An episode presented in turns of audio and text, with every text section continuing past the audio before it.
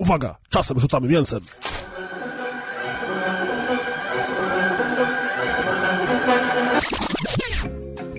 Włączony. Jest. Cztery. Ja, włączam później. Siema. Byłem później. Ja też Dobra, Maciek sobie to Ale zgra. będziecie Maciek autosync. Wiadomo, mądry koleś.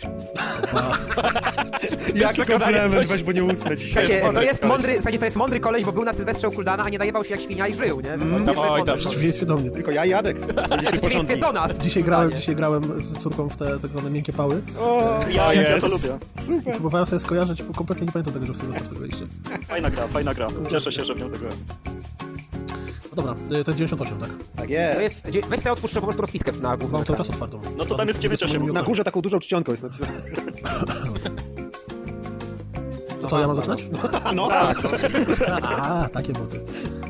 E, dobrze, Marcin Abramczuk, Alta Jus. O Jezu, jak oficjalnie witam. Ja, no ale jeszcze nie zacząłem. Przypominam, jak się nazywasz. Ja tam dziękuję. Taka kaskad. Dobra, y, serwo.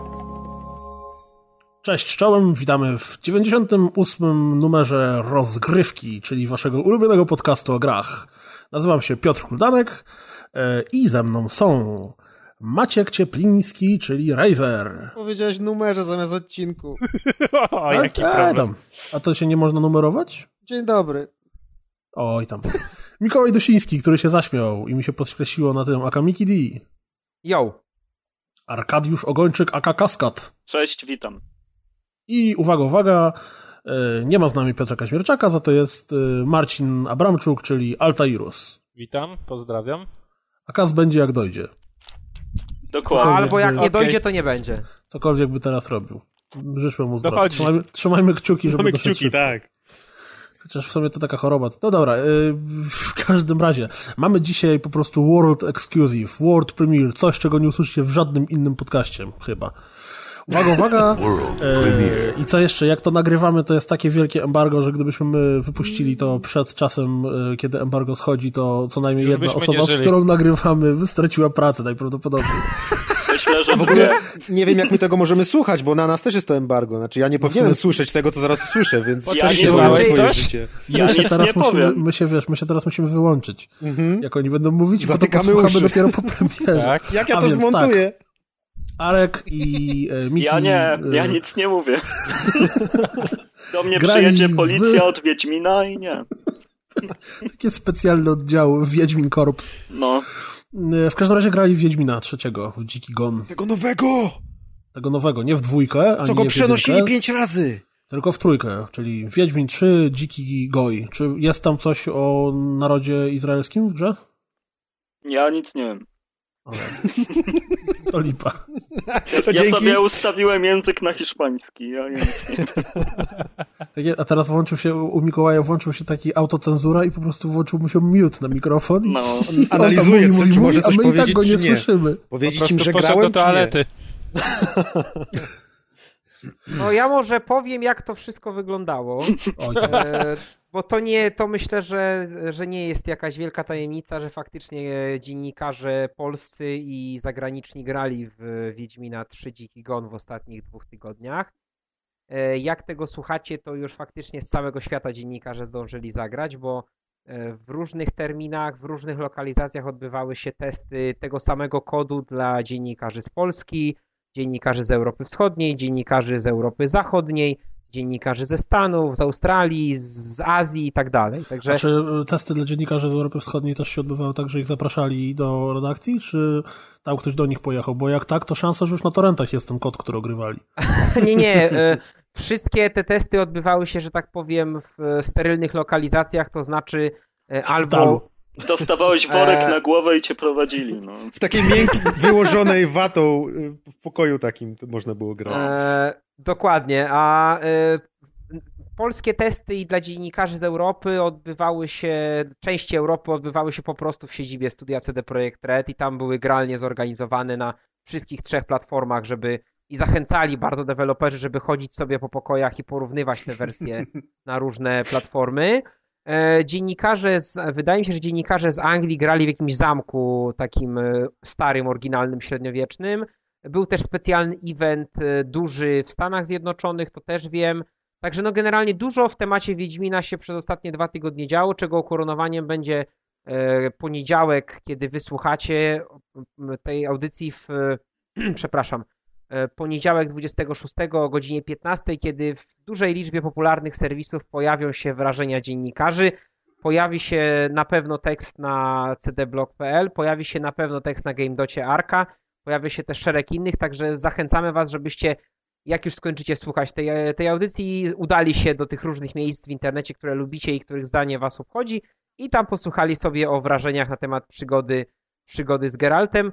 E, Jeszcze dodam tylko, że e, kod, który dostali dziennikarze, to nie było żadne spreparowane demo, to były dwa duże wycinki z jakby z, kompletnej, e, z kompletnej produkcji, czyli prolog i to był fragment otwartego świata po kilkudziesięciu godzinach gry, także zupełnie inne, inne doświadczenie. Mhm. No to Arku, jak ci się podobało? No ładnie w tym CD. Projekcie jest. W stołówce siedziałem. Słuchaj, dużo fajnych dziewczyn pracuje, nie? O. Mickey D approves. Powiem ci, Miki, że w sumie to wiesz. Siedziałem tak z tobą na tej herbatce i nic nie wiem. No bo to była dobra herbatka. No. No i O, jeszcze Arek mi bardzo fajną książkę o Twitterze pożyczył, którą muszę przeczytać. no, Taka no propa- tak. Wiedźmina. ekstra. super, super informacja.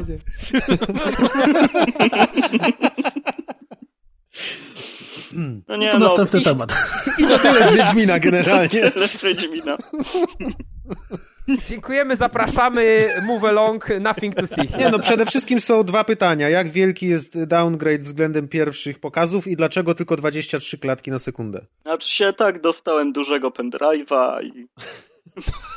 I E, koszulkę fajne koszul- Wiedźmina.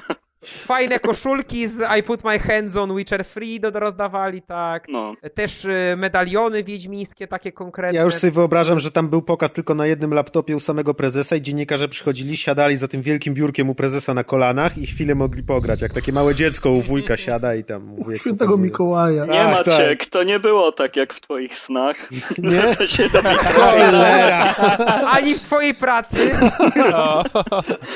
po prostu, Dobra, a A to wiesz, tak dlatego ten- ten projekt tak się, że tak powiem, ciągnął. Ciągnął. tam jest trochę inna Teraz- kultura pracy, no. E, tak poważnie graliście obaj na wszystkich trzech sprzętach, czy tam, nie wiem, tylko konsole pany, albo pecety pany, albo Konsole, pany, wiadomo, nie?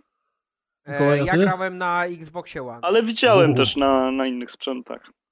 I to jest wielka różnica pomiędzy konsolami a pecetami, czy właściwie to pomiędzy każdym z tych trzech sprzętów? Hmm. Aha, O, pię- o 15 w poniedziałek tak się będą teksty. spodziewaliśmy To właśnie. było wiele mówiące. Nie no, przecież wszyscy tego słuchają już w poniedziałek o 15 już jest 15.15. Tak, tak, oczywiście. Dobrze, to jaki jest kolejny temat naszej dzisiejszej audycji? Aha, no to świetny Nintendo ekskluzyw. Direct. O, Nintendo Direct, jedziemy. Dalej. Dobrze, to No i co? Kto kupuje 3DS-a na walentynki nowego? no ja kupuję. Ja kupuję XL-a z Zeldą, z tą, w tej limitowanej edycji z Zeldą wgraną. wgraną Nie podoba mi się złoty. Złotą Fajny konsolę jest. nie, nie, nie. Wiesz dlaczego on jest fajny? Bo e, zarówno Majora, jak i Okaryna były na złotych kartridżach na N64 i to jest takie kolejne świetne uderzenie nostalgią. No, nie Tylko wiem, trochę takie nie cygańskie, wytrze. nie? Po jakimś czasie to złoto. Nie, no spoko. Co kto lubi? Ja bym to od razu przemalował. Ja się pozbyłem swojego 3DS-a i nie zamierzam, nie zamierzam kupować nowego. Poważnie, ja bym bardzo chciał takiego z Yoshim najlepiej. Z faceplate'em. Yoshiego. Albo Donkey Konga. O, z Donkey Kongiem to tak, to już bardziej. Ale wiesz co, teraz te nowe, te, te nowe nie XL będą miały wymienne faceplate'y, także będzie, będzie można sobie tam Wiadomo, wsadzić wiem, jeden wiem. z pierdyliardzie. Ja właśnie będę czekał na tego mniejszego i oczywiście po mniejszej cenie, bo strasznie drogie są te konsole. Prawie jak Wii U, no przecież. Znaczy, bez wiesz co, przesady. Za e, co? XL są bardzo drogie. XL są bardzo drogie, nie da się ukryć. E, Bundle z grą to jeszcze wychodzi w miarę, ale te zwykłe to nie jest aż taka szokująca cena, to jest cena Wity przecież. Ja się nie znam, ja nic nie powiem. Na mnie nie liczcie! Ja tak szczerze to nawet nie oglądałem Nintendo Directa, tylko tak sobie przejrzałem newsiki po tym. No ja też. No ale to wiesz, jakby ja oglądałem na żywo, znaczy na żywo, no zacząłem na żywo, potem co chwila musiałem odchodzić, no bo to było o 15 bodaj, czy o 16, w związku z czym no byłem wtedy w pracy, na jednym z trzech monitorów to leciało, ale po prostu pauzowałem i wracałem, także audycja chyba trwała, nie wiem, tam pół godziny, 40 minut, a ja to oglądałem ze 3 godziny. No bo wiadomo, no nie da się przecież skupić tej uwagi porządnie, ja chciałem zobaczyć wszystko, bo tam było dużo, tam było Mario dużo fajnych RPGów. było nowe. Było dużo, fajnych, było dużo fajnych RPGów, było kilka tytułów z tych takich typowo Nintendowych, był pierwszy crossbuy w historii Nintendo, co jest też bardzo fajną sprawą. Ale Crossbuy dostajesz kod na drugą grę, bo nie potrafią kont połączyć. Naprawdę. Prawdziwy styl Nintendo. Znaczy, zaraz, zaraz, moment, to nie miało być już teraz tak, że jak doładujesz swoje konto na Nintendo Network to, e, pieniędzmi, to możesz je wydawać na obu platformach, niezależnie od... Przecież ja czytałem takie Hmm. zapowiedzi już Wiesz rok co? temu. Może tak, ale gry nie przypiszesz, więc jeżeli kupujesz w cudzysłowie crossbuyową grę, to jedną kupujesz, a na drugą dostajesz kod, No który tak, musisz sam przecież... wklepać. Możesz go też oddać, wiesz, Kazowi. No na tak, ale to urodziny. samo było przecież przy niektórych grach Sony, że też był chyba kod. Czy u nas. e, Nie. a nie, tam było. To Walidacja płytki tam była, jasne. Dobrze, dobrze. Masz rację, że tam wkładałeś płytkę i dodawała ci się do konta wtedy wersja. płytki. Nie wiem o czym mówisz. No, jak po, przykładowo kupiłeś sobie Sly, e, o Jezu, Collection. Thieves, in Time, nie, Thieves in No. Time, to wkładałeś płytkę i tam była taka, poza kliknięciem w grę na, w tym menu, w tym pasku z pozycjami, gdzie są gry, No. to była też druga pozycja, też z ikonką płytki, gdzie było korzyści z płyty. Jak to kliknąłeś, to on ci kazał się zalogować do PlayStation Network i dopisywał ci wersję witową do twojego A konta. widzisz, ja myślałem jeszcze o czymś innym, że jak kupuję od razu na PSN-ie, to mam wersję na wszystkie trzy platformy przypisaną do konta. Nawet jak kupuję tylko Hotline Miami na PS3, to automatycznie mam na PS4 i na Wicie. Nie, no, ale ty mówisz o cyfrze, Tak, a to tak. będzie crossbuy z pudełkiem, czyli coś Ale bliżej tego, co ja na mówię. drugą kopię. No z kodem, z kodem, no, ale coś czyli bliżej tego, co ja w mówię. pudełku w cyfrowej, no z kodem. Nintendo naprawdę mistrzowie. Dobra, Ale... No lepiej tak niż w ogóle. korzystając Wiadomo, z tego, że jest pewno. Arek, największy fan Nintendo i największy fan y, Nintendo Directów, to ja się chciałem dowiedzieć, co było śmiesznego na Nintendo Direccie, bo to po to to się ogląda, a nie żeby tam się dowiedzieć, co tam u Nintendo. Znaczy właśnie, wiesz co, naj, najgorsze w, ty, w tym aspekcie jest to, że on był super merytoryczny, wypchany kontentem. No nie było nic praktycznie- śmiesznego. On praktycznie w ogóle nie był Łe. śmieszny, nie? To było, e, to było coś takiego, że jak ja to oglądałem, to oczywiście, no ja jestem, e, nie jestem obiektywny, bo ja jestem fanem tych produkcji od Nintendo i wokoło Nintendo tematów, ale to było tak, cios, cios, cios, cios, cios, cios, koniec audycji, nie? To był po prostu bulet za buletem, konkrety za konkretami. Mhm. No True to story. słabo. Nie tego się po Nintendo spodziewałem. Mi się, mi się tylko podobało to, że wydają na Wii U wersję cyfrową, w wersji cyfrowej z Wii Mario Galaxy 2 i tam tego Metroid coś To tam jest super. i i co jeszcze? Najlepsze jest to, że Amerykanie dostali jakiegoś y, kijowego punch-outa, a my dostaniemy Donkey Konga, Donkey Kong Country Returns, także dla mnie dużo O. fajniejszą grę, w związku z czym ja kupię jedno i drugie pewnie w tej cyfrowej dystrybucji. I trzeba będzie wreszcie tego sensor bara podłączyć, bo niestety żadna z tych trzech gier nie obsługuje. Akurat jak oni zapowiadali, że gry, które wspierały Classic Controller, czy tam ten Pro Controller będą teraz działały z, z, pa- z padletem, no to oczywiście żadna z tych trzech pierwszych gier nie obsługuje tego kontrolera. Wszystkie trzy działają wyłącznie z, y, z tym, z wilotem i z gruchą. No, Także na dokładnie. razie tego nie sprawdzimy, tej funkcjonalności. No ale aha, bo ty nie masz, ty masz tylko y, tego samego Wilota. E, Ja ma, nie, ja mam dwa komplety Wilotów i gruszek, to nie jest problem. Chodzi mi tylko o to, że reklamowali funkcjonalność, że te, nazwijmy to, e, może nie remake'i, bo to nie są remake'i, ale te reedycje cyfrowe tych gier będą właśnie wspierały w pełni padleta, jeśli wspierały klasyczny kontroler. No a wypuścili w Europie, bo ten Punch-Out wspiera akurat w Stanach, ale w Europie wypuścili trzy gierki, z których żadna z tej opcji korzystać nie będzie. Także wygląda to tak troszeczkę jak taki drobny troll, ale że tytuły są super mocne, to ja nie mam żadnego problemu. No w ogóle z Metroid Prime to jest jakaś tam taka kompletna ta y, masakra, że żeby go dostać na Wii w wersji pudełkowej, czy żeby w ogóle go dostać na Wii, to po prostu trzeba... Jest pięć razy droższy mm, chyba. A to będzie ta 100 trylogia? euro albo coś w tym stylu. No, No, jest tak, bardzo to jest cała trylogia. Tra, O cała kurczę, trylogia. to Znaczy, kolejny najlepsze powód jest, do kup na Wii U. Jak dla mnie. najlepsze, jest, najlepsze jest to, że to dotyczy rynku amerykańskiego, bo europejską można było na Allegro dostać za jakieś 120 zł, z tego co ja pamiętam, jeszcze niedawno, także To co? Jak to, jak to jeszcze raz? Mówię, że to, co mówisz, że to jest super rzadkie wydanie, dotyczy Ameryki. Bo w Europie e, ona jest droga ta gra, ale ja pamiętam, oglądałem sobie tytuły na Wii z rok temu, może z półtora roku temu, to ona była po 100, tam kilkanaście, sto kilkadziesiąt złotych dostępna. Serio? Bo ktoś albo na Twitterze, albo na grupie któreś pisał, że jest, nie jestem pewien czy nie Kamil, że jest mega zajarany, bo polował na tą trylogię tam od y, x czasu i zawsze widział jakieś absurdalne ceny, a teraz sobie za 40 zł kupi w wersji cyfrowej w ogóle mega super. No to może wiesz, może to jest tak jak ja ostatnio się zszokowałem, jak zobaczyłem ceny gier na Nintendo 64 GameCube'a, które ja oddawałem po 50 zł, a teraz chodzą te same dokładnie tytuły w gorszym stanie niż te moje kiedyś po 150 czy 200. Także może następuje ta, ta inflacja również u nas, ale na pewno kiedyś ten problem inaczej, bo to było tak, że oni wypuścili to w Ameryce w ultralimitowanym nakładzie, a w Europie to puścili pierwszą partię jako normalna retailowe w tysiącach pudełek rzuconych na Europę. Także... Ale jaki to ma sens, jak w Ameryce Wii stało 6 razy lepiej niż w Europie? Przynajmniej tak się wydawało nie, e, Wiesz co, bo to było tak, że w Ameryce nasy, chyba nasycili rynek trójką, e, samą trójką i nie, jakby nie widzieli perspektyw na sprzedaż tego, postawili, uznali, że to będzie taki powiedzmy gadżet dla mega fanów serii, którzy sobie to kupią jeszcze raz, nie? A w Europie może sytuacja była, była trochę inna, nie wiem, no nie chcę mi się spekulować.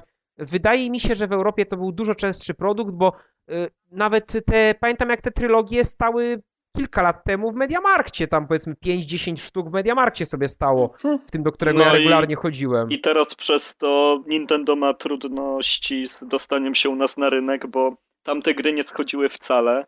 Bo one I takie stały, duże dokładnie. sklepy nie chcą już rozmawiać z Nintendo, z Conquestem znaczy się. Znaczy właśnie, bo to jakby to jeszcze było samo, wiesz, bo jakby negocjacje z samym Nintendo to jest w ogóle ciekawa no, historia, bo Nintendo ma bardzo ma ciekawe podejście. Tak, tak. Wczoraj tak. się Koso na Twitterze, że tak powiem, irytował, że się domyślam albo Conquest, albo bezpośrednio ktoś tam z Nintendo odezwał do nich mailowo, że mogą im zaproponować do recenzji kody chyba, czy tam gry właśnie ten, kody recenzenckie na, na Super Mario Galaxy 2 no, no jak... bo wchodzi do dystrybucji. No właśnie. Tak, na co on to skomentował, że mm, ze względu na to, że tam, znaczy, chodzi o to, że to nie właśnie ze względu na wejście jeszcze raz do dystrybucji, tylko to jakieś kody, które mają generalnie limit i zaraz się skończą i tam nie wiadomo co, Ale i wysłali nie, jeszcze bo... pełno rzeczy do, do starocieki, do recenzji. Że generalnie e, Kosman się trochę irytował z tego powodu. Znaczy ja nie rozumiem irytacji, tak jak często rozumiem e, Marcina, jak Marcin wywołuje jakieś tam burze w internecie, bo to są burze poparte merytorycznymi argumentami. Tak tutaj ja nie rozumiem o co mu chodzi. No, Nintendo wypuszcza tę grę ponownie. Dla wielu ludzi, którzy mają Wii U, to będzie pierwszy kontakt z tą produkcją i chcieliby, żeby serwisy jeszcze raz na, ten, na tego klasyka spojrzały i chcą im zapewnić za darmo, normalnie mailem kody recenzenckie. Także tu nie rozumiem swojej tej frustracji. No po prostu jak mu się nie podobało, to może powiedzieć nie dziękuję, nie będziemy tego recenzować, nam się to nie kliknie. Dobranoc, czekamy na premiery, nie? Ale jakby robić z tego problem, problem to moim zdaniem jest wtedy, jak miał na przykład Grzesiek Butcher Drabik, o czym pisał, że kapitana Toada dostali kilka dni po premierze numeru, w którym go już zrecenzowali, bo go sobie kupili, tak? To jest, e, to jest realny problem. E, a to, co mówi Marcin, to jest już trochę czepialstwo Marcina i chyba Marcin po prostu dawno nie znalazł żadnego takiego miejsca, gdzie mógłby fajnie sztych wsadzić, po prostu sobie to znalazł. Sztych Nintendo najlepiej. Hashtag najlepiej. Dokładnie. Tak jest. E, dobra. Dobra, e, to co, e, poczekaj, powiedz jaki następny punkt chcesz poruszyć, zanim zaczniesz mówić. Nie wiem, powiem, zapytam Maćka o Warhammer Quest na blaszaki. Co no to, to jest? No, Maciek, Warhammer... powiedz mi. No, no zapytaj Warhammer... się, zapytaj się, no. No dawaj. I dare you. No, ma, ma, Maciek, ma, ma, ma, Maciek, powiedz mi, co to jest Warhammer Quest na blaszaki? Jeszcze tutaj dałeś linkę do Steama. Tak. No bo wyszedł Warhammer Quest na blaszaki. Jak ktoś nie wie, co to jest Warhammer Quest, to jest mm, coś powiedzmy takiego jak Space Hulk, tylko że w świecie tym fantazy. To jest generalnie gra, która się wywodzi z y, takich bitewniaków z figurkami. Tak, takiej planszówki. Nie no, co jest Warhammer, to każdy chyba w Polsce no wie. No dobra, ale nie wiadomo, co, co to jest Quest. Quest to jest taka odmiana jakby bitewniaka Warhammera, gdzie y, nie, tak jak normalny Warhammer bitewniak to jest tam, że się te armie wystawia i się bije, Quest to jest taki rodzaj bardziej planszówki, gdzie ona wygląda tak jak Space Hulk. No Space Hulk jest bardziej w Polsce chyba Czyli popularny. Się w korytarzach napieprzają. Czyli tak, losuje się tam korytarz i w miarę postępu gry buduje się taką planszówkę plansze z takich fajnych kartonowych korytarzy i tam chodzi się figurkami, się bije potworki w ogóle. No i ja, mi się ta gra dobrze kojarzy, bo ja w nią się zagrywałem, miałem kiedyś, dostałem od rodziców, wybłagałem za jakieś kosmiczne pieniądze angielską wersję kiedyś w takim wielkim pudle i jak byłem mały, to się w nią zagrywałem jak szalony i malowałem szkaradne figurki. I teraz ten Warhammer Quest wyszedł na tablety, o, jest ze dwa lata temu chyba. Nie sprawdziłem tego, bo się oczywiście nie przygotowałem. No i teraz. O, wyszedł... jak zwykle świeże newsy, jak to tak w rozgrywce. Jest, ale, no. ale ta wersja na blaszaki wyszła w zeszłym tygodniu czy coś, więc jest świeżutka. Przy czym nie wiem jaka jest, nie grałem, widziałem tylko kilka screenów i czytałem, A, fajnie, że zbiera to, no. słabe oceny, ponieważ ma jakieś tam upierdliwe mikrotransakcje i w ogóle. W zeszłym ale... tygodniu, czyli 7 stycznia. Może, no to w zeszłym tygodniu. Może, no tak, dla mnie to jest zeszły tydzień w tym to Był bardzo no. długi, to był bardzo długi tak, Wciąż trwa dla mnie przynajmniej. Ale no. fajnie, że o tym powiedziałeś. Ale wygląda fajnie. No to jest taki ciekawy news dla kogoś, kto kiedyś rzucał kostkami i przesuwał figurki. No, wygląda biednie, jak ktoś nie grał, nie? A u mnie się od razu nostalgia włączyła i o Jezu, grałbym w to i w ogóle. Okay, to Ej, to tak jak ja z Mario 64. Był ten, nie wiem czy kojarzycie, była taka gra yy, wydana na konsoli na PC to chyba też, tam Dungeon Defenders bodajże. Było. Yy, I on przecież yy, teoretycznie wyglądował, mógł być podobny, ale był w 3D, więc oni też mogli zrobić trochę w 3D. No, odprosi na łatwiznę, bo wychodziło wiesz, na początku. To wygląda jakbyś patrzył totalnie z góry na sprite'y i na po prostu mapę w jedną O teksturę. Boże, włączyłem Dungeon Defenders, wygląda jak rejwowa impreza na kwasie po prostu. E, Maciek, czy chciałbyś nam o czymś ciekawym opowiedzieć? Nie, nie będę grał w Dungeon Defenders nigdy. w ogóle chyba w plusie było coś w tym stylu. Tak, było. E, dobrze, zgodnym chórem mówimy, że jesteśmy dumni z tego, że jesteśmy Januszami. Wink, wink pozdrowienia. Pozdro dla Kulmaty. Niech żyją Janusze. dla gry I oprócz tego, e, teraz tak, z newsów z gatunku dziwnych. Mm, to będą trzy takie newsy, z których totalnie nikogo. Po pierwsze, na Windows Phone pojawiła się oficjalna aplikacja naszego podcastu. Dziękujemy serdecznie Jakubowi za to, że ją przygotował. E, I wszystkim mam... ośmiu osobom, które je ściągnęły. Niedługo będzie hologram. Nie ma to jak stworzyć na niszową nas... platformę aplikację. Ponieważ nikt z nas nie ma Windows Phone'a. To nie przetestowaliśmy. To... Ale wierzymy, że jest świetna, naprawdę. Widzieliśmy screeny boska. tak, więc polecamy, jeżeli macie Windows Phone'a, to serdecznie zapraszamy do Ale ona jest w e, sklepie już? Można, można, że tak powiem, ze sklepu Tak, już tak? oczywiście, jest normalnie, wchodzi do sklepu, już nawet dostał ratingi, 7 na 5 gwiazdek, Bill Gates oceny, zatwierdził jest wspaniała. Tak, Bill Gates zatwierdził. E, wszyscy, którzy ściągnęli, pytają, co trzeba zrobić, e, tak jak w Excelu, jak się tam wpisze jakąś tam ciekawą, tam to się włącza Tetris, to wszyscy się pytają, co trzeba zrobić, żeby się pani Grażyna pojawiła. No tak. Podobno Jakub ukrył nawet gdzieś tam telefon do pani Grażyny. Można zadzwonić, zapytać się. Pozdrawiamy przy okazji panią Grażynę serdecznie. Eee, teraz Jakuba, dalej. Który siedzi news... w więzieniu teraz pewnie. Kolejny news, który nikogo, mm, to pojawił się e, art z nowej części Heroesów, tam nie wiem, chyba siódmej bodajże. No i dociekliwi zobaczyli, że na arcie po prostu jakieś tam postacie, nie wiem, rycerz, goblin, ork, coś w tym stylu stoją przy stole i gapią się na mapę. No ale Dociekliwi zobaczyli, że z tyłu w tle na ścianie w jakichś sześciu pikselach widać bitwę pod Grunwaldem. O Boże. Obraz, w sensie. I po prostu od razu polski internet wybuchł, że ukradli. Pod Grunwaldem, jak to? Złodzieje, nie, właśnie nie, że ale nie? numer. Halo? No i tyle. Odciął go Blizzard. Fu, nie Blizzard. Halo, halo. Ubisoft. Ubisoft go odciął. Ja ciągle jestem. Ja też. Kuldanka ścięło. I wtedy? Mikiego też. I go nie ma. No to dobra, to nagrywamy ten drugi podcast, który omawialiśmy. no to co tam u was? Czekacie na tego na Microsoftu? Nie, bez sensu. Ukradli, mi się podobają. Mi się tak? podobają. To ci się podoba? No, hologram, serio. A, hologram, hologram. jest bardzo fajny. Tylko tak jak napisałem, nie wiem, czy czytaliście, że to jest fajne, ale za 20 lat pewnie rzeczywiście tak będzie wyglądać. Mnie najbardziej rozśmiesza, jak pokazują takie hologramy, przy Oculusie też to było, jak te hologramy pomagają inżynierom projektować. Oni zakładają tak, okulary i machają rękami, projektują. Ja już widzę, jak w takim kadzie po prostu mi ręce odpadają po godzinie takiego machania. To zawsze to mnie rozwala. Marzyłeś o tym? No, no. Nie no, na pewno tego się nie uda tak zastosować, ale... Ale dobrze to wygląda, dobrze. Na no. pewno mnie zdziwili, tak jak dawno mnie żadna firma nie zdziwiła. Tak? Mnie żał... ja, ja trochę żałuję, oni mieli, to ich był chyba ten Illumirum taki, nie? To A, tak, grę poza ja myślałem, że oni super. to pokażą. No właśnie, ja, oni to jakoś tam uśmiercili w pewnym momencie chyba. Gdzieś tam była informacja, że to nie będzie kontynuowane, czy coś, że się mega się zdziwiłem, bo to był, to był bardzo fajny patent. To bez chęci to będzie tak samo, niestety. Mhm. Mikołaj jest już? Miki? Nie, tylko Kuldan poszedł. Adrian? Chmielarz? Gordaś! Halo, Halo, halo, nas? Halo? E, słyszeliście cokolwiek z tego, co ja mówiłem? Nie, nie, nie. Skończyło Okej. się na w pewnym momencie? W pewnym momencie co? W którym momencie W pewnym nie momencie cię już nie ma. Znaczy, bo ja wolałem właśnie Dobra, jest, cały, jestem, czas, co straciłem? cały czas macie jechałem- Mówisz powiedzieć. Microsofta już. cały czas No, jechałem monologiem. E, Ale będzie e, cięcia z tym odcinkiem. Powtórka teraz. Nie będzie, lecimy dalej. E, ale ja nie wiem, na którym momencie mi udało się. Co usłyszeliście? W pewnym momencie nie W tym świecie Grunwald, tak, o. Grunwald. Dopiero tam? Tak. Jezus Maria, ja czas mówiłem. Dobra, no to jeszcze raz. A Cały, więc- cały wątek Grunwaldu od nowa. no. Ale to się u ciebie chyba nagrało. No tak, nagrało się, to Maciek to wytnie. O Boże. O, Mikołaj mówi halo. Halo, tata. Mikołaj, halo, słyszeliście? Halo, tata? O, Jesteśmy. dobra, miałem problem, internet mi rozłączyło na chwilę. to Nie, ja tego nie edytuję, błagam, ja nie mam czasu. Może zaznaczmy odkąd dokąd. Nie, Ja opowiadaj o mówię, Grunwaldzie. Mówię, mówię, mówię, mówię, po czym zadałem wam pytanie i cisza. Nie, nie, Polewka. Jakieś, jaja się dzieją. A więc pojawił się, to będzie ro- rozjebka 98. A więc pojawił się, y, 3, 4, go. Pojawił się art z Heroesów nowych, chyba części siódmej, na którym nasi wspaniali y, rodacy dopatrzyli się, że w tle widać bitwę pod Grunwaldem. No i od razu zaczęły się dyskusje, o ciekawe, czy to chodzi o to, że Matejko był ogrem i żył w świecie Heroesów, czy tam, nie wiem, to jest jakiś sneak peek, że tak naprawdę będzie misja pod Grunwaldem, że się przeniesiemy z powrotem i tak dalej, i tak dalej, i tak dalej.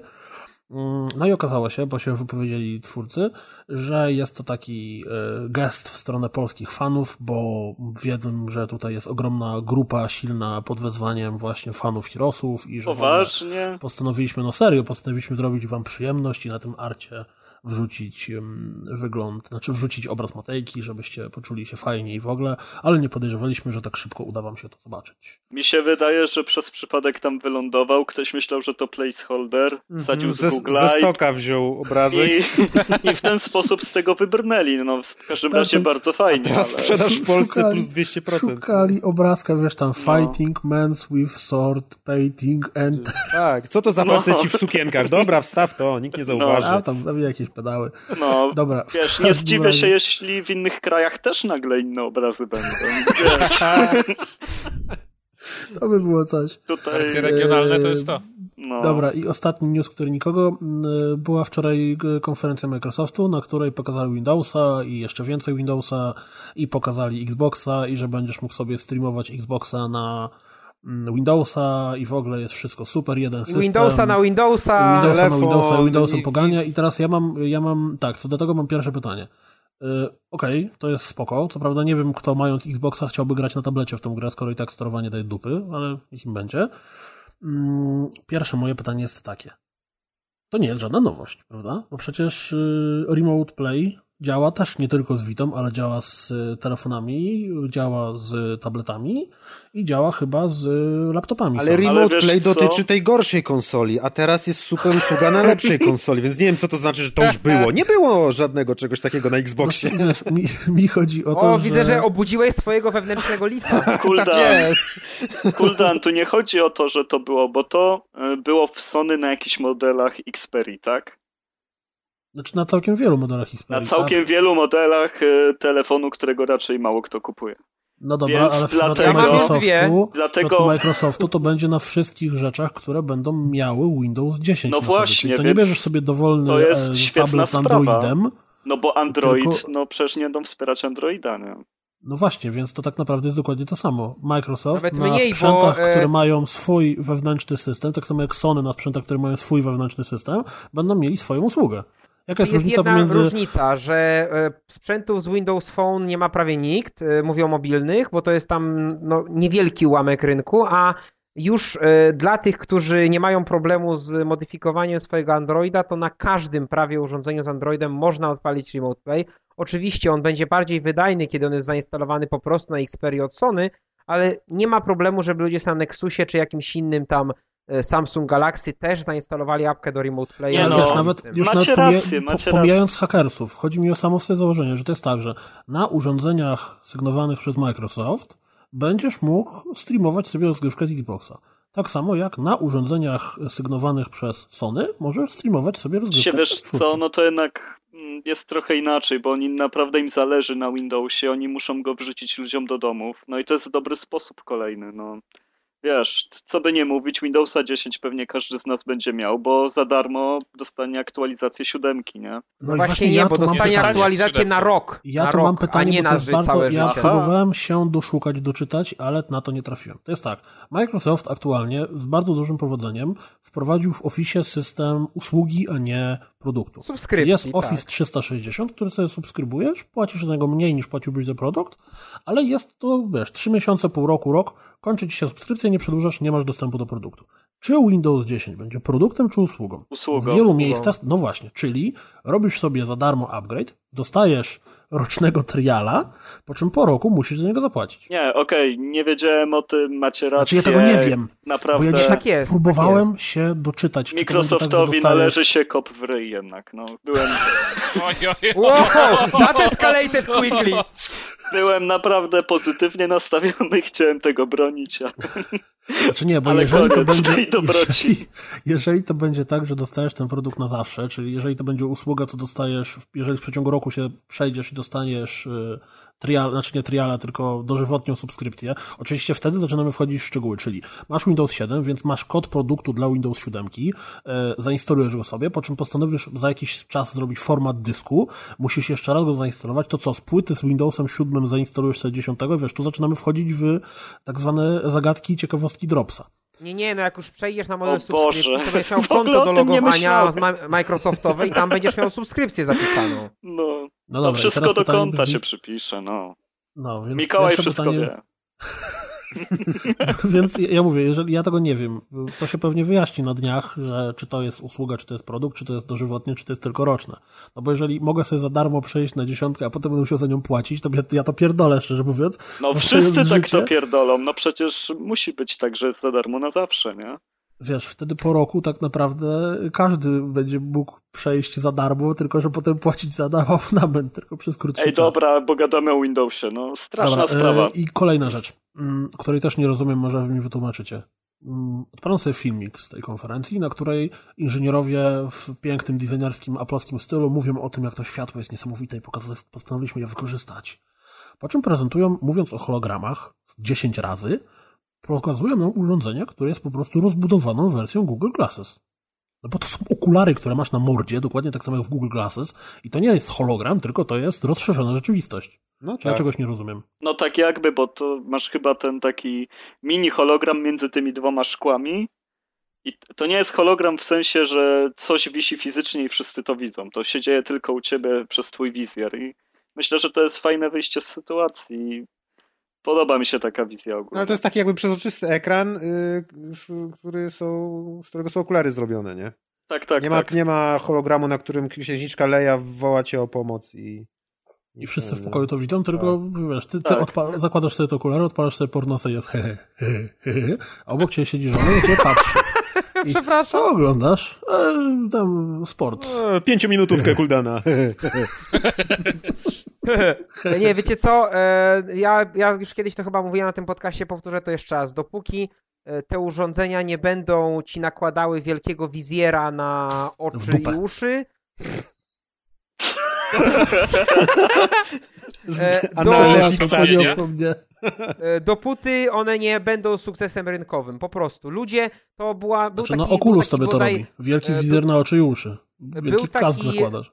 i Oculus nie będzie masowym sukcesem. Jestem co do tego przekonany, bo raz była próba z VR-em, ludzie nie lubią takich rzeczy, ludzie nie lubią ciężkich gadżetów, lubię, nie lubią gadżetów, od których e, boli ich, boli ich szyja i tak dalej. A dobrze, dobrze to pokazuje, był taki blog, który pokazywał, e, to było chyba People har- Harassed before, because of using Google Glass, czyli blog, który pokazywał ludzi, którzy dostali w pierdol za to, że w jakimś miejscu chodzili w Google Glass. I tam była masa ludzi, którzy cierpieli z tego powodu, że mieli na sobie te wizjery, bo tak weszli im do klubu, bo no właśnie, w związku z czym, dopóki coś takiego będzie wymagane, to ten produkt nie stanie się masowym, bo co innego, jeśli chowamy smartfona w zegarku i próbujemy to sprzedać jako kolejne urządzenie, tak jak jest na przykład z tymi smartwatchami, część ludzi to kupi, bo jest to substytut tam- czegoś, co na przykład i tak noszą, czyli zegarka, bo wciąż sporo ludzi zegarki nosi, ale jeśli to jest O, coś... W ogóle, w ogóle, przepraszam, muszę ci przerwać, ale przez to, że ja sobie 9gag regularnie przyglądam, a teraz stało się popularne wrzucanie zdjęć z mm, tapetkami ze smartwatchy i zobaczyłem, że można mieć po prostu zegarek kodek z MGS-a. To jest piękne. że ja chcę mieć y, smartwatcha. Pięknie on wygląda, no. To jest kosmos. Te tapetki, które tam sobie można ustawiać i które działają funkcyjnie jako zegarek, to jest naprawdę przepiękne. Chyba jedyna, jedyna rzecz, y, dla której byłbym w stanie kupić sobie smartwatcha. No Ale fajny bajerek. który no. ładujesz codziennie, to jest trochę Co słabe. dwa dni. O, 200% życia baterii. Znaczy, tak. słuchaj, prawda jest taka, że to jako, funkcyjnie jako stricte zegarek nie ma najmniejszego sensu, ale w momencie, w którym miałbyś taką, taki bzdurny gadżet, to w, tak samo jak ja codziennie ładuję swój telefon, bo niezależnie jak potężną baterię bym miał, i tak mam zbyt dużo zajęć w ciągu dnia, że muszę go ładować jak idę spać, to wtedy obok kładłbym e, smartwatcha. Ale wtedy powstanie strona w internecie o ludziach, którzy są harasowani przez to, że ze smartwatchem wchodzą do klubów. Wcale się nie zdziwię, to powoli. Ostatnio e, ktoś z nadgryzionych wrzucił hashtag właśnie noszę smartwatcha i tam tłumy ludzi mu to Zjechały. Odpowiedzieli. Nie, właśnie nie, pokazali, że też to robią. Wspierają, o, jesteśmy z tobą. Prze, prze... Niedługo będzie parada tych, którzy noszą no, to było coś Będą żądać praw dla siebie. Wracając, wracając muszę, do... Przepraszam, muszę zrobić coś, co my na rozgłosy rzadko robimy. E, w sensie nie mówię, że rzadko popełniamy błędy, bo to robimy często, ale rzadko je prostujemy. Otóż Microsoft nie doprecyzował na to, co patrzę teraz sobie po internetach, on nie doprecyzował, czy ten Free First Year oznacza, że później przesiadka będzie wymagała dopłaty, czy, czy to po prostu oznacza abonament od drugiego roku. Nie sprecyzował tego. Być może będzie finansowanie, uwaga, uwaga, będzie to system free to play. Czyli będzie, że tak powiem w cudzym słowie, czyli będzie to system, gdzie będzie musieli za dodatkowe apki systemowe dopłacać. Już to widzę, wyobraźcie sobie to. Macie tego Windowsa 10, e, chcesz przekopiować sobie zdjęcia na pendrive i wtedy ci wyskakuje mikropłatność. Albo reklama, Albo, e, 3 minuty. Dokładnie i wyskakuje ci, wiesz, taka porno reklama gdzieś tam z Google'a, taka... Ale nie ma to jak tak, zrobić gigantyczną kon konferencję wyczekiwaną od dawna i nie doprecyzować paru ważnych rzeczy po prostu. Oj no, tam, oj. Ej, wiesz co, Sony teraz nie doprecyzowało, że te 10% rabatu, który dają, nie jest na preordery gier, więc...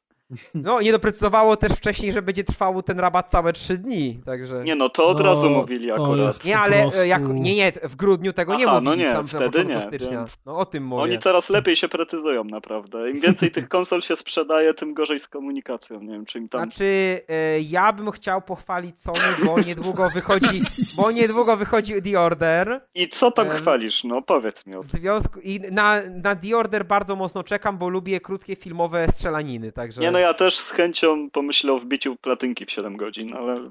No to klasyka. ale nie wiem, co dalej, najlepiej. Nie. Dobra, reasumując, yy, Microsoft, coś chcecie powiedzieć? Jesteście zajarani? Jeszcze tylko jedną rzecz dodam, na szybko, że fascynuje mnie to, że po tym, jak przez ostatnie kilka lat yy, taki przeciętnie myślący użytkownik sprzętów, nie mówimy o fanboyu, tylko po prostu kimkolwiek to myśli, wie, że to, co jakakolwiek firma, Sony, Microsoft, Apple, ktokolwiek pokazuje na konferencji, to jest bullshit i potem w praktyce ten sprzęt zazwyczaj nie działa albo działał połowę gorzej, ludzie się jarają tym, co wczoraj zobaczyli, jeśli chodzi o te okulary. One tak będą działały w jakiejś szóstej swojej wersji. Teraz będziesz miał, wiesz, grafikę Wymysza wyświetlaną grał. W, do, dokładnie. PS, PSI będziesz mieć. teraz. No. Więc ja generalnie trochę chyba nie rozumiem świata. Znaczy się ogólnie mi się ta konferencja podobała, a potem z wami pogadałem, więc... Już ci się nie Dziękuję. Podziękujesz nam, wiesz, jakbyś będziesz chciał przejść na Windowsa 10. No, okay. A tam się okaże, że dupa, że multi, te mikropłatności za kopiowanie plików. Ta, będę zdrabki kupował na Allegro. Do Windowsa. Modem 10%. Na, na, że, że będziesz w bazowym abonamencie będziesz mógł stworzyć tylko 10 folderów, za każde kolejne 10 będziesz musiał klucze dokupywać. No. Season Pass na Windows. Allegro sobie poradzi, Kuldan. Dobra, Właśnie, no to teraz. Season passy ze zniżką 20%.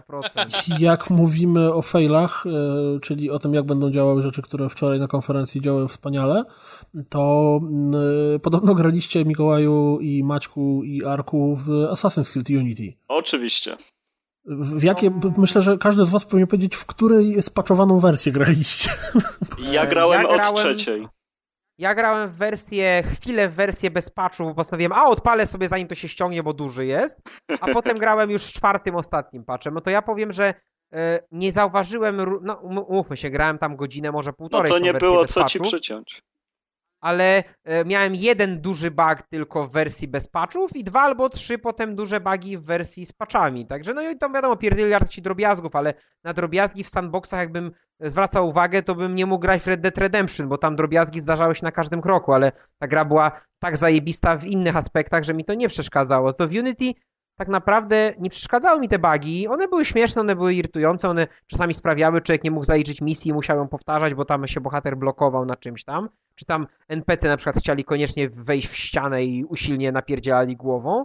Ale to jest śmieszne, to jest odrobinę frustrujące, ale to nie jest coś, co mnie zniechęciło do grania w tę grę, a zniechęciło mnie tak, że nie mogę do niej wrócić, po prostu patrzę na te pudełko z obrzydzeniem, a po prostu odeślę je z powrotem Piotrek sobie, bo, bo, bo po prostu mam tej gry dość. Czemu? E, jest fajna. Zniechę... Zniechęciło mnie to, że ona jest E, nudna, nie. że ona ma ona poza misjami tymi, gdzie jest zabójstwo, to jest po prostu nudna i powtarzalna, że nie. bohaterowie są tacy, których nie jestem w stanie zapamiętać, bo są właściwie bezosobowościowi. O, historia to jest straszna, no to No właśnie, to a, a, a, a najgorsze dla mnie jest to, że ta gra nie wprowadza mnie dobrze w świat i mechanikę, tylko robi mi tutorial, gdzie mi tłumaczy prost, takie najprostsze rzeczy, które są oczywistą oczywistością, które ja sobie zobaczyłem w manualu, tym oczywiście wirtualnym, bo jak zwykle fizycznego w tych nowych grach nie ma, tylko po prostu manual jest wirtualny, a nie tłumaczy mi na przykład, Czym różnią się tam zadania X na mapie od zadań X, od zadań Y i od dziwnych znaczników w różnych kolorkach, których na tej mapie jest pierdyle. No jak? Przecież tłumaczy to. Tam masz całą,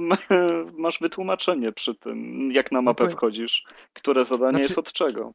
No nie, nie, ja nie mówię, że mi nie ma, że ikonka nie jest opisana. Ja mówię, że e, kiedyś asasyny działały w ten sposób, że każda kolejna misja fabularna w pierwszych, w pierwszych tych aktach, nazwijmy, czyli w pierwszych tych e, pa, częściach pamięci, ona mnie uczyła kolejnych zasad, ona mnie uczyła kolejnych typów misji, ona mi pokazywała, gdzie kupować przedmioty, ona mi kupowała z kim rozmawiać o czym, gdzie są questy, jakie questy, jakie są zdarzenia. I dzięki temu ja po trzeciej sekwencji tam z 12 czy 13 wiedziałem, jak w tę grę grać i dla mnie to była radocha. A w Unity wrzucają je gdzieś tam i uj, rób sobie. Ale na tym to, to, polega właśnie, żebyś sobie sam poradził. No, ale tak ja nie chcę sobie radzić w Asasynie.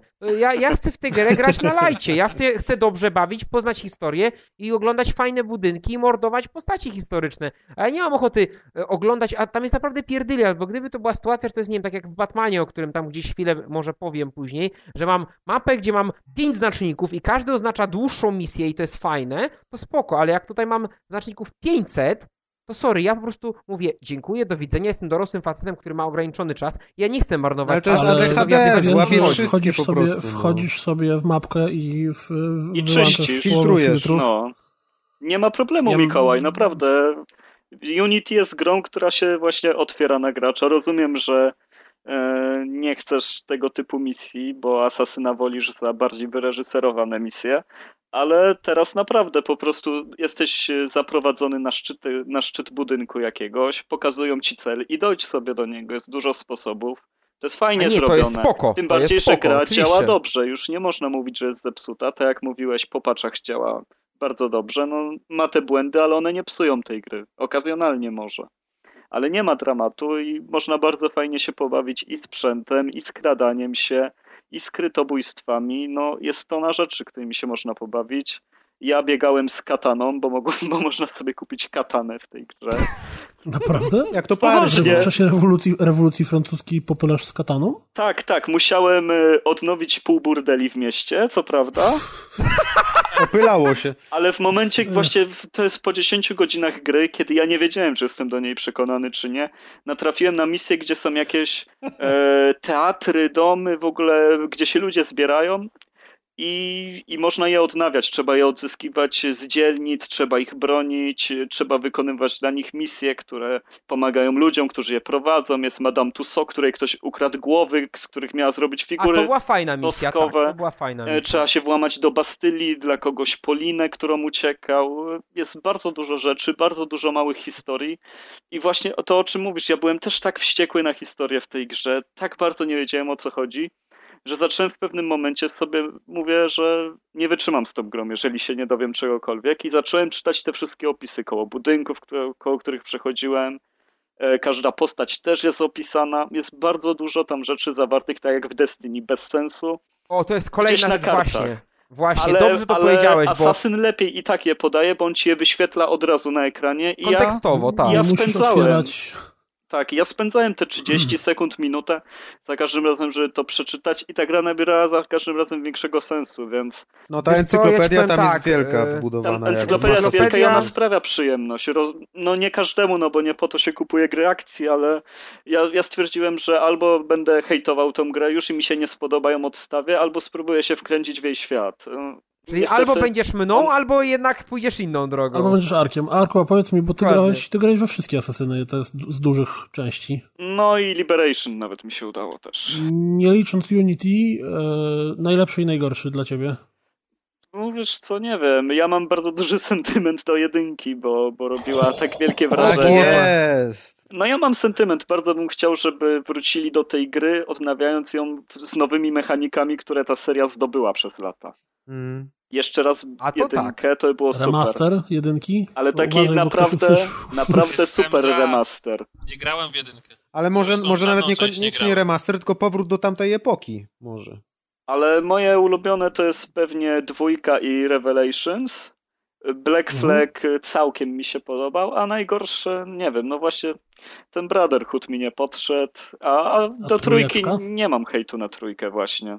Okay. Nie mam hejtu. No i mówił, że tobie się Unity podoba. Tak, ale dlatego, że zdecydowałem się, że włożę dużo pracy w to, żeby tej grze nie odpuścić, nie? To jest to jest to, że naprawdę stwierdziłem, dobra, no sprawdzę, co oni przygotowali, robili to tyle czasu, tak się męczyli, wyszło im takie gówno, no i pewnie 500 osób teraz płacze gdzieś w Kanadzie, nie? Wszyscy jadą okay. po ich grze, nikt nie docenia ich pracy. Wszystko, co się pisało o Unity było tylko o bagach, a ja chciałem się dowiedzieć, jak się walczy, jak się wspina, jak się robi misje i, i te rzeczy, wiesz, byłem content po nich. O, przepraszam, e, system wspinania jest bardzo dobry. Jest to jest coś, co. to jest coś, co akurat ja nie piękne. będę. Tak, nie będę hejtował, bo to, że jest oddzielny przycisk w górę, oddzielny w dół, Super e, to, że jest troszeczkę tak. trudniej, to jest coś, co jest absolutnie powinno zostać w tej serii na zawsze, bo jest po prostu dobrze zrobione i dobrze przemyślane. Czyli jeśli dobrze e... rozumiem, to Mikołaj, tobie się nie podoba ze względu na bugi i ze względu na zbyt dużą ilość rzeczy, którą to gracie zarzuca do roboty? Tak. Które nie mają nie podoba... mniejszego sensu w, tak w większości z nich ale z drugiej strony, jeżeli olejesz niektóre z nich tak jak Arek, a wciągniesz się w inne, to ono może sprawiać przyjemność. Bo znaczy, samo sobie, jest... bo, bo obaj, obaj nie mówiliście nic złego o mechanice, tak? Czy, czy dalej walki wyglądają kompletnie bez sensu? Czy nie, no walki są prostackie, no ale da się z tym żyć. No ja, jak, słuchaj, przeszedłem w życiu tyle asasynów, że mnie już ta walka nie razi, nie? Są prostackie, ale też Trudniejsze wiesz, niż były. Są trudniejsze, trudniejsze i trzeba bardziej się skupić na zachodzeniu. Jest A... stealth, Przecież jest skradanie o, się nagle płynne. E, co prawda akurat e, krycie się za osłonami działa no jak taki e, brat Splinter Cella, tylko taki młodszy i niestety nie do końca rozwinięty psychicznie. Nie, Ale czy masz magiczny guzik pod tytułem przyklej się do osłony, czy on to robi kontekstowo? Tak, i ten przycisk czasami głupieje niestety. Okej, okay. bo mm, jeszcze jedna rzecz. W Asasynach od dwójki chyba włącznie albo od Revelations włącznie E, w każdej części próbowali coś wrzucić w stylu, nie wiem, mini gra Tower Defense. Ponieważ to był kompletny krab, to potem wymyślili sobie tam te takie szlaki handlowe, które też były do dupy. Na przykład w Black Flagu były te wysyłanie statków, mini strategia w wysyłanie statków. Co tutaj takiego wymodzili, czego nie było w No, tutaj jest koop. Ale nie ma właśnie jakiejś takiej minigierki bzdurnej, czy jest koop koop, który nie działa, tak? Bo serwery się... Nie, ja, ja nie wiem, nie miałem z kim grać w koopa. Tutaj raczej e, takim rozmaicaczem są levele, dobra, każdy wie, że w pewnych momentach zmieniamy epokę czasową. Mhm. I one są takie, one, one są bardziej ustawione na mechanikę, na wykonywanie rzeczy, na I czas. dlatego są fajne. One przypominają mi to, co było w Revelations, te zagadki w FPP, tam było skakanie po animusie. A jest to, co było też w wielu poprzednich, a nie było ani w trójce, ani w, trój, ani w czwórce, co mi się bardzo podobało, czyli takie, że wchodzisz, nie wiem, do katedry i musisz się dostać do jednego miejsca i to jest zagadka typowo środowiskowa, że po prostu, pamiętacie, z, z poprzednich części były takie zagadki. Tak, tak. W dwójce no, były bardzo fajne i w Brotherhoodzie. Tak. To jest coś na tej zasadzie, czy właśnie te przenoszenie się między epokami jest w tym stylu zrobione?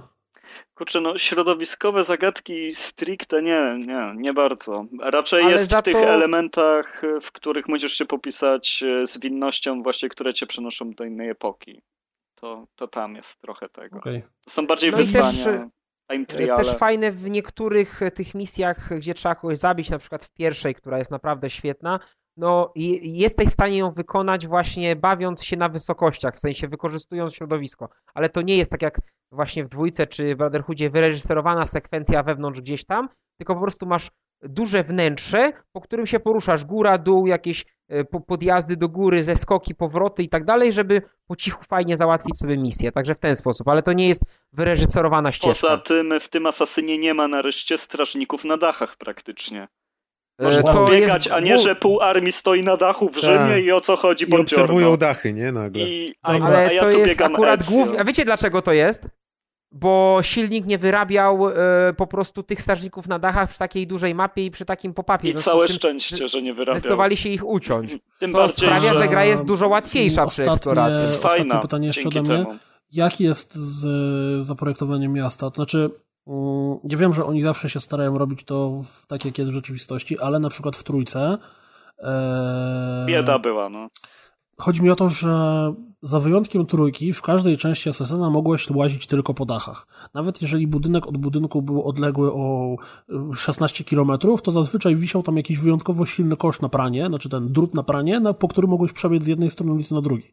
W trójce to było totalnie spieprzone. W trójce ja łaziłem tylko i wyłącznie po ziemi bo tam się nie dało płynnie iść po No ale trójka się... to, to była taka wiesz, nie, wiesz słabo co, kanoniczna tutaj, część, nie? Tutaj... Ale w czwórce, w czwórce też miałeś miasta z dupy, bo miałeś małe Ale tam były małe miasta, ulicami, dokładnie. Ale tam miałeś y, te budynki zawsze w taki sposób połączone, że mogłeś spokojnie łazić tylko po dachach, z wyjątkiem tam plantacji, gdzie po prostu znaczy, nie było dachów w ogóle. Tutaj po prostu dla mnie, to ja coś powiem może właśnie z takich bardziej graficzno-designerskich rzeczy, bo grałem mniej, więc tam tej mechaniki mniej łyknąłem, ale jak grałem, to właśnie zamiast wypełniać misje i testować mechanikę skradania się, to ja po prostu zwiedzałem to miasto i oglądałem i byłem w szoku i po prostu nie, nie mogłem zebrać prze, przez cały czas szczęki z podłogi.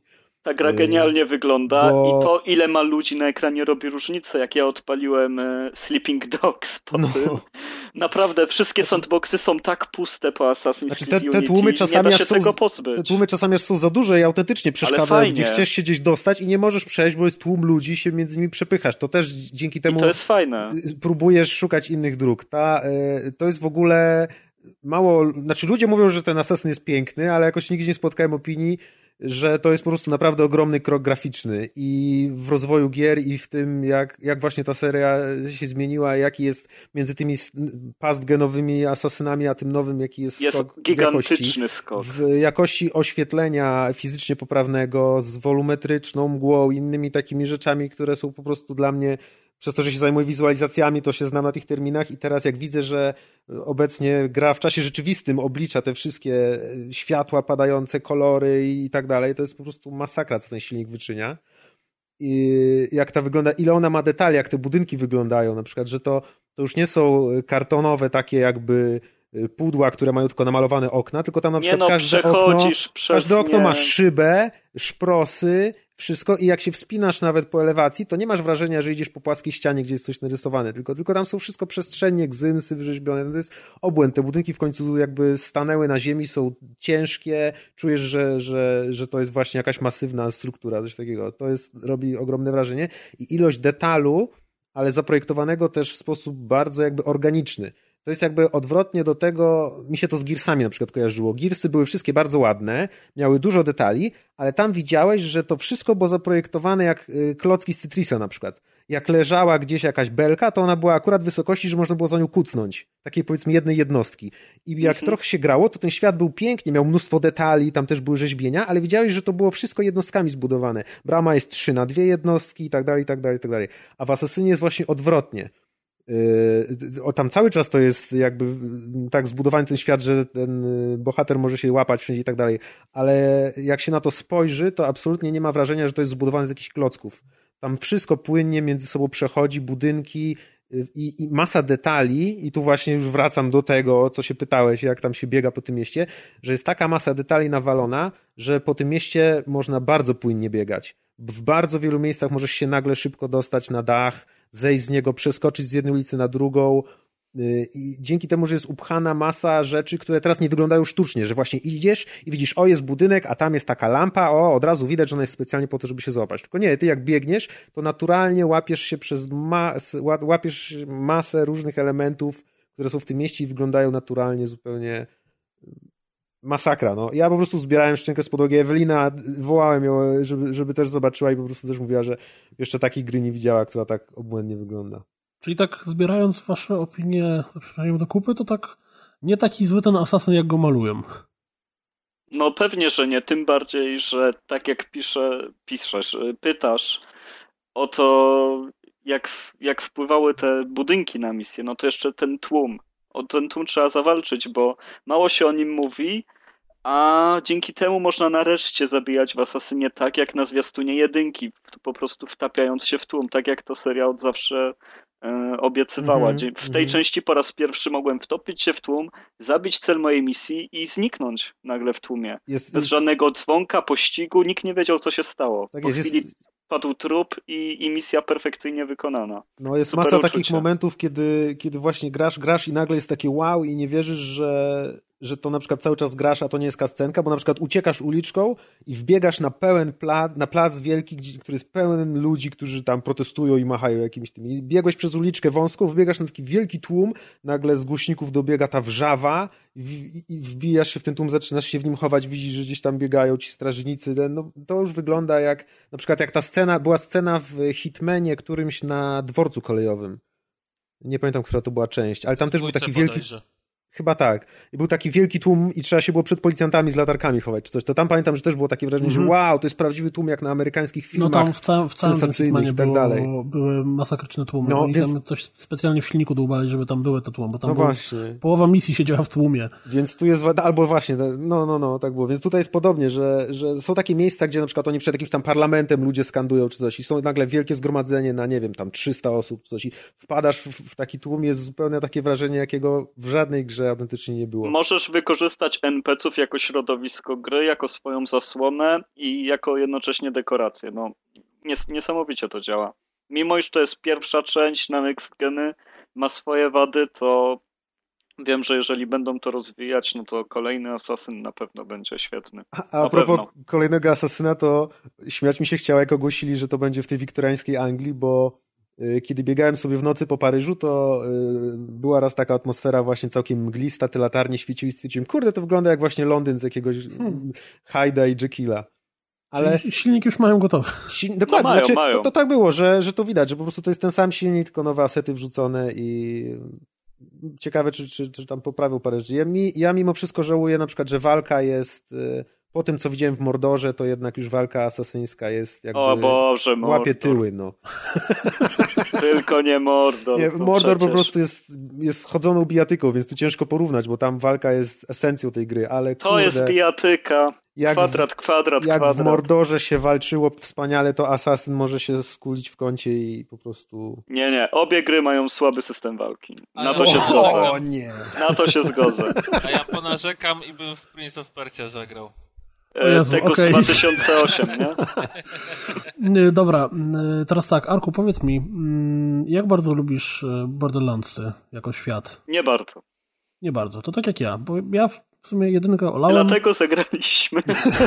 Właśnie jedynkę olałem, w dwójkę grałem w multi z, z Dłanem i tam z Altariusem zresztą a propos. Tak, trochę, I trochę. Z, z Michałem Kitem i bawiłem się bardzo dobrze, ale fabularnie właściwie nie łyknąłem nic, bo jak graliśmy w cztery osoby, to nic nie słychać, no. podchodzisz do questa, robisz kółko, kółko, kółko, kółko, po czym pojawia się, o dobra, biegniemy tam go zabić. A później spust, Więc... spust, spust. Dokładnie, potem lut, lut, lut. E, ale tak się stało, że w moim przypadku akurat dostaliśmy na podcast e, kodzik na Tales of Borderlands. No więc jak dostaliśmy kodzik. To ktoś od, to musiał. E, no dokładnie. Telltale, przepraszam, Telltale Games. Mm, bezpośrednio, to było trzeba to przetestować. No i to tak leżało, leżało mnie na komputerze, bo ja na PC grałem no i w końcu A, postanowiłem... ja na PS4 widzisz. Czyli na pewno miałeś e, inne wrażenia zupełnie. przycinające klatki. E, menu przycinało, wiesz?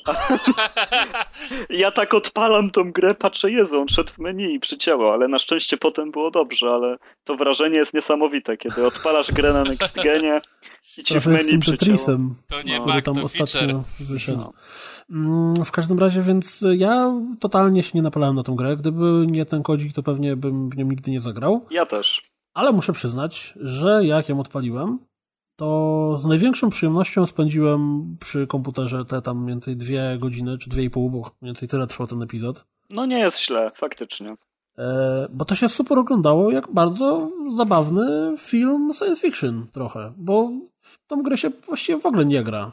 Tak no, tam, tam praktycznie jest jeszcze mniej gry niż w jakimkolwiek The Walking Dead, czy... Co więcej, masz wrażenie, że te decyzje, które tam się pojawiają, to już w ogóle... w ogóle nie mają żadnego znaczenia, bo musisz wybrać, czy twój robot ma strzelać rakietami, czy z karabinu maszynowego. Właśnie to obnaża ten silnik y, Telltale, że jeżeli tam nie podejmujesz decyzji w stylu, czy on przeżyje, czy umrze, to te gry w ogóle nie budują napięcia.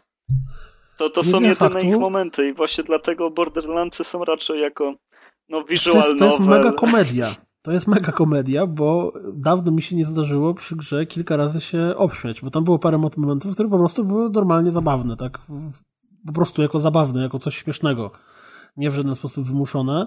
E, historia jest całkiem interesująca, bo mówi o. Mamy dwójkę bohaterów, którzy naprzemiennie opowiadają o tym, co się wydarzyło. Jest to wykorzystane, że jak tam najpierw ktoś powiedział, że zrobił coś mega zajebistego, to później druga postać mówi, że no to ja to pamiętam trochę inaczej. inaczej. No. Dokładnie. Prawie jak w Gunslingerze. E, historia jest taka, że jest e, jeden pan, który jest pracownikiem mm, Hyperiona, czyli tej wielkiej korporacji, no i próbuje zrobić przekręt, dzięki któremu stawi się do końca życia. No z przekrętu tak nie do końca wychodzi to po jego myśli, a drugą postacią jest dziewczyna, która żyje z robienia przekrętów i mm, ich historia oczywiście się łączy, przeplata, jak to w dobrych filmach. No i jeszcze mm. ten y, gościu od przekrętów ma swojego przydupasa, a ta dziewczyna ma też siostrę. Siostrę. Tak, tak, tak, tak, tak. Więc mamy czwórkę bohaterów, dwoma sterujemy, dwóch sidekicków, no i oglądamy sobie dwugodzinną, przyjemną komedię science fiction, z, y, gdzie ludzie giną, no bo jak to w Borderlandsach, y, w Walking Dead, jeżeli ktoś umierał, to to było straszne, przerażające i zazwyczaj dołujące. Tutaj trup ściera się gęsto i właściwie w ogóle się tym nie przejmujemy i nie ma to żadnego znaczenia. Mm, co więcej, przez to, że nasz bohater jest e, cipą, dosłownie, to nie działają rozwiązania, które świetnie sprawiały się w Wilku. Gra się no cipą? właśnie, o to chodzi, że nie polubiłem żadnej postaci w tej grze. To jest mój największy zarzut, bo fabułka nawet fajnie poszła, przyjemnie się przy tym siedziało, bo nie wymaga żadnego wysiłku, ale postaci to ja tam żadnej nie polubiłem. Nie, nie trafiło to do mnie aż tak.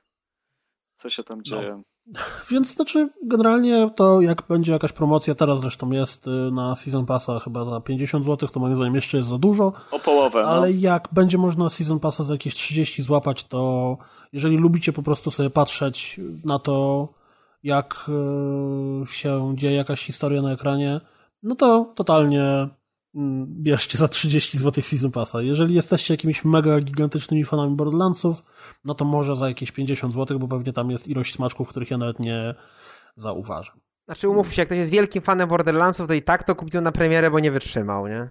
No, natomiast tak podejrzewam. Serio, jeżeli ktoś ma w dupie totalnie Borderlandsy, y, a po prostu lubi oglądać fajne filmy, to jak to będzie kosztowało te 30 zł, bierzcie, obejrzycie sobie z przyjemnością, kilka razy naciśnięcie guzik, będziecie mieli wrażenie, że macie jakiś wpływ na to, co się dzieje mniejszy lub większy i, i tyle. Więc z jednej strony jak najbardziej polecamy, ale z drugiej strony może niekoniecznie za pełną cenę.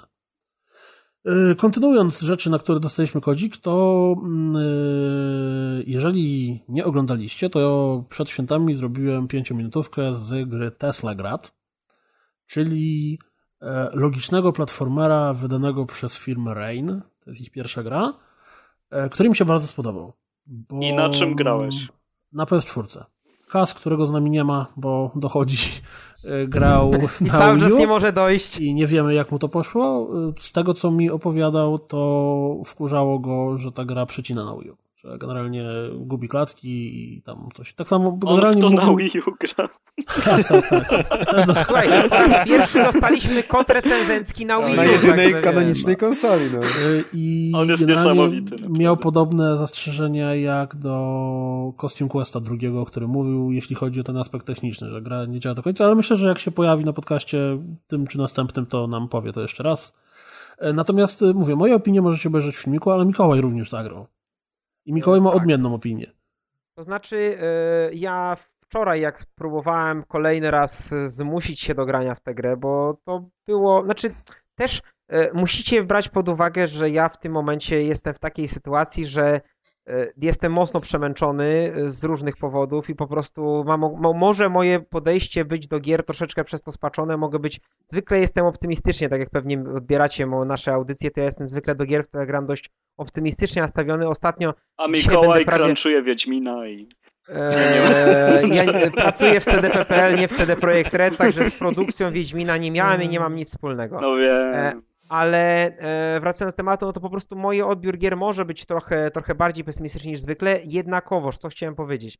Dla mnie Tesla gra to jest gra, która znowu chowa przede mną narrację, i zmusza mnie do zbierania znajdziek, żeby obejrzeć sobie obrazki, żeby spróbować się domyślić, co się w niej dzieje. To czekajcie, to jest ja, dla mnie ja się problem. jeszcze zapytam, ja bo ja, zgubiłem. ja nie mam pojęcia, co to jest za gra i brzmi jakby to była gra o Nikoli Tesli, który unika kulek gradowych, więc powiedzcie chociaż, chociaż trochę, co to do cholery jest. Ja też bym gra... Zrób wstęp może tak, fabularny. To jest gra, która fabularnie nam od początku kompletnie nic nie mówi. Widzimy jakiegoś typa, który niesie dziecko na rękach, zanosi to dziecko do domu, po czym mija ileś tam lat i nagle kolesie w czerwonych płaszczach robią wielki rozpis w mieście i dzieciak ucieka, bo chcą go zabić. Znaczy, wygląda e, na początku jak e, jakaś taka opowieść o stalinowskiej Rosji. No. Tak, tak, tak, tak. Klimat jest taki właśnie Petersburg, moim zdaniem tak wygląda. Może nie mam żadnej wiedzy na ten temat, ale byłbym w stanie sobie wyobrazić. Ale się wypowiemy, bo to rozgrywka. Oczywiście. No i dzieciak ucieka, wbiega do jakiejś takiej wielkiej wieży, w której pojawiają się jakieś dziwne klimaty z prądem i z zagadkami logicznymi i on zaczyna łazić po tej wieży, znajdować jakieś przedmioty, które dają mu umiejętności. No i to, o czym Mikołaj powiedział, czyli że ta gra ukrywa przed nami fabułę, jest absolutną prawdą, bo fabuła jest przedstawiona za pomocą kart. Karty to są po prostu znajdźki. Można w sumie w swojej grze znaleźć ich 32. Ja grając znalazłem 8, po czym w jednym miejscu, żeby dostać się do ostatniego bossa, trzeba mieć 15, więc zacząłem łazić jeszcze raz po lokacjach, które zwiedziłem i znalazłem Ale 15. słabo, słabo. To jest Metroidvania? Tak, to Właśnie jest Metroidvania, ale nie do końca. do końca. Bo no. w Metroidvanii założenie jest takie, że idziesz, yy, zdobywasz nowy przedmiot, dzięki czemu uzyskujesz dostęp do lokacji, w której już byłeś wcześniej w innym miejscu. Tutaj cały czas idziesz przed siebie. Znaczy wieża jest y, tak zbudowana, że w dowolnym momencie możesz wrócić gdzieś, gdzie już byłeś, ale nie ma tego klasycznych, wiesz, czerwonych, zamkniętych drzwi, które możesz Aha. otworzyć czerwoną rękawicą, którą znajdziesz za trzy godziny gry. Nie, tu po prostu przechodzisz cały czas etap za etapem, kolejne pomieszczenie, coraz wyżej, coraz wyżej, coraz wyżej. Mm, a przedmioty i nowe umiejętności, które zdobyłeś, wcale do niczego nowego się tutaj nie przydają wcześniej.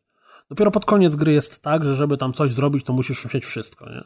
Ale, ale nie jest to Metroidvania w tym klasycznym sensie, czyli znajdź czerwoną rękawicę, żeby móc się wrócić do początku gry i przepieprzyć się przez y, zamknięte czerwone drzwi. E, plus ma. ma drugą wadę niebycia Metroidvania, mianowicie ta gra nie ma właściwie y, poza bossami, gdzie też nie ma bezpośredniej kon, kon, jakby konfrontacji, ta gra praktycznie nie ma aspektu konfrontacyjnego. Tam y, jest większość tej gry to są zagadki logiczne, znaczy, znaczy no, to środowiskowe. wiesz, to jest platformy e, logiczne. dokładnie, co chciałem powiedzieć, prąd.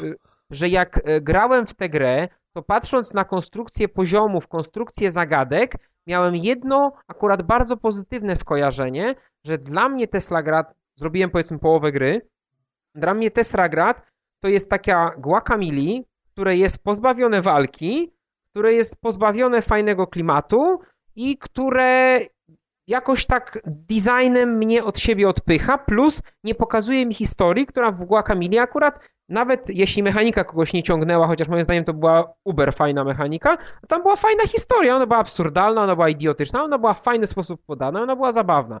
Tutaj historia, tak jak Kuldan mówi, jest schowana przede mną. Ale ta historia, jest ciekawa. Właśnie sztuczka polega na tym, że jeżeli... to są 32 karty, no hello. Nie tylko, nie tylko, bo oprócz kart No i te scenki takie, tak. I to jest tak, że oni opowiedzieli w tej grze całą historię świata i tego, co się wydarzyło i tak dalej. I jeżeli się wciągniesz w ten klimat, bo ona ma taki mm, taki spokojny yy, nie do końca potrafię znaleźć. Kuldan, a ile czasu jest potrzebne, żeby się. Tak... 5 godzin. 4-5 godzin, żeby Aha. to przejść. Żeby znaleźć wszystkie znajdźki, nie wiem, bym się nie chciało. Ja po prostu jak skończyłem grę i miałem tych znajdź tam 17 w sumie, to potem sobie odpaliłem YouTube'a i znalazłem, zobaczyłem wszystkie karty, jak wyglądają, dzięki czemu poznałem całą historię. E... problem z tym jest taki, że jeżeli jesteś zmęczony, albo cię to wkurza, albo ci się nie chce po prostu trochę się dać w to wciągnąć, to się odbijesz od niej jak piłaczka i to ciebie pewnie spotkało. No może nie odbiłem się, bo próbowałem, ale no nie, nie czuję się zupełnie zachęcony. No, gdyby, mówię, gdyby chociaż ta gra mi podała jakoś, nie wiem, twist fabularny, jakąś scenkę, jakieś cokolwiek, a tak naprawdę jedyne, co mogę powiedzieć, że naprawdę było super w Teslagradzie, to były walki z bossami. No walki z e, bossami są mega. Walki, z bossami są mega. trudne, są wymagające, są w starym szkolnym stylu, czyli e, boss ma e, konkretne wzorce zachowań, zawsze zachowuje się tak samo, ileś powtórzeń trzeba wykonać i tak dalej, ale ci bossowie są fajnie zaprojektowani, te walki są emocjonujące. Ja na przykład z drugim bossem, Ptaszorem, męczyłem się dobre 40 minut, ale w momencie jak go pokonałem, to było nie, jak, tak czasami jak się gra, nie wiem, w Pro Evo po sieci i strzeli się bramkę w 93 minucie, tak? To był taki gest, taka pięść i to była taka radość, że wreszcie udało mi się go przejść przejść. No to... Czułem, że wymasterowałem ten, Jeżeli temat. z tak? ptasiorem męczyłeś się 40 minut, to odpuść sobie tą grę, bo rzucisz padem w telewizor przy ostatnim bosie. Bo ja przy ostatnim bosie spędziłem dosłownie 50 minut e, i ta gra jest taka, że masz jedno życie, więc jak coś cię dotknie, to od razu giniesz. Jak w życiu. Nie masz życia, po prostu masz, no jak w życiu, jak coś cię dotknie, to giniesz. I w, w bosie nie, nie no ja tak nie mam, czasami mnie ludzie dotykają. E, ale jest tak, że mm, ostatni boss się składa z trzech faz i w każdej fazie on się zachowuje troszeczkę inaczej, więc ta walka z nim wygląda w ten sposób, że zadajesz mu jedno obrażenie, wtedy on robi coś innego, więc znowu powtarzasz za każdym razem to jedno obrażenie i uczysz się w jaki sposób zadać mu drugie. Nie, no to słuchajcie. No... znowu pierwsze, drugie, uczysz się jak zadać mu trzecie i czwarte i piąte i szóste. No muszę to powiedzieć, to I... są jakieś Dark Soulsy, no. Ukryta fabuła i super walki z bossami, no. No, no nie, jeszcze YouTube trzeba oglądać. Tak. Ale i graficznie fajnie wygląda. Tak już. Znaczy, A panowie, zdaniem... to jest gra z plusa? Ona była w plusie? Nie, nie, nie, ona jest do kupienia. Jeszcze jest z minusa. Ja powiem tak, to jest gra, która jeżeli ktoś lubi platformówki logiczne, no bo ta fabuła tak naprawdę na dobrą sprawę można by ją kompletnie olać i skupić się tylko na gameplayu, bo tak jak Mikołaj mówi, fabuła jest ukryta, więc załóżmy, że jej nie ma, tak? E, to jest po prostu gra, platformówka z zagadkami logicznymi. Jeżeli ktoś bardzo lubi tego typu gry, to koniecznie powinien po nią sięgnąć.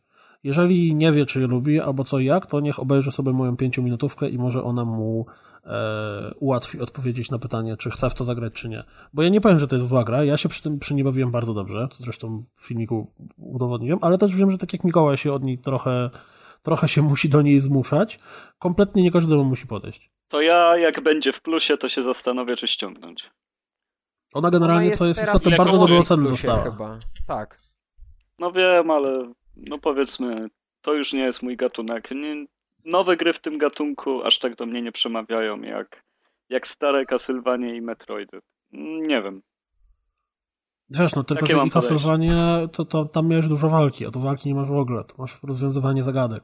No wiem, ale Więc... też są Castlevania, które są bardziej nastawione na eksplorację, powiedzmy. Ale i tak masz tam trochę walki, a po tak, prostu tak. tutaj tym, tym, wiesz, korem tej gry są zagadki logiczne. Wchodzisz do pomieszczenia, gdzie widzisz, że tam są drzwi, są jakieś przełączniki, coś ci fruwa nad głową i musisz wymyślić sobie, w jaki sposób dojść do tych drzwi. No. I tylko te zagadki są. Z drugiej strony nie są jakieś strasznie trudne. Tam jedno, jedno miejsce było przez całą grę, gdzie się zaciąłem. Yy, I okazało się, że robię to kompletnie źle. Bo, no, właśnie. Więc yy, jeśli słyszycie, mi się podoba, Mikołajowi nie, więc obejrzyjcie filmik yy, i, i zdecydujcie, Spoko. czy wam się spodoba. Obejrzymy. I na pewno nie siadajcie do tej gry, jak jesteście niedospani, wkurzeni i generalnie życie was, was traktuje źle. To nie, jest, to nie jest gra na taki czas. To wtedy sobie odpalcie, nie wiem, jakieś Mario i to początkowe Ale poziomy, Mikołaj, bo Mario nie, dalej bo przecież życie źle traktuje, wszystko ci się układa, wszystko jest dobrze, grupa wsparcia. Grałeś w Wiedźmina. masz koszulkę, masz koszulkę, że grałeś w Wiedźmina, czy tam położyłeś swoje Dokładnie. łapki, położyłem, to po polsku powinno być, położyłem swoje łapeczki na Wiedźminie, Wiedźminku. Znaczy, to myślę, że wtedy e, poznanie wreszcie koleżanki z Twittera Hani z CD Projekt Red nabrałoby nowego znaczenia, tak? To wtedy powinno przy okazji być, pozdrawiam. swoje łapki na ekipie z Red.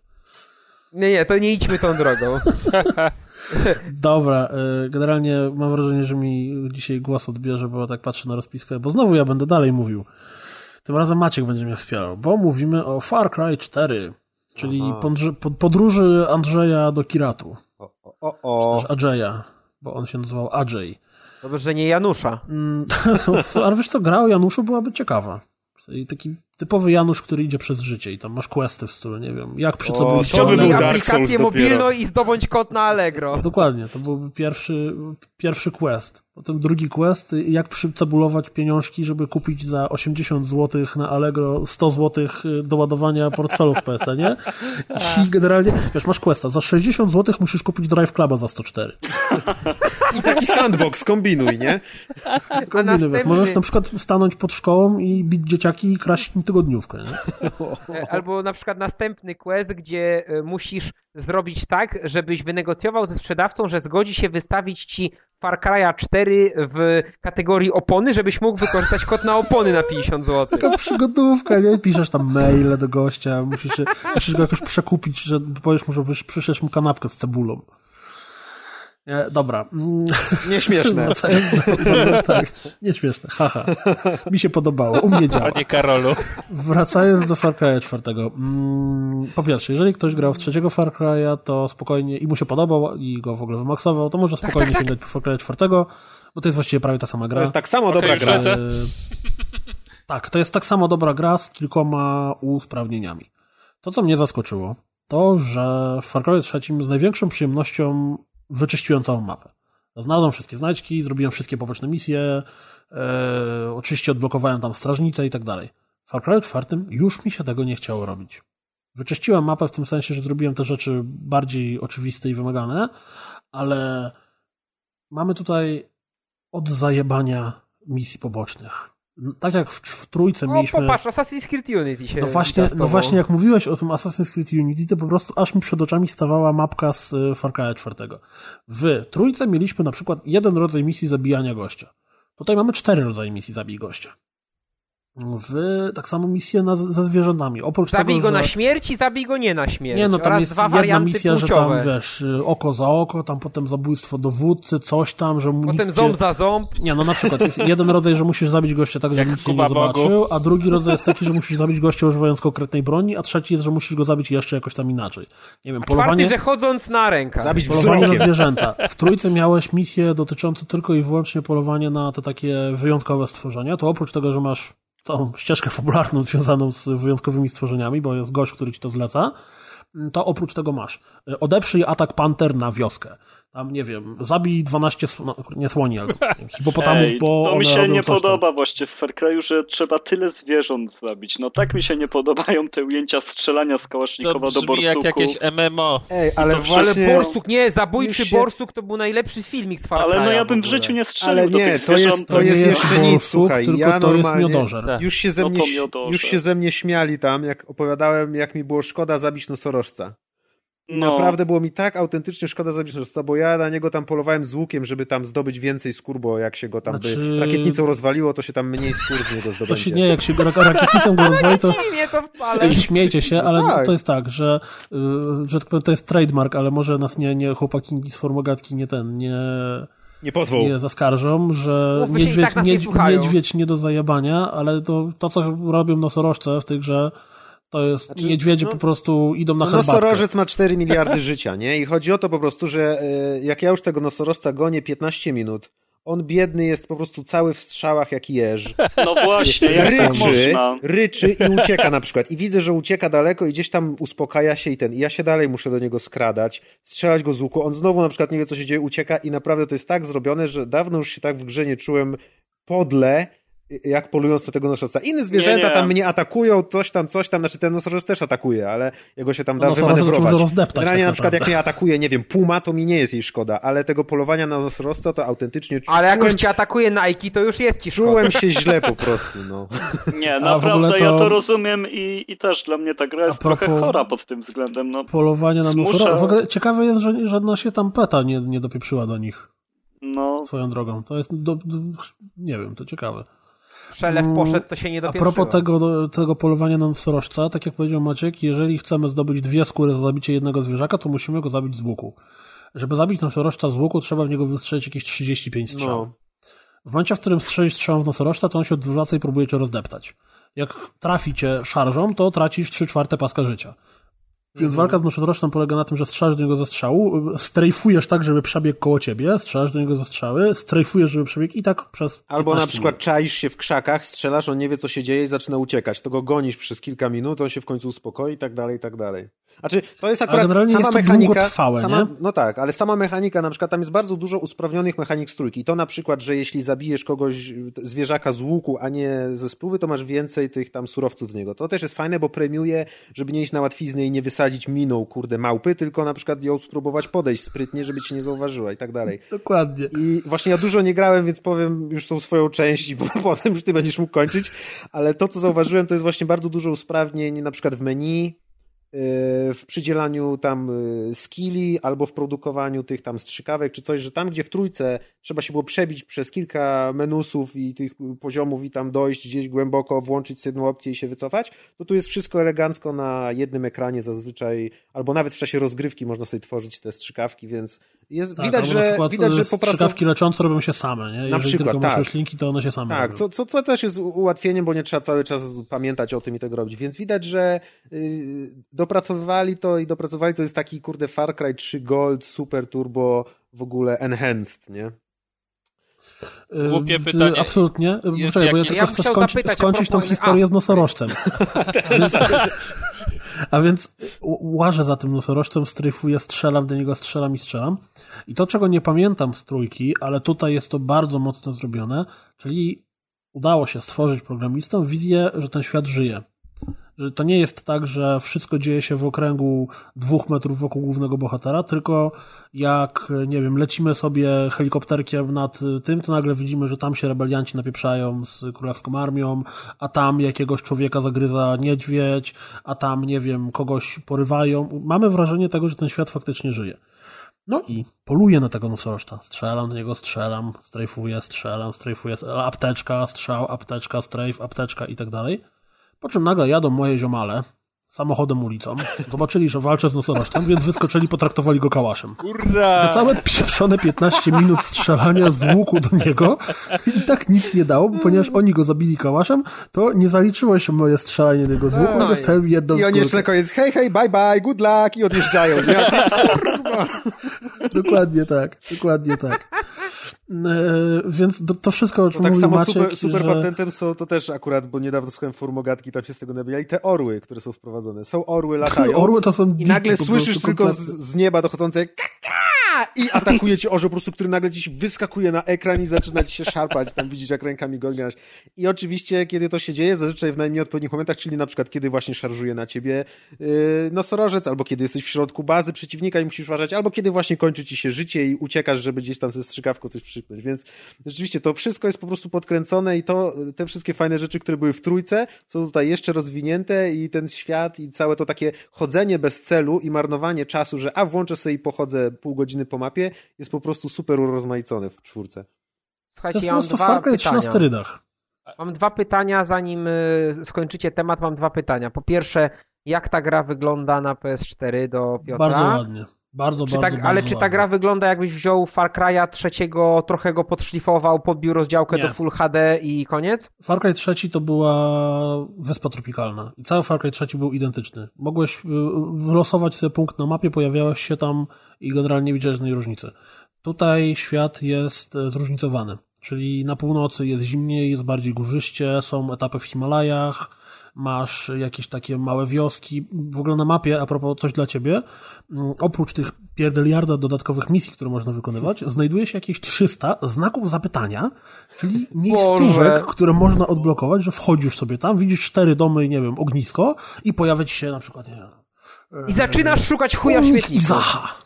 Fajnie. Tu jest pomnik Izaha. Po czym tam idziesz 20 metrów dalej, znajdujesz chuja w śmietniku i tam jest napisane chuj w śmietniku. Czyli generalnie jest masa, generalnie... masa takich y, nazwanych jakby miejscówek, które nic ci konkretnie nie oferują, ale jak odblokujesz wieżę, to jest ten przelot kamery i ci pokazuje, że a tu jest na przykład farma wujka Stefana i tam na przykład są jakieś krówki. I tam widzisz coś, żołnierzy, którzy go napieprzają. Albo nie? na przykład Albo tam dalej, nie wiem, przelatuje kamerka nad, bo jak się odblokowuje wieżę, to po prostu mamy taki piękny, artystyczny przelot przez kilka tych miejscówek, że nie wiem, tu jest tam szkoła rusznikarzy i widzisz gości, którzy się uczą, jak się rusznikuje.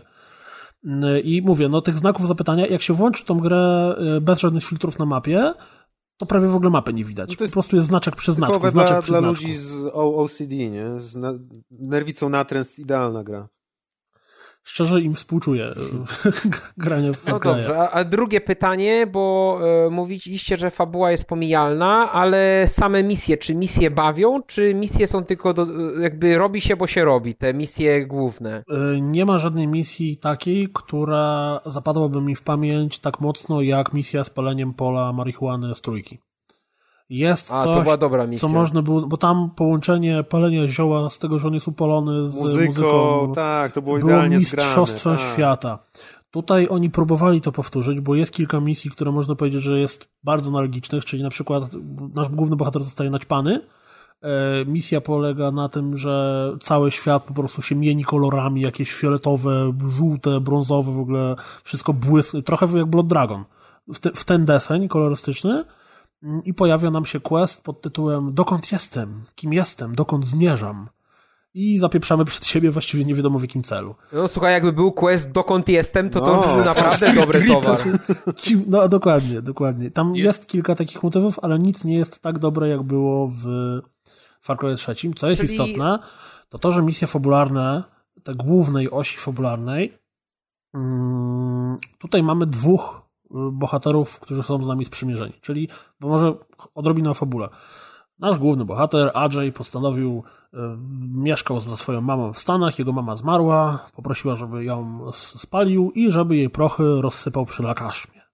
No to nasz główny bohater, pan Ajay, przyjeżdża do Kiratu, na granicy dochodzi do jakiegoś zamieszania, żołnierze go wyciągają z samochodu, zabijają kilku gości, którzy z nim jeżdżali, przylatuje dyktator rządzący, tym miastem, znaczy tym krajem, zabija na naszych oczach pułkownika, więc już wiemy, że ten pan jest trochę niestabilny. Porywa nas, znaczy inaczej, przepraszam, nie porywa nas, zaprasza, tylko zabiera nas tak. do swojej willi, gdzie zaprasza nas na obiad.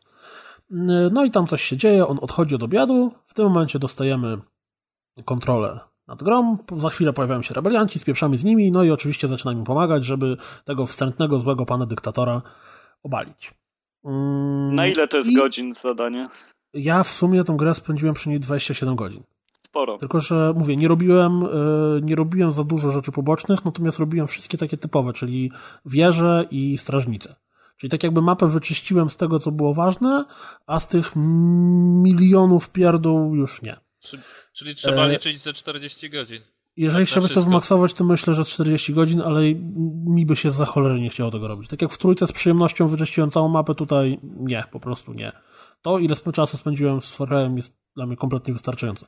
Czy ale... jest jakieś multi jeszcze? Tak, e, to poczekaj, zaraz, bo, bo chodzi o to, że trafiasz do rebeliantów i wśród rebeliantów jest dwóch przywódców. Jest Laska i jest Koleś. I co mniej więcej cztery misje fabularne jest misja pod tytułem Och, tam ten Pagan Min ma fabrykę kokainy. Musimy ją zniszczyć. O, ty jesteś głupi, musimy ją przejąć, przecież dzięki niej będziemy mieli kupę kasy. Wybierz sobie, Adżej, co uważasz, że jest lepsze. I o, to Inf Infamous! Czy, dokładnie, czy chcesz zrobić to, co Laska ci proponuje, czy chcesz zrobić to, co koleś ci proponuje? Czy chcesz, żeby Laska zrobiła... A nie, No przez całą grę miałem na to nadzieję i dlatego wybieram tylko jej warianty. ale generalnie nie stało się to. O. Mm. Po czym okazało się, że to on był chętny.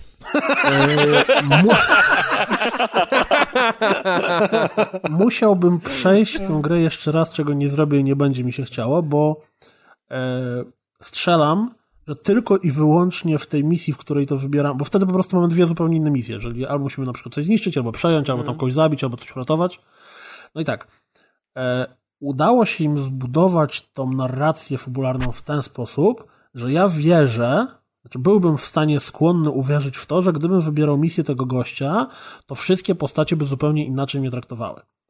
Ale obawiam się, że gdybym zagrał w tą grę jeszcze raz i wybierał wszystkie misje tego gościa, to, to czwarte cutscenek byłoby identycznych, a po prostu tylko te dotyczące tej innej misji byłyby inne. Ale wiesz co, Piotrze, to jest tak, że czasami do pewnych rzeczy lepiej nie wracać. Na przykład jak wracanie do, nie wiem, do Matrixa 15 lat później, to, to jest po prostu zły pomysł, wiesz, tego nie wolno robić. Mm. Kuldan, ale jak myślisz, no to Far Cry 5 ma sens w tym roku na przykład, gdyby wyszedł? Nie. Blood Dragon 2? Bo tak, miałoby no. sens jakaś Tak, tak, biorę odpał. na premierę. Tylko właśnie ja nie jestem pewien, czy Blood Dragon 2, czy nie wiem, na przykład y, Jurassic Park w Far Cry'u mały. może być nawet dupy totalnym... i kosmici, byleby to było coś właśnie zupełnie innego. Klimacie, właśnie, właśnie, mały, mały Far Cry, znaczy mała gra oparta na mechanice czwórki z jakimś totalnie odczepionym pomysłem. Właśnie, nie wiem, walczysz na Marsie z kosmicznymi klaunami. Albo, nie wiem, jesteś foką i polujesz na y, Eskimosów na Antarktydzie. Kurde ten klimat. Z karabinem. Z karabinem. Jakbyś, jakbyś był foką, która grasuje na kłusowników. No mówię. To jest to, goty. Ten, ten pomysł. Natomiast Far Cry wie, 5 wiem, pełen... Far Cry, e, e, Far Cry 6 W wiktoriańskim Londynie. Echo the Dolphin. o, zagrałbym. Echo the Cry. Nie. Natomiast mały Far Cry jest jakimś od, odpalonym klimatem jak najbardziej. Ej, jeszcze Teraz mi się jest... przypomniała jeszcze jedna rzecz, która jest fajna. Bardzo mi się podobało e, automatyczny pilot w pojazdach. Tak, Boże, to jakie jest to jest mega. wspaniałe. Po prostu wciskasz przycisk i samochód sam jedzie, a ty się możesz rozglądać A co to jest za samochód? A taki Różne gazik, czy tam łazik. No to idealnie, bo, no. dobra technologia tam jest.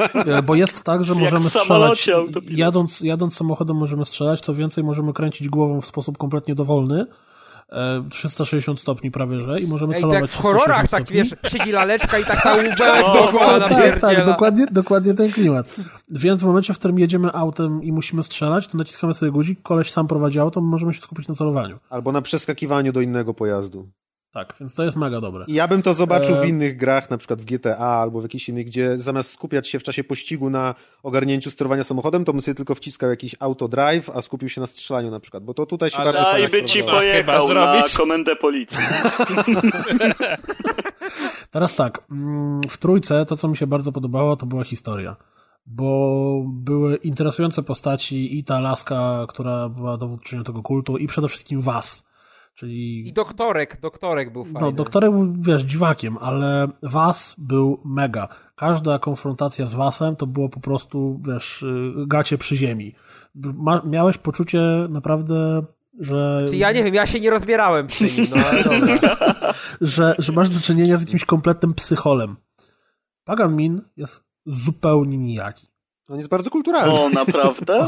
on, jest, on, jest, on, jest, on w ogóle nie jest niczym w porównaniu z Wasem. On jest po prostu gościem, który w czasie gry się pojawia z trzy razy. Serio? E, czy z cztery razy. Ma zero charyzmy. I tak naprawdę równie dobrze mogłoby go nie być. Mówi siema o, i idzie jak Maciek powiedział, Liczyłem jak Maciek powiedział, że on jest taki kulturalny, sobie wyobraziłem tak. E, dzień dobry panie bohaterze, czy możemy do pana zacząć tak, strzelać? Ale wiesz co? Ale czy na pewno? Ale właśnie problem polega na tym, że początek gry jest taki, że oni ciebie łapią, znaczy tam, tam się staje jakaś rozruba, po czym on ciebie za to przeprasza, i zaprasza cię na kolację. No. Wiesz, ty dochodzisz do wniosku, że ale psychol, właśnie kogoś zabił długopisem, a teraz mnie zaprasza na ciasteczka krabowe, ja pierdzielę. I teraz jest coś, o czym nie mogę mówić normalnie i wprost, bo niektórzy z was nie grali, plus nasi słuchacze nie grali, a byłyby to spoilery fabularne zakończenia gry, ale muszę o tym powiedzieć w jakiś bardziej zaawansowany sposób. O tyle o ile przez całą grę ta fabuła była trochę z dupy. Znaczy, generalnie no po prostu była fabuła, typowa fabuła z dowolnej gry, gdzie sobie strzelasz. Gdzie istotniejsze jest to, że sobie strzelasz niż to, co się dzieje na ekranie i dlaczego strzelasz. I podobne było moje odczucie na temat zakończenia. To twórcy zrobili tak zwane zakończenie alternatywne, mhm. które rozwala tobie mózg. Jeżeli przejdziesz tę grę i zobaczysz jedno z dwóch zakończeń, a później dowiesz się, jak wygląda zakończenie alternatywne, to po prostu mózg rozjebany. I generalnie mało się o tym mówi, a to jest coś, za co jest mega szacunek. Bo wpaść na taki pomysł i zrobić to, rewelkę. Naprawdę tutaj znaczy... bije, bije pokłony. To, to, że tak się zapytam, bo ja widziałem to alternatywne zakończenie, bo normalnie jeszcze nie przyszedłem kampanii, tylko widziałem to alternatywne zakończenie. I czy ono jest jakieś coś zupełnie inne na przykład? I, i są jakby połączone w jakiś świadomy sposób te zakończenia? Znaczy, to jest... Są połączone w y, świadomy sposób w taki, że jak, jak kończysz grę, to masz, y, masz takie poczucie, że jesteś bohaterem, nie? Aha. Że, że, że Aha, no tak, pokonałeś czyli jakby alternatywną historię pokazuje. Coś A tak naprawdę zakończenie alternatywne pokazuje, że no tak, wiadomo wiadomo. No, nie, tak. po prostu zrobiłeś to, do czego są, do czego przyzwyczajają cię gry, mhm. czyli e, możesz e, coś robić, to od razu to robisz, nie zastanawiasz się nad tym. A e, jeżeli zachowałbyś się, jeżeli normalny, żyjący człowiek znalazłby się w takiej sytuacji, to na pewno nie zrobiłby tego, co robi w grach, tylko zrobiłby to, co prowadzi do alternatywnego zakończenia. Mhm. I naprawdę za to Ubisoftowi należy się totalny Ej. Ale Jeżeli ktoś... Wy mówicie o tym, że można bardzo szybko skończyć grę? Tak. tak. I to, że Aha. możesz bardzo szybko skończyć grę i to, jakie dostajesz wtedy zakończenie, jeżeli je zobaczysz po tym, jak normalnie przejdziesz tą grę, to to stawia wszystko totalnie na głowie. Znaczy, e, Arek, e, ja, te, ja niestety też sobie zespoilowałem to, bo byłem strasznie ciekaw. To jest tak naprawdę bardzo kreatywne rozwinięcie idei, nie wiem, znanej na przykład e, z Sonika, bodaj Sonika CD, jak zostawiałeś, albo z Sonika trzeciego na Mega Drive'a, nie pamiętam, jak zostawiałeś grę na kilka minut, to Sonic robił animację, a w sumie to jak ciebie to nie obchodzi, mnie też nie obchodzi, odjeżdżał sobie za ekran i pokazywał ci game over, nie? To to jest dużo bardziej kreatywne i dużo dłuższe i fajne fabularnie rozwinięcie dokładnie takiej idei. Nie do końca, bo to yy, stawia na głowie całą no wiem, cały świat. No. Jeżeli, jeżeli przejdziesz tą grę w normalny sposób, to to kompletnie stawia to na głowie. Ale bo... dzieje się de facto wtedy, kiedy uznasz, no tak, że tak, odkładasz tak, pada. Tak, tak, o to mi tylko chodziło, że... No, no, jakby, no tak, tylko że po prostu to tutaj to ma ogromny, gigantyczny, fabularny sens. A ja myślałem, że jeszcze o czymś innym będziesz mówił, bo o tym już od dawna słyszałem. No. Ten Natomiast... spoiler y- szybko dotarł, no niestety, wszędzie. No, więc jeżeli ktoś skończył grę, a w ogóle nie ma pojęcia o, e, o tym, jak wyglądało alternatywne zakończenie, to, to niech sobie wyszuka na YouTubie albo je odblokuje u siebie w grze. O skończeniu gry. Za to dla mnie naprawdę jest totalnie szacun dla Ubisoftu, natomiast e, w ogóle to też, to też jest rzecz, o której nie mogę wprost powiedzieć, ale też mi się cholernie spodobała, bo na samym końcu mm, możemy powiedzieć yy, yy, możemy, możemy grę zakończyć w momencie, w którym trafiamy na już scenę kończącą, to możemy ją skończyć albo w 5 sekund i dostajemy napisy, albo możemy jeszcze zobaczyć jedną cutscenkę. Boże, te gry się coraz to... trudniejsze robią, już nie mogą się nawet normalnie skończyć, tylko możesz skończyć, ale możesz też nie, jeszcze... Bo po prostu, po prostu to jest tak, że generalnie o tyle, ile fabuła w tej grze jest taka se, to to, co oni zrobili z zakończeniami, to jest trochę granie na nosie mm, odruchom bycia graczem. Mhm. Czyli no, jeżeli robisz to, do czego cię przyzwyczaiły ale gry, takie to wtedy Far Cry ci pokazuje wielkiego fuckersa. Mhm. O, tak e, powiem. Właśnie, a propos pokazywania przez Far Cry wielkiego, wielkiego fuckersa, to ciekawostka jest taka, że nagrywamy e, ten podcast w dniu dziadka, ale także, to akurat nie jest ciekawe w tym kontekście, ale także w dniu, w którym E, w którym świat obchodzi Dzień Wielkiego Członka. Ciekawe, czy to się łączy jakoś, bo ja dzisiaj starałem się znaleźć... Członek z dziadkiem? No nie, no, znaczy, dzień, nie, nie idźmy tą drogą, się łączy, jakby nie patrzeć. Znaczy, jeśli jest to twój dziadek biologiczny, no to musi się łączyć ten członek jakoś, nie? O, teraz już nas chyba zgubiłeś. Ja Jesteśmy za daleko. Mam zbyt bujną wyobraźnię. E, w każdym razie, reasumując już moją przydługą opowieść o Far Cry'u kilkoma zdaniami, jeżeli graliście w trójkę, podobała wam się trójka, jak najbardziej zagrajcie w czwórkę, tak. bo też wam się będzie podobała. Jest lepszą, bardziej wypasioną wersją tego, co jest w trójce. Wszystkie mechaniki, które były tu są i są trochę lepsze. Jest przeładowana atrakcjami i najprawdopodobniej połowę z nich sobie odpuścicie, chyba, że jesteście jakimiś chorymi ludźmi z zbyt dużą ilością wolnego czasu. Albo chodzicie do gimnazjum. Plus, o tyle, o ile fabuła sama w sobie jest taka se, to te kilka myków, które oni tam zastosowali, naprawdę szacun dla, dla grupy, dla dewelopera, bo ja nie wiem nawet kto to robił z Ubisoftu. I klimat też jest... I klimat też jest... Ubisoft... E, no, przepraszam. Chciałem tylko powiedzieć, że klimat jest zupełnie inny, bo jak ktoś już żyga palmami i wysoką trawą, to tutaj jest zupełnie bardziej, powiedzmy, nawet europejsko rzekłbym, bo są te świerki i ta trawa jest taka beżowawo, szaro, tam brązowa i jest tak swojsko bardziej niż te cholerne palmy. Swojsko, i... brudno, brzydko. Tak, dokładnie, no. dokładnie, a nie tylko te palmy i błękit i zieleń wszędzie a nie jakieś last minute. Tak. No, więc y, generalnie to ja raczej polecam, ale, ale myślę, że kiedyś, jeżeli nie lubicie Far to przynajmniej sobie obejście te zakończenia, to może wtedy rozumiecie o, o co mi chodziło, bo naprawdę to jest godne, godne uznania. E, dobrze, może e, Arku teraz opowiesz nam o, o edycji definitywnej Sleeping Dogsów. Okej, okay, ale zrobię to szybko, bo Sleeping Dogs to jest raczej stara gra, którą każdy już chyba miał kontakt z nią.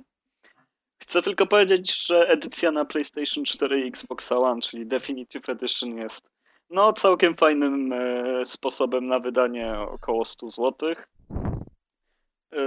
E, przy grze naprawdę dobrze się bawiłem, mimo iż przechodziłem ją trzeci raz.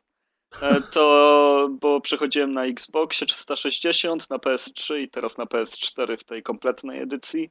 Jak ty go kupi sobie Xboxa One, kupi też na Xboxa One? E, raczej nie już, bo, bo to będzie to samo, ale, ale z chęcią wracam do tej gry, bo bardzo lubię ten klimat Hongkongu, połączenie odrobiny parkuru ze strzelaniem, ale trzymanie się nacisku na, dalej na walkę na pięści. E, bardzo fajna taka action, kung fu, przygoda. Już takich gier się raczej nie robi, bardzo rzadko powstają. Tam są wszystkie te dodatki, e, bo tam sporo dodatków powychodziło do tego, to wszystkie są Tak, i nie, niektóre są wrzucone już e, nawet w to samo miasto, że nie musisz wchodzić w menu do odpalenia Aha. nowego questa, jakby, który zaczyna na przykład turniej Zodiak na wyspie, czy, czy też walkę z jakimś duchem, który nawiedził North Point i Przypomina wielką e, drakę w chińskiej dzielnicy. Ale gra jest i dużo ładniejsza, ale w takim sensie, że widać upgrade e, każdego modelu, a nie, że ją przemodelowano aż tak bardzo. To jest po prostu e, płynnie chodzi w wysokiej rozdzielczości. Trochę większy jest ruch chyba też i na ulicach pieszych. Jest troszkę większy nie? ruch, mhm. troszkę więcej jest neonów, reklam, pojawia się mgła, deszcz wygląda naprawdę niesamowicie teraz, już wyglądał bardzo dobrze mhm. w normalnej wersji. Super wyglądał. I, I wrażenia są naprawdę takie, że nawet jeżeli już skończyliście i chodzi wam po głowie, czy czasem nie chcielibyście znowu pograć w taką grę, no to fajnie zainwestować pieniądze, bo bo nie dość, że, że się znowu przeżyje fajną przygodę, to jeszcze szanse na powstanie dwójki rosną. O właśnie, chciałem to powiedzieć, że jako, że ja bardzo, bardzo mi się podobała ta gra, to dla mnie to był jeden z lepszych sandboxów ostatnich lat, dzięki temu, że łączył fajną jazdę samochodem, bardzo fajną jazdę motorem, dobrą Batmanową o walkę nie. i przede wszystkim właśnie ten klimat. O nie, ta jazda samochodem była fatalna, po prostu kartonowe resoraki, coś strasznego. Znaczy, dla mnie była da lepsza niż... Da się. Dla mnie właśnie motory były jedne z lepszych w sandboxach ever, te motory, nie. które były w Sleeping Dogsach. Moje uszy krwawią. Auta, auta mniej, ale, ale motory mi się w Sleeping Dogsach bardzo Aha. podobały. Mi się nawet ścieżka dźwiękowa tam podobała, którą część ludzi e, krytykowała. E, super była. Ścieżka była bardzo no. fajna. Ścieżka dźwiękowa Właśnie. to jest główny Klimat. jakby motor napędowy tej gry dla mnie. Tam są takie kawałki, że. Znaczy ta bardziej, stacja z klasyką jest fajna. Bardziej mi robi takim... niż GTA na pewno muzycznie. A nie, no to w ogóle o, wiesz. Sleeping Dogsy, nie, na pewno. Nie porównujmy, no. A ja przygrywam, ale nie kupię i nie zagram. Mam w dupie. Świnio. Niestety, ale ja mam wielkiego, wielkiego focha wielkiego. na generację no remasterów i powtórek i tak dalej i tam podobne. Ale wiesz, ty ja masz to z plusa na PS3. Wziąłem sobie za... No ale nie, ja już nie, nie jestem w stanie się zmotywować, żeby grać teraz na PS3, no. niestety. Wiesz, wiesz co, Kuldan? Powiem ci, że ja mam tak samo jak ty, ale to jest tak jak z kupieniem Grand Zeroes normalnie nie kupiłbym gry na dwie godziny, która jest właściwie demem, ale ja wiem, że to jest wybryk ze strony Kojimy, że kurwa, jak ja mam pieniądze od tych ludzi wyciągnąć, bo Metal Gear 5 wyjdzie tak późno, że muszę jakoś doładować sobie, wiesz, konto w telefonie. W prepaidzie.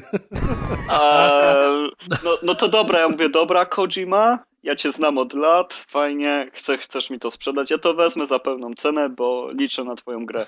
To jest jednorazowa akcja z mojej strony i z jego. On już więcej tego nie zrobi. Ja, obiecujesz, ale, ale obiecujesz, rozmawiałeś z nim, masz to na piśmie? Słuchajcie, Arek tak czasem ma, że siada sobie przy biureczku, stawia sobie szklaneczkę, rzuca lód, polewa sobie whisky, robi szklaneczkę. Potem stawia sobie drugi raz szklaneczkę, I Skype'em lód, do Kojimy. polewa whisky i znowu leje szklaneczkę. Po trzeciej takiej szklaneczce zaczyna rozmawiać z Kojimą, który nagle się pojawia po drugiej stronie biurka. Pytanie, co tam I, i mówi, doładuj mi telefon, tato. Ej, ale to by było dobre, jak dostaniesz kod na Ground Zero, to za doładowanie telefonu Kojimie.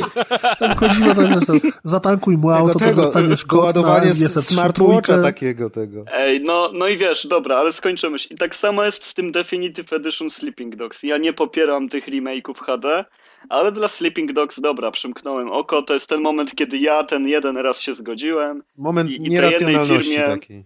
Dałem, dałem za, zarobić, nie? Hmm. To był taki wybryk, ale bardzo zachęcam, bo jest przyjemny. Potem wybryk. za te pieniądze e, Square Enix finansuje ci MMO w świecie Sleeping Dogs na komórki. No to kurwa, Nie, porta finala ze Steama.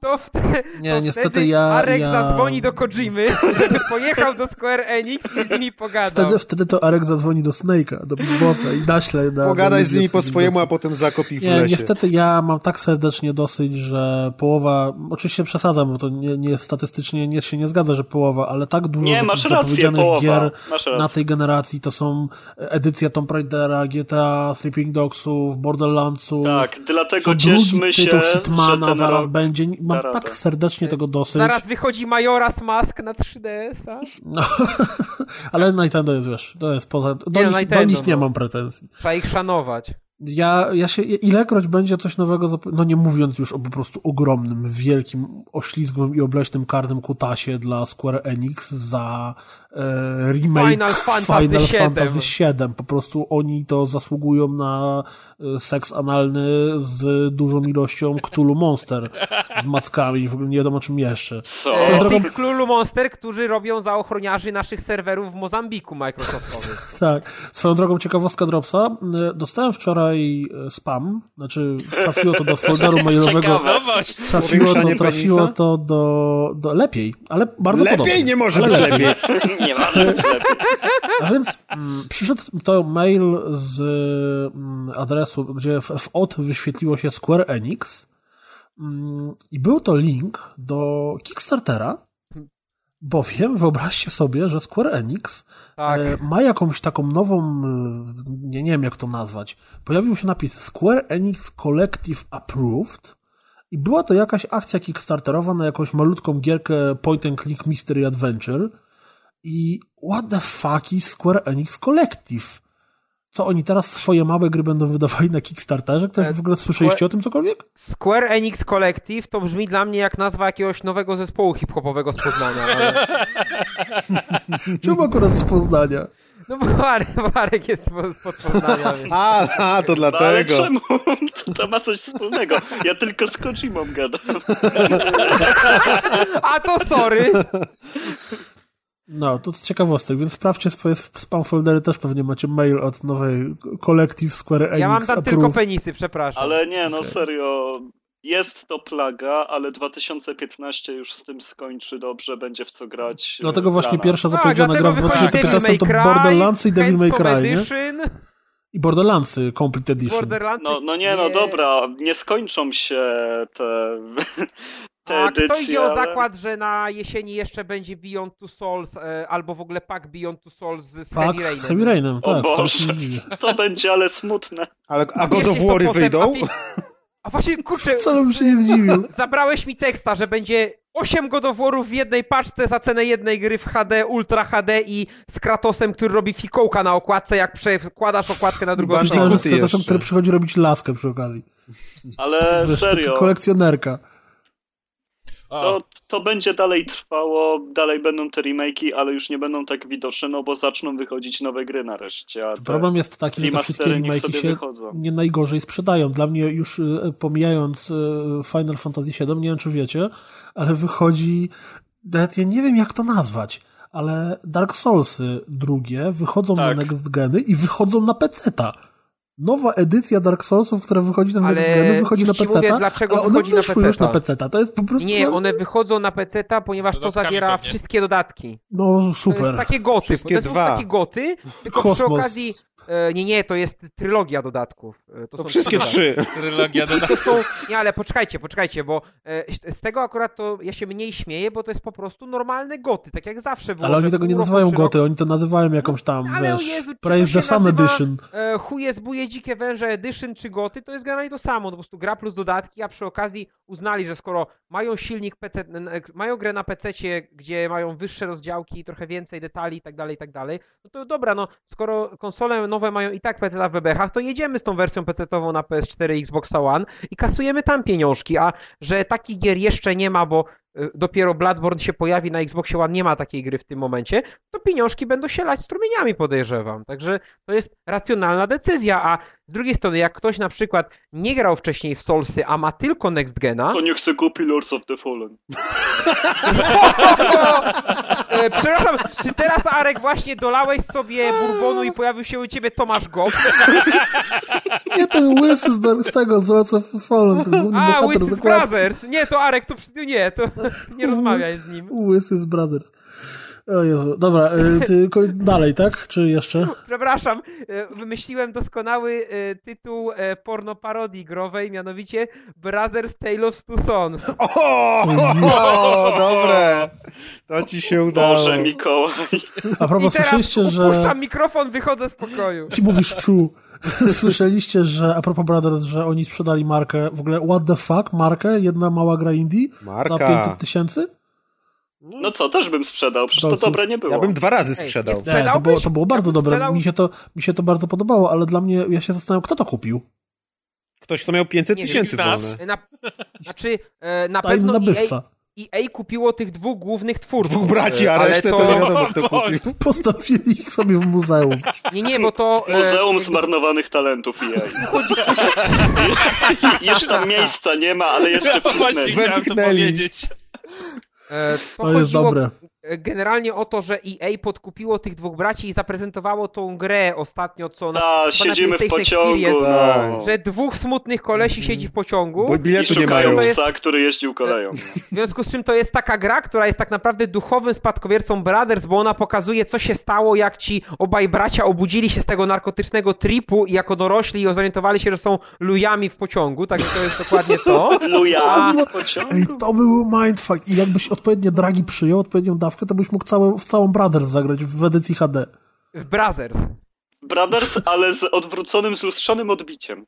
Albo Dla lepiej. leworęcznych. Przepraszam, wiecie co, ja, ten, ja, ja jestem, ponieważ jestem bardzo świeżo upieczonym y, właścicielem kota, to właśnie kot rzucił się z szafki na akwarium i odbił się od szyby i spadł.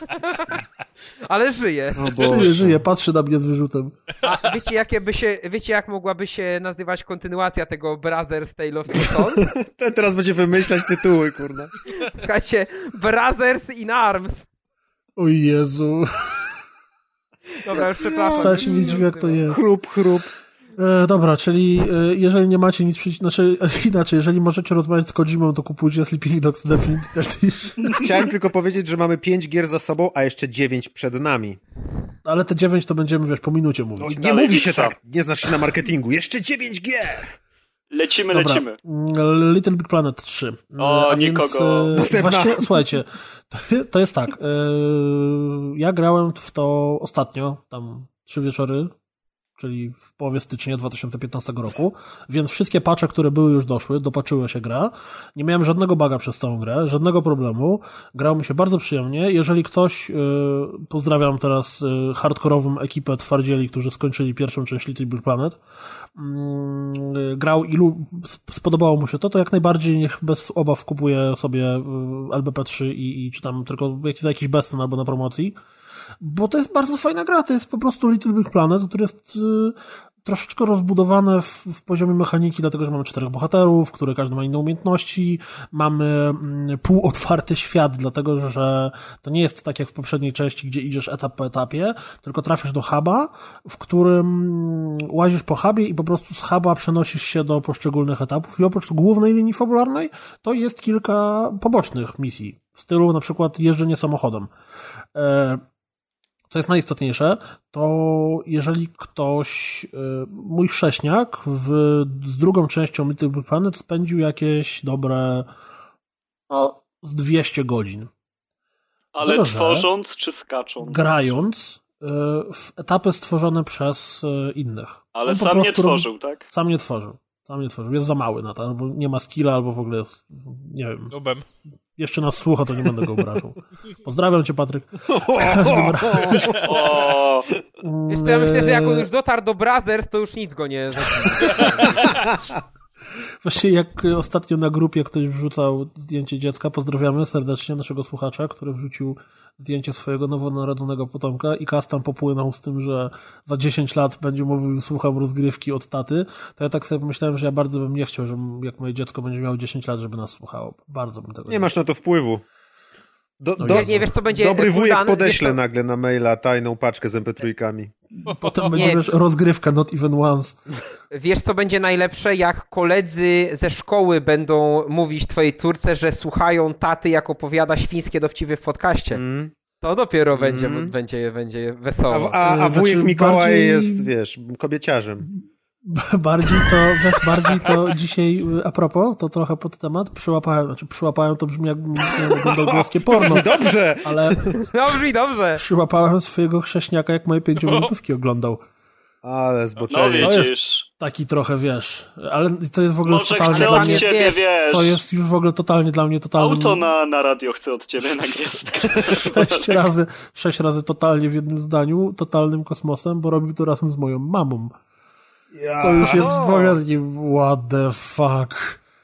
Ale wracając do Little Big Planet, bo czas goni, mm, to y, on dostał Kuldan mnie... łączy pokolenia. Tak jest, dostał ode mnie trójeczkę na gwiazdkę.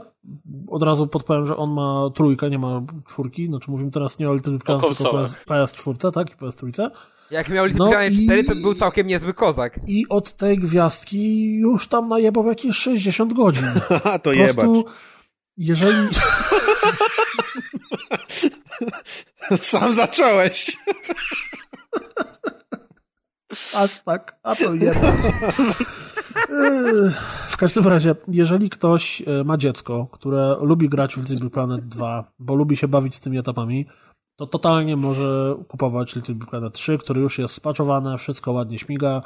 Te y, postacie, które są, dają trochę urozmaicenia w tej rozgrywkę. Gra jest ładna, przyjemna i teraz pewien nasz kolega podcaster, który robi również wideo recenzję, narzekał, że ona jest zajebiście trudna. Ja nie wiem, bo za wyjątkiem ostatniego etapu, gdzie jest bardzo długa walka z bossem. Kto tak nie to... umie grać? Kto? Właśnie to jest, to, jest, to jest najlepsza ciekawostka, bo ktokolwiek mówi o pierwszej części Little Planet, to po prostu wspomina z mega e, irytacją jeden etap w zamku pod koniec gry, takie koło, które to było po prostu koło śmierci. Wspaniałe. No właśnie, prawda, że to było masakra. Super, pamiętam jak tak. sześć razy o tym opowiadałem, jak pojechaliśmy na wakacje, wzięliśmy konsolę i jakieś cztery dni pod rząd napierdalaliśmy w Little Big Planet. Yy, no i cóż, w każdym razie, Matt powiedział, bo o Macie mówimy, że w ogóle nie rozumie, jak ktokolwiek może mówić, że pierwszy Little Big Planet jest trudny. Sorry, ale ja należę do bractwa ludzi, którzy tak mówią. Ale z drugiej to jest, strony. Podkreślajmy, to jest tajne bractwo, zbiera się tak tylko raz w miesiącu w środę pod kamieniem. I tylko jeżeli w odpowiedni sposób y, przypomnimy ilość powtórzeń, hasłem jest przypomnienie ilości powtórzeń na tamtym tajnym kole śmierci, y, które było trzeba zrobić. Natomiast z drugiej strony trzeci Little Planet w ogóle nie sprawił mi żadnej trudności, mówię. Tylko i wyłącznie ostatni etap, gdzie była A no bo już byłeś, wiesz, po przejściach no. weteran serii. Ale właśnie Matt, któremu pierwszy Little Planet nie sprawił żadnego problemu, mówił, że trzeci jest bardzo trudny. Zestarzał się po prostu. A, czyli ja jestem bardziej doświadczony, a on stracił skilla. Okej, okay, tak podoba jest. mi się. On już na tym etapie traci skilla, a ty już wchodzisz w etap doświadczenia. Ja już wchodzę w ten etap, że wiesz, mam siwą brodę, się drapię po brodzie i mówię, no co tam synu, przyszedłeś poradę? Znaczy jesteś, nie, jesteś takim mistrzem zen starym, wiesz, który... mistrzem jodą. Pan Miyagi. W Little Big Planet? Ej, ale to się zgadza, łysy jestem? Problem z kołem masz. Radę dam ci. Ale czy Pięciominutówkę obejrzyj. To jest totalnie Maciek, never go full klocu. To był Joda, Joda nie full klocu. To był full Joda przecież. Full Joda. Totalnie to był full Joda. O Jezu. Ale czy trójka to jest nowa jakość? Czy po przejściu jedynki, dwójki... Na YouTube'a zajrzeć raz.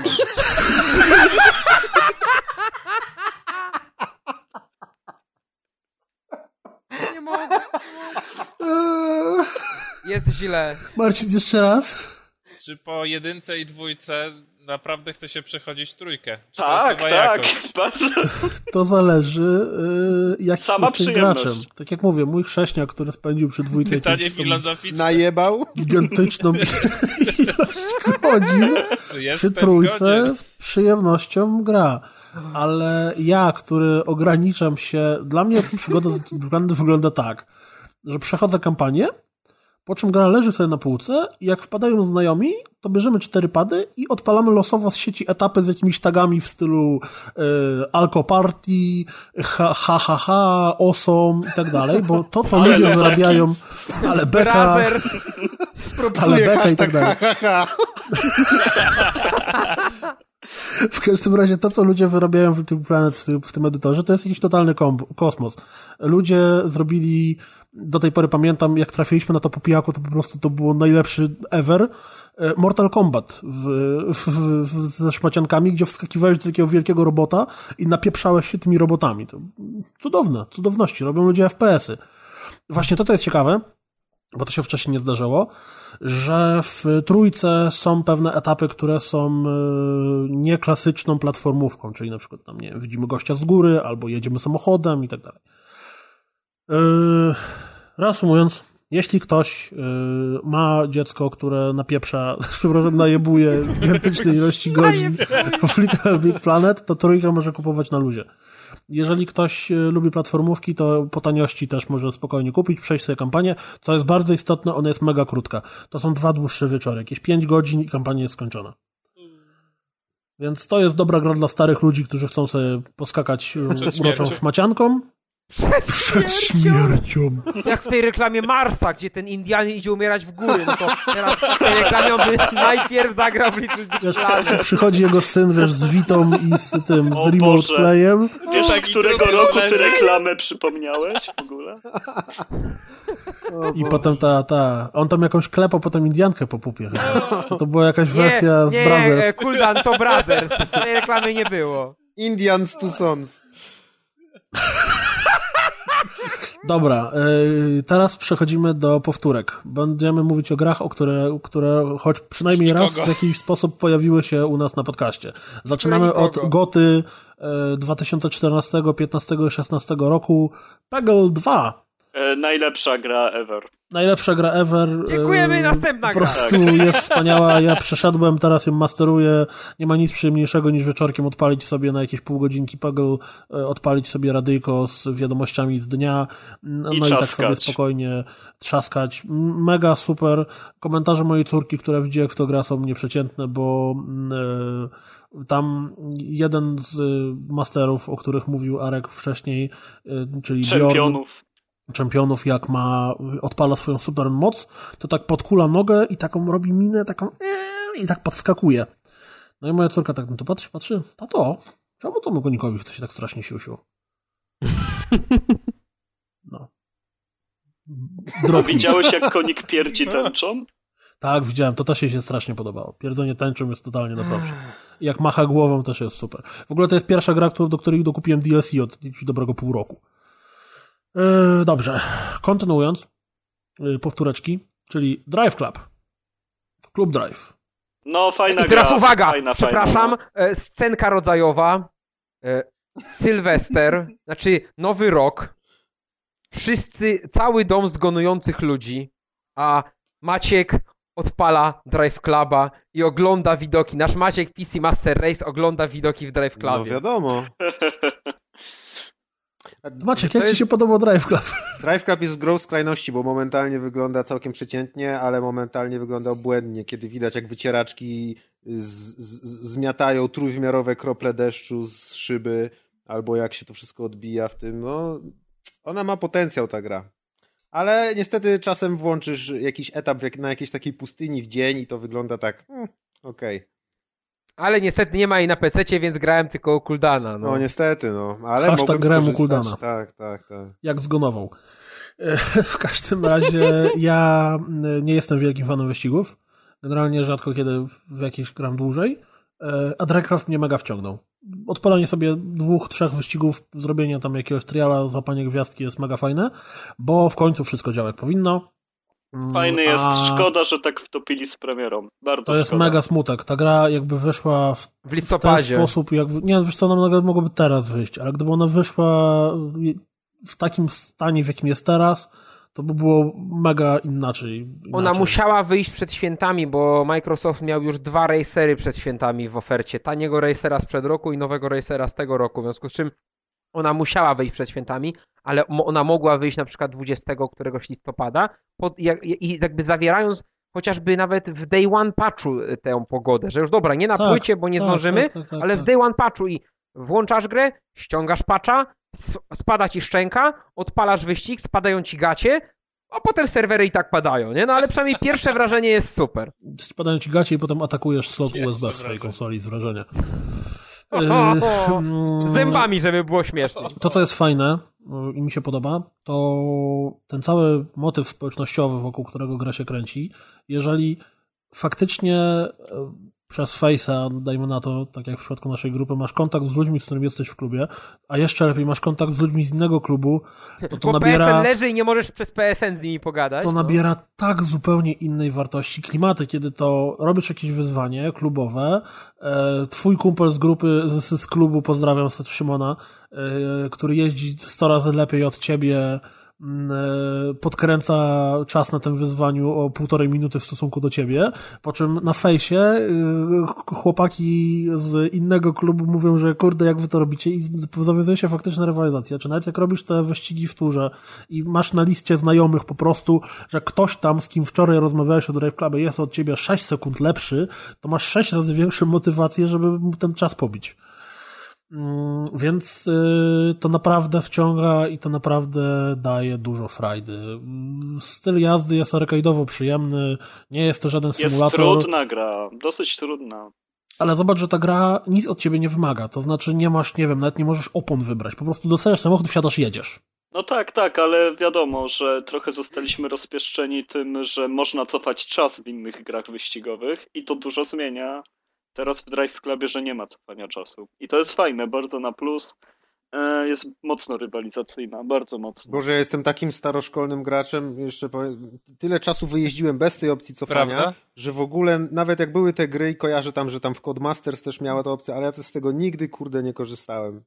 Ponieważ ja nie gram w racery, to ja generalnie nie robi mnie w ogóle brak opcji czasania, cofania czasu, bo tego nigdy nie używałem, bo nie grałem w racery, które to miały. A ciekawe, czy teraz już się urodziło takie pokolenie graczy, dla których to jest norma i nagle widzą wyścigi, ej, nie mogę cofnąć czasu, przywaliłem tak, ścianę, patrząc po forum, czas. Patrząc po forum to jest Poli, to pokolenie tak. R. Tak.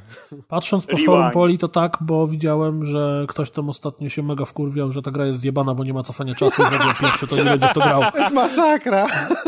Mm, nie pamiętam, kto to, ja pisał. Ja chciałem tylko powiedzieć, że ja sobie nie przypominam, żebym grał w ogóle w jakieś wyścigi. Ja grałem w troszkę wyścigów, gdzie byłaby opcja cofania czasu, chyba że w tym momencie udowadniam, że jestem nubem. No jak nie graliście w gridy? Gridy, Forzy... Żadne. Jak to? W gridy, Forzy żadne nie ja grałem. Ja grałem w Burnout ostatnio wyścig. No bo to tacy są tacy ściganci właśnie. Ja właśnie grałem w tak, grałem w Need for Speedy, no nie może nie prawie wszystkie, ale powiedzmy połowę Need for Speedów grałem.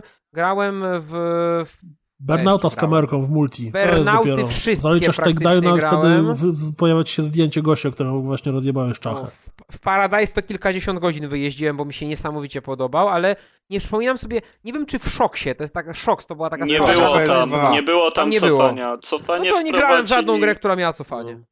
Także dla mnie to jest... Dla mnie to jest też coś, co zupełnie mi nawet nie pomyślałem, no. że to może być wada. A dla niektórych to jest już standard, zasadzie. nie? Ja nie mówię, że wada, tylko że to jest inne podejście, które jest fajne i się sprawdza z tą grą. No. O Motorsport tak, ponieważ, też nie miał cofania czasu. Mm, ponieważ ja nie gram w dużo gier wyścigowych, co przed chwilą zostało udowodnione, hmm. to nie wiem, ile gier na PS3 czy na Xboxie 360 posiadały taką opcję. Mario Kart też mnie... nie ma takiej opcji. Już przestań. Nie, nie, chodzi mi o to, nie chodzi mi o cofanie czasu.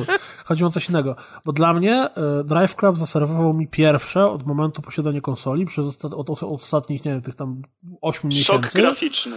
Mm, tak zwany Next Gen Experience. Tak, tak. To znaczy, mm, w momencie, w którym robimy tak zwanego time triala, czyli musimy przejechać okrążenie w jakimś czasie, jeżeli ktoś tego nie wie, to mm, jak przejedziemy to okrążenie, to nie pojawia się od razu tabelka z wynikiem, tylko jeżeli nie jesteśmy zadowoleni z tego wyniku, to możemy jechać dalej. No i tak właśnie było, że jechałem jeden, jeden time trial, który mi kompletnie nie szedł. W ogóle tak swoją drogą, i tam zdobywamy gwiazdkę. I, I, mega fajną rzeczą jest to, że jak jedziemy, to równocześnie z nami jadą duchy e, czasów na gwiazdkę. Czyli jeżeli fizycznie wyprzedzimy ducha e, czasu, nad którym są trzy gwiazdki, to jeżeli dojedziemy do mety przed nim, to wiemy, że ten czas będzie lepszy. Mhm. Co jest niby pierdołą, ale jest mega, mega fajne. Mm, nie wiem, czy na to zwrócić uwagę. No ale wracając do tego. E, no i jadę w ten wyścig dobre 40 minut. Po prostu jadę i jadę i jadę i okrążenie za okrążeniem robię i mi kompletnie nie idzie. No i nagle z, z lekkim zdziwieniem zauważyłem, że tak jakby słońce zachodzi. Włączyły się światła na desce rozdzielczej i po tych 40-50 minutach zrobiła się po prostu, najpierw zrobił się lekki zmierzch, potem się zrobił spory zmierzch, a potem zrobiła się normalna noc. Dla mnie to było coś, co bardzo możliwe, że w jakimś, nie wiem, Grand Turismo piątce, czy tam którejś były takie rzeczy, były takie wyścigi, ale ja naprawdę miałem wrażenie, że to jest płynnie zmieniająca się pogoda w trakcie wyścigu, która jeżeli bym nie jechał non-stop, to w ogóle nigdy bym o tym nie miał pojęcia, że to jest możliwe, bo dla mnie w wyścigu zawsze była pogoda zaprogramowana. Jeżeli e, jedziemy w południe, w środku dnia, to po prostu jedziesz i zawsze tak jest. A tu naprawdę miałem mega, y, mega opatrzczeny, a kiedy później jechałem z widoku z kokpitu po jakiejś trasie w nocy w deszczu i w śniegu zasuwającym po szybie i krople wody leciały w zależności od tego, jak moje auto się zachowało, to Drive Club naprawdę dostarczył mi po raz pierwszy tego Next Gen Experience. I, jest, jest to prawda, i... mocny jest w tym względzie. Plus sprawia masę frajdy, więc jeżeli ktoś z Was nawet nie jest hiperfanem samochodówek, to warto sprawdzić. Zwłaszcza, za stuwaczka można. On teraz za stuwaczka kosztuje w plusie, a ponieważ dużo ludzi widziałem, którzy miało go na płycie, e, sprzedaje teraz płyty i kupuje z plusa za stuwaczka, to jest szansa, że że z kuponem z Allegro e, i jak wystawią na, na oponach, to wtedy za jakąś dobrą kwotę będzie można. Adek dzisiaj na grupie robił równanie matematyczne, jak bardzo musi przycabulaczyć, żeby za 67 zł kupić Dobra. reklama, e, więc... Pozycja w rozpisce wspomnieć Adka odhaczona. Tak jest, tak jest, już dwa razy chyba nawet. E, teraz dalej, gra, w którą graliśmy prawie wszyscy, za wyjątkiem Marcina, który właściwie się nie odzywa i gdyby nie to, że się śmieje, to zapomniałbym, że z nami nagrywa. Call of Duty Advanced Warfare. No nie grałem dum, dum, rzeczywiście, ale to chyba jest jedno z niewielu Call of Duty, w które chciałbym zagrać. To jest ma bardzo fajny film science fiction sensacyjny na sterydach. Właśnie, właśnie o to e, chodzi. Gdzie się samemu strzela. Ja jestem uczarowany. Nie grałem w Ghost rok temu, grałem w wszystkie inne, przeszedłem kampanię, nigdy nie odpalam multi, bawiłem się wyśmienicie, robi się tu, tu, tu. E, nie mamy... przejmuj się, e, Piotrze, i tak w ramach kąciku sucharów Mikiego D prędzej czy później ghosty się pojawią, bo niedawno je zdobyłem, w związku z czym pojawią się, a w, uwaga, w kolejce również jest temat Naka, więc... O Jezus. Grałeś od Kubara? E, nie, otóż dostaliśmy e, do biura razem z konsolą, bo nam e, wysłała Monika konsolę, żebyśmy w biurze mieli konsolę do, do testów i nawet po prostu tak do rozrywki. I dostaliśmy tego takiego paka, który dostawały redakcje na start. Tam było te pięć gier w takim ładnym niebieskim pudełku. I tam był Killzone, tam był Call of Duty, tam był chyba Need for Speed i NAK właśnie był. W związku z czym pożyczę sobie kiedyś na weekend z biura, pogram w NAKa e, i potem będę gwałcił, e, że tak powiem, króla postrzeganie tej gry, który ma nadzieję, że ona jest dobra. No ja nie podejrzewam, że ona będzie dobra. Dla króla na pewno będzie, wiesz, król 10 na 10 goty Mindjack. Mindjack. I Pozdrawiamy króla, który wciąż nie doszedł. No król dzisiaj ma całą niezłą noc. Ej, ale... Znaczy król jest chyba jak Frugo w tej reklamie, że on już nigdy nie dojdzie. Nie? O Boże. Wracając jeszcze na moment do Call of Duty, to y, mi się z y, kampanii, bo te wszystkie kampanie Call of Duty już mi się zaczynają powoli mieszać, ale z tej kampanii pamiętałem przede wszystkim bardzo fajne pojedynki na autostradzie, i to niekoniecznie tak. to skakanie po samochodach, ale był bardzo fajny etap, w którym poczułem się, jakbym grał we Froggera, bo było coś takiego, że się, że się, tak. strze że się strzelałem z terrorystami, którzy są cztery pasy y, po drugiej stronie tak. ulicy jakby. I jadą te samochody, ja do nich strzelam, część leci kul w te samochody, to było bardzo fajne, bo to takie ruchome przeszkody. Oni tam wybiegają, potem trzeba przebiec przez tą ulicę w ogóle, to było bardzo fajny etap, który mi się spodobał. I bardzo fajne były te etapy arktyczne, z tym śniegiem pod koniec gry. Y, tam bardzo fajne były widoki, pomarańczowe słońce i tak dalej, to fajnie wyglądało. Ładna gra, ładna ja gra, ładna. ale cały czas korytarz. Znaczy, do, dosyć. No to jest, wiesz, często, to jest często nie, nie ma czego innego spodziewać. Korytarz też i, i tak, ale w żadnej części nie miałem takiego wrażenia, że tego jest za dużo i że jestem zmęczony A tutaj normalnie grałem i większość, co pamiętam z tej gry, ten główny bohater się Mitchell chyba nazywa, tak? Tak. tak, tak, tak. To wszystko, co pamiętam z tego Call of Duty, to jest krzyk do słuchawek non-stop. Mitchell, szybko, ratuj go, Mitchell, tam strzela, Mitchell, musimy przejść, Mitchell, weź bombę, Mitchell, on ucieka, goń go, Mitchell, żyjesz, Mitchell, wstawaj, Mitchell, biegniemy, Mitchell, strzela, Mitchell, wejdź teraz na balkon, Mitchell, osłania nas z balkonu, Mitchell, chodź, zejdź na dół, Mitchell, biegniemy, Mitchell to, Mitchell tamto. I ja po prostu, ty, to pamiętam, tylko taki ciągły ryk, cały czas tylko serię z karabinu i Mitchell, zrób to, Mitchell, tamto, Mitchell, Mitchell, Mitchell. Ja mówię, kurwa, pierdolę, już nie chcę tym Mitchellem grać. ale ten, ale trzeba przyznać, że ona na filmikach też zabija grafiką. No, twarze są zabija super i animacjami. No. Ja, ja kilka razy się cały czas zastanawiałem, czy to są aktorzy, czy to jest jedno, pomijając Kevina Spacey, który wygląda, że jest komputerowo zrobiony, bo jego za dobrze znam po prostu jako aktora, mm. to tych y, wszyscy inni bohaterowie autentycznie wiele razy się powiem, kurde, to jest teraz aktor, czy to jest już cutscene, czy the fuck, czy oni tu wrzucają jakoś znaczy, no, chodzi? to już jest na, Robi to już jest w końcu ten etap, gdzie sięgnęliśmy takich prerenderowanych scenek, które kiedyś oglądaliśmy tylko w przerywnikach Final Fantasy na PS2, a nawet może i na PS3, a teraz to wszystko leci w, w czasie rzeczywistym. Myślę, no. żebyś się zawiódł, jakbyś zobaczył teraz pewnie te tak, pewnie tak. No, Final Fantasy zwieńczeniem ale... tego jest to, co pokazali w Uncharted 4 te twarze, które już wyglądają... Ale misja z czołgiem to był mega jakiś dziwactwo i suchar. W ogóle o co nawet chodzi? Nawet nie pamiętam już. Nagle ca ca całym czołgiem na inne czołgi w jakimś tartaku w Bułgarii. W no i pewnie dużo krzyków. Mitchell, wsiadaj do czołgu! Mitchell, strzelaj! Mitchell, Mitchell, wysiadaj! Nie, wiem, nie wiem, jak to prowadzić, co z tego prowadź. Długo się ja, so, zastanawiać. Ja sobie najdłużej się męczyłem tak, w, w tą misją. Najwięcej ja mam, się z nią męczyłem chyba. Ja mam To było tak do tej gry... w ogóle. No nie umiesz, ale, ale, ale pojedź, no. Nie ale ta historia wyglądała w ten sposób, że spokojnie, gdyby oni trochę przycięli te, te fragmenty, że strzelanie nie trwałoby tam 30 minut, tylko na przykład 3 minuty, to totalnie mogliby z tego zrobić jakiś film. Tak, no to było tak przewidywalne, Po prostu biorą ale... ten scenariusz, wrzucają go i mamy nowy Liberator 4. Tak, no tak. i oczywiście to jakbyś... i jeszcze Murzyn umarł, nie? Eee, spoiler! Jakbyś potem ten film obejrzał, to byśmy z niego polewali w dziale kulturki, że Ej, no, to był najgorszy film 2014 Ej, roku. Sorry, ale nie, nie oglądałeś, jak byłeś nastolatkiem, czy raczej dzieciakiem Liberatora z tym, z... Oczywiście, że oglądałem. Jak on się nazywa? Seagalem? Przecież film to Ale nie chciałbym go obejrzeć drugi raz dzisiaj. Ej, no come jakbyś miał y, podpampowany y, Michaela Beya z pięknymi efektami, debilny film. Przecież te, te filmy dalej Dokładnie, wychodzą. To jest, my to cały czas oglądamy. Sniper, czy tam, nie wiem, strzelec, nie, czy nie, nie, American Sniper to jest, wiesz... To jest dramat, to jest poważna to jest sprawa. główny kandydat do Oscaru. No dobra, ale shooter i tak no dobra, ale, ale wiecie o co mi chodzi. Pełno wychodzi nie, filmów, które wiem, są no, po prostu go bez. No, no dokładnie, ten, ten 2015. Klimat, to, wiesz, bierzesz fabułę z Call of Duty, zamiast strzelania z pierwszej osoby wrzucasz scenki, jak koleś y, w piękny sposób zabija przeciwników i masz gotową historię.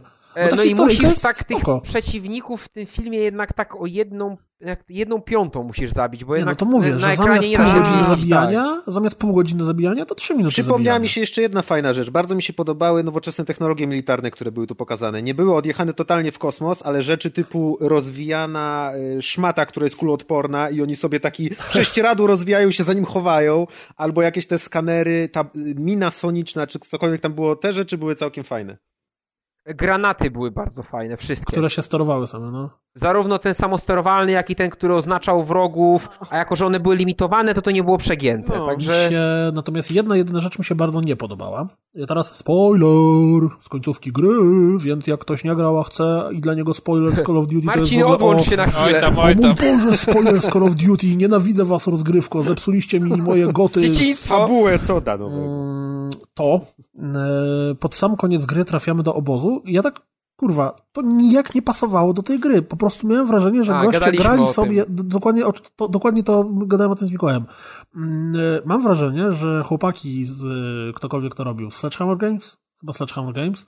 E, grali w Wolfensteina i im się strasznie podobał etap w obozie i uznali, też rzucimy etap w obozie, bo on wygląda graficznie nie, bardzo oni grali podobnie. Valiant Hearts. Ma analogiczną szatę graficzną, kolorystykę, wszystko jest takie szare, brudne. Też nie, nagle z dupy, totalnie pod koniec gry okazujemy się, że tam ci goście robią eksperymenty na ludziach, takie Boże, Ale nic nie pamiętam z tego znowu. Czyli im się udało. A, bo ty wtedy, to wtedy ty, To chyba o to grałeś chodziło. z Kojimą. Tak. No, więc to jest jedyne, co mi się nie podobało, że totalnie z dupy pod koniec jest nagle jakiś taki fabularny zabieg, że nas wrzucają do obozu, który nijak nie pasuje do całej gry. Poza tym, jak dla mnie, polecam dobre 7 na 10, solidne. Po taniości należy sobie spróbować, bo wygląda fajnie, jednak w coś na tych next genach trzeba grać. No, Chyba, ja, Cytując króla, Ale czemu akurat ja bym nie przesadzał z tym 7 na 10. a- Słuchajcie, Naprawdę. To Chyba, że jest ciągle mieszkacie... to samo, no kurde, no przecież to się nic nie zmieni. wiesz, ja, ja, ja zacytuję króla najbardziej klasyczny tekst, czyli no i to się kurwa strzela. No i proste. E, Dobra, znaczy, teraz- Chyba, że co do tego e, kupowania, no chyba, że mieszkacie na Śląsku i wiecie, gdzie mieszka Adek, to możecie zrobić mu nalot na chatę i mu zabrać naszą, naszą grę na PS4 i potem nam A, odesłać. i grudkę węgla. Krótkę węgla w gratisie.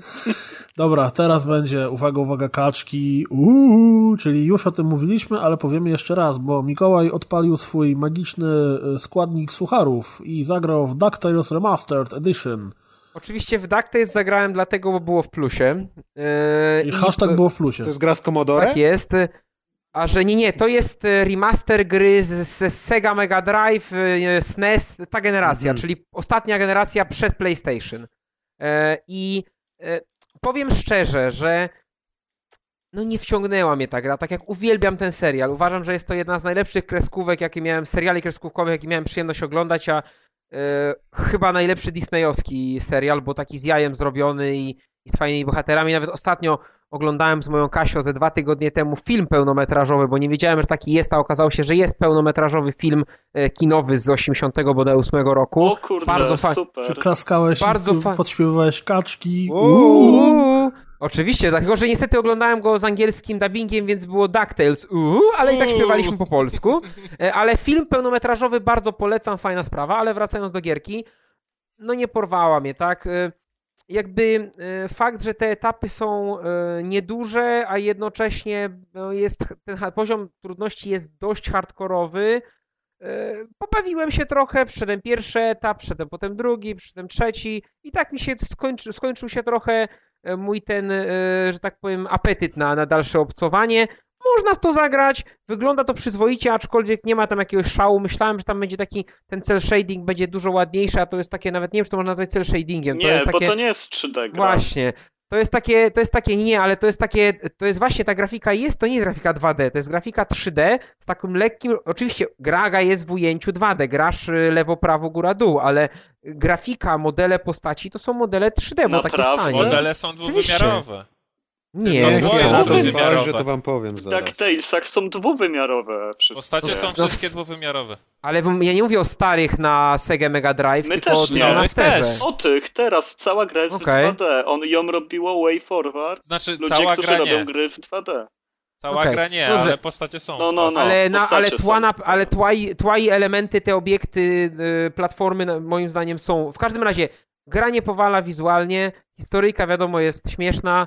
Można w tak. Znaczy, jak macie plusa, to i tak to ściągnęliście, pewnie to spróbujecie, ale jak ktoś miałby na to wydawać pieniądze, to moim zdaniem po prostu sz- szkoda tych pieniędzy, lepiej sobie odłożyć na jakiś lepszy tytuł, świeższy, tak? Ja No to to wydałem tyle. i nie żałuję, szczerze powiedziawszy. Bo ty jesteś tak zwany retlolowy. Tak. Sobie budujesz ten arcade kabinet w domu. tak. No to lepsze to niż kabinet in the woods na przykład. O Jezu. Ja tylko powiem, że ja w to, mówiliśmy o tym na rozgrywce 100 lat temu, jak to wyszło, bo wtedy wyszły dwie gry bardzo blisko siebie, wyszły Kaczki i wyszły Mickey Mouse, się- Castle of Mouse, Ale Illusion. zgadzam i się, że Mickey Castle Mouse- of Illusion jest lepszy. Mickey Mouse Castle of Illusion był super, e, bawiłem się z nim świetnie, przeszedłem go jednym ciągiem, a od e, kaczek e, to jest paździerz, to jest beznadziejna gra z, z pieprzonym sterowaniem, które nijak nie pasuje do dzisiejszych czasów. Przeszedłem tam dwa etapy i pieprznąłem grą w kąt. No to tak jak ja. Ja zrobiłem chyba, albo chyba się, że zrobiłem trzy, ale to jakby ten sam etap. No A po prostu ja nie. przeszedłem. Cieszymy się. No, Jak Dobra, następna podobało? pozycja. Jak ci się podobało jeszcze powiedz, jak przyszedłeś? Znaczy się już nie pamiętam, bo to było dawno temu po premierze, ale ja nie mam zarzutów do tej gry. No spoko platformówka ze starych czasów. Y, No nie spodziewałem się niczego innego. Ten remake był no dosyć podobny jest do tego, co było kiedyś. I fajnie, fajnie, starczy. Jak, jak na mnie spoko gierka. Ładnie wygląda, lubię te postaci. Lubię Sknerusa. Sknerus, No, w końcu Sknerus jesteś z. Poznania, więc jakby... No, Jesteś spójny przynajmniej. Dokładnie. Dobra, się- jedźmy, się jedźmy dalej. Szkoda na to czasu. Oczywiście, Marcin, w końcu. Tak. To twoja To ja chwila prawdy. Moja chwila prawdy. on w coś grał? ostatnio wyszło w plusie. Tak, czasem się zga- zdarzę. Jakąś świeżynkę czasem. Świeżynka. Tak, świeżynka Świeżynka. dwudziestoletnia, ale trochę nowsza od DuckTales, jakby nie było. No. O No. parę lat. To powiedz No. wszystkim, co to jest za gra, bo wierzę, że słuchają nas ludzie, którzy już nie wiedzą, co to jest Duke Nukem 3D. Na pewno nie znacie Duke Nukem 3D. Ci, którzy nie znają wyścigów bez cofania Tak, tak, ci dokładnie. sami. Ta sama grupa. Gra się niczym nie zmieniła względem oryginału. Tak samo wygląda, no ale wyszła na PS3. Nie wiem, czy to jest zaleta, czy wada, ale na padzie da się grać w FPS-y, jak już nawet Call of Duty pokazało. Halo? Słuchamy? Zatkało nas Cię po bardzo prostu. Ale słuchaj, to, że nie trolujemy i nie przerywamy, to nie znaczy, że umarliśmy. Doceniaj, doceniaj. Duke dokładnie. Nukem Call of Duty, no. Nie? To jest naprawdę można, sympatyczna gra. Duke i nam wpierdoli. To jest No. naprawdę sympatyczna gra, nie da się ukryć, ale nie wiem, czy każdemu to przypadnie w obecnych czasach. To w plusie było, nie? No, to było w plusie, więc No, no, część... Dlaczego o tym gadamy? Dlatego o tym gadamy. Bo A to jest myślisz, że jedyna gra, w którą? Mar ten, Marcin grał. No, trzeba przyznać, że ostatnimi czasy to prawie w nic się nie zdarza. Ale kupujesz gier dużo, to też hobby. Mm, Ostatnimi czasy też już nie tak bardzo, jak kiedyś. Ale w ty to Raczej w nowicie starocie. grałeś, czy na czym w to E, grałeś? na PS3. Muszę przyznać, że obawiałem się sterowania. To tak, jest, to jest cross, crossbuy. e, cross, crossbuy, tak, że dostajesz też Vita i jest, PS3. Ponoć fajnie. na Wicie się naprawdę dobrze sprawdza, na PS3 Na Wicie się kozacko sprawdza, właśnie. bo grałem na Wicie. tylko, że przycina multi. Nie, o Jezu, ja będę grał w Duke'a w multi, no. Ej, no dobra, Ale jest jestem ważne. Supermasterem, ale, Ale- To bez jest przesady. dopiero Ej, szacun. Ale on, właśnie on o rzadko dziwo- gra, nie, przecież nie wiesz. Ale nie właśnie byś- o dziwo, że ludzie w to grają na multi. No. Tylko ja, przycina. Ja, ja się chciałem, ja chciałem się przyznać, że ja przeszedłem Duke'a jakieś pół roku temu. W lewo. Yy, kupiłem wersję na Steama. Razem z twoją starą, tak? Przeszedł w Co? lewo, no. Nie, nie, Nie, nie. bo się, pan tak, że przedeś go w lewo, no. Tak, w lewo przyszedłem, absolutnie w lewo. Wiadomo, z lewockimi mewami. Mewami. Yy, no dobrze. Tylko nie jestem pewien, czy warto by było to kupować. Już tak serio Come on, gra, która była w plusie, kto by ją kupował? Znaczy ostatnio wszędzie rozdawali kody na Duke'a, bo Duke był w jakimś bundlu, w związku z czym jeśli nie macie jeszcze Duke'a na żadnej nie kupujcie, platformie... tylko znajdźcie jakiś kod gdzieś tam leżą. Pójdźcie za śmietnik i to tam pod tym kontenerem nie, to jeszcze pod kontenerem i pod tym chujem i jeszcze pod drugim świetnikiem schowanym pod tym chujem i tam będą te kody. Strasznie przykre. Razem ze statuetką. Tajemnica Forever. statuetki. Całe tajemnice Ale w to nie grałem, niestety. no to w przyszłym odcinku Jestem za młody. A pod tą statuetką Ethan Carter się znalazł. To byłby plot twist. Ej, wyobraźcie sobie, że y, w Ethan Carterze też jest alternatywne zakończenie. Trzeba znaleźć jakiś komputer, gdzie odpalasz tajemnicę statuetki i to musisz wtedy przejść tajemnicę statuetki, łącznie tam z tymi zagadkami, gdzie śliną trzeba połączyć kontakt z prądem, żeby tam zwarcie było drzwi się otworzyły. To by było coś. Mm, Że to jest to samo uniwersum, by się I okazało. Wtedy I Grunwald e, puka tam ci do był. drzwi, a nie, słuchajcie, jak e, zrobisz tą tajemnicę statuetki w czasie poniżej 55 minut, to puka ci do drzwi Adrian Chmielarz, przychodzi i podaje ci rękę i ci gratuluje. I nie, i do, dostajesz kopa jak z Ballet Storma. Mikołaj, dla ciebie pan Adrian Chmielarz. Ballet Storm. Przepraszam. Podoba mi się. E, balet, a to była ciekawa gra, taka burza baletowa. baletu. Wybierz tancerkę. Wybierz, wybierz tancerkę, którą jebnie To piorun. było połączenie gry takiej na matę z y, strzelaniną. Właśnie. Nie, jeszcze, y, jeszcze trzymasz tańczyć? tablet i wybierasz, A, gdzie a na piorun. zakończenie byłoby właśnie Piruelity. Finish him. A propos, jak wam się podoba filmik z Mortal Kombat? Maciek, powiedz, czemu ci się nie podoba? Jaki filmik? Jaki? No, nowy trailer. Rozgrywki Maciek go wyparł ze swojej świadomości. Jaki- O ja Boże, nie przecież ten wiem. Mortal wygląda beznadziejnie. Znaczy Nie, generalnie mnie nowy komentowałeś, Mortal... że to to za paździerz. Tak, bo odkąd ja się, można powiedzieć, że się dałem nabrać na pierwszy renderowany filmik. Ten fajny, super walką w śniegu w lesie, nie? Ale to był jeden wielki w ogóle clickbait. To był clickbait, ale, na, na ale nie, ja się będę do końca życia upierał, że to jest technologicznie do wykonania i dałoby się zrobić tak wyglądającą grę. I ja jestem oficjalnie zawiedziony i mnie w tej generacji ja Mortale nie interesują, dopóki tak wyglądają, bo czekam na tak wyglądającego ma... Mortala. Jestem z tobą, zgadzam się, bardzo dobrze, krótko, koniec. Czyli tak, e, właśnie, te, a, jak to się mówi, postulaty rozgrywki. Po pierwsze, nie kupujemy remasterów, chyba że pokazuje ci się Kojima w pokoju. Po drugie, e, jesteśmy na nie dla kaczki są, ale wtedy ale również należy się zgłosić do placówki NFZ-u najbliższej. Po trzecie, multi w Duke'u na Wicie najlepiej. Po, po, po czwarte... Po czwarte kaczki U! Po czwarte kaczki U. Po piąte Mortal dla Mortala mówimy nie, dopóki nie będzie wyglądał jak na prerenderowanym tak, filmiku. Tak. A jak to będzie dopiero na PS5, to w ogóle Mortal nie i niech sobie Poczekamy, niech, tak. niech robią. Niech im niech Goro Power robi. A Goro jest tylko dla preorderowców. To jest w to ogóle, jest w ogóle paździerz, też zagrywka kompletna. taka, że naprawdę mm. komuś tak z czterech rąk naraz wryj szczelić, nie? Na pewno, tak ci, co, na pewno ci, co się cofają w wyścigach i nie wiedzą, kim jest Duke, to nie będą wiedzieć, czemu Goro ma cztery ręce w ogóle, nie? Nie będą wiedzieć w ogóle, czemu my się plujemy tak, o to, że tak, Goro nie ma. Tak. Ale myślę, że i tak będą wiedzieli, do, do, do, do czego Goro może użyć te cztery No do pałowania tam kogoś tam, nie? Bo tam... on, on tańczy Brad Gensa. Aha, Brad Gens, to ten nowy taniec Taki na głowie. Taniec na głowie. Tak. Ci ludzie od tego cofania czasu też nie zrozumieją nie, tej aluzji. Jak, jakby była taka gra Goro Bretgen. Ale to z taką matą do tańczenia. Ale musiałbyś z dwie osoby grać. To by było... cztery Nie, to by było jak ten Twister, Taki tak nektar. na kolanach byś A właśnie na tej macie. Goro jak w Twistera musi grać. Jak ma Lewa dolna ręka czerwone. No. Ej, ale wyobraźcie sobie taki naturalny, naturalny koop. Jeżeli grasz w Moltara Goro, to potrzebujesz dwa pady. Ale Goro I musisz na dwóch różnych padach napieprzać pięściami. Goro by rok w rok zdobywał mistrzostwa w Twisterze i nikt by go nie pokonał.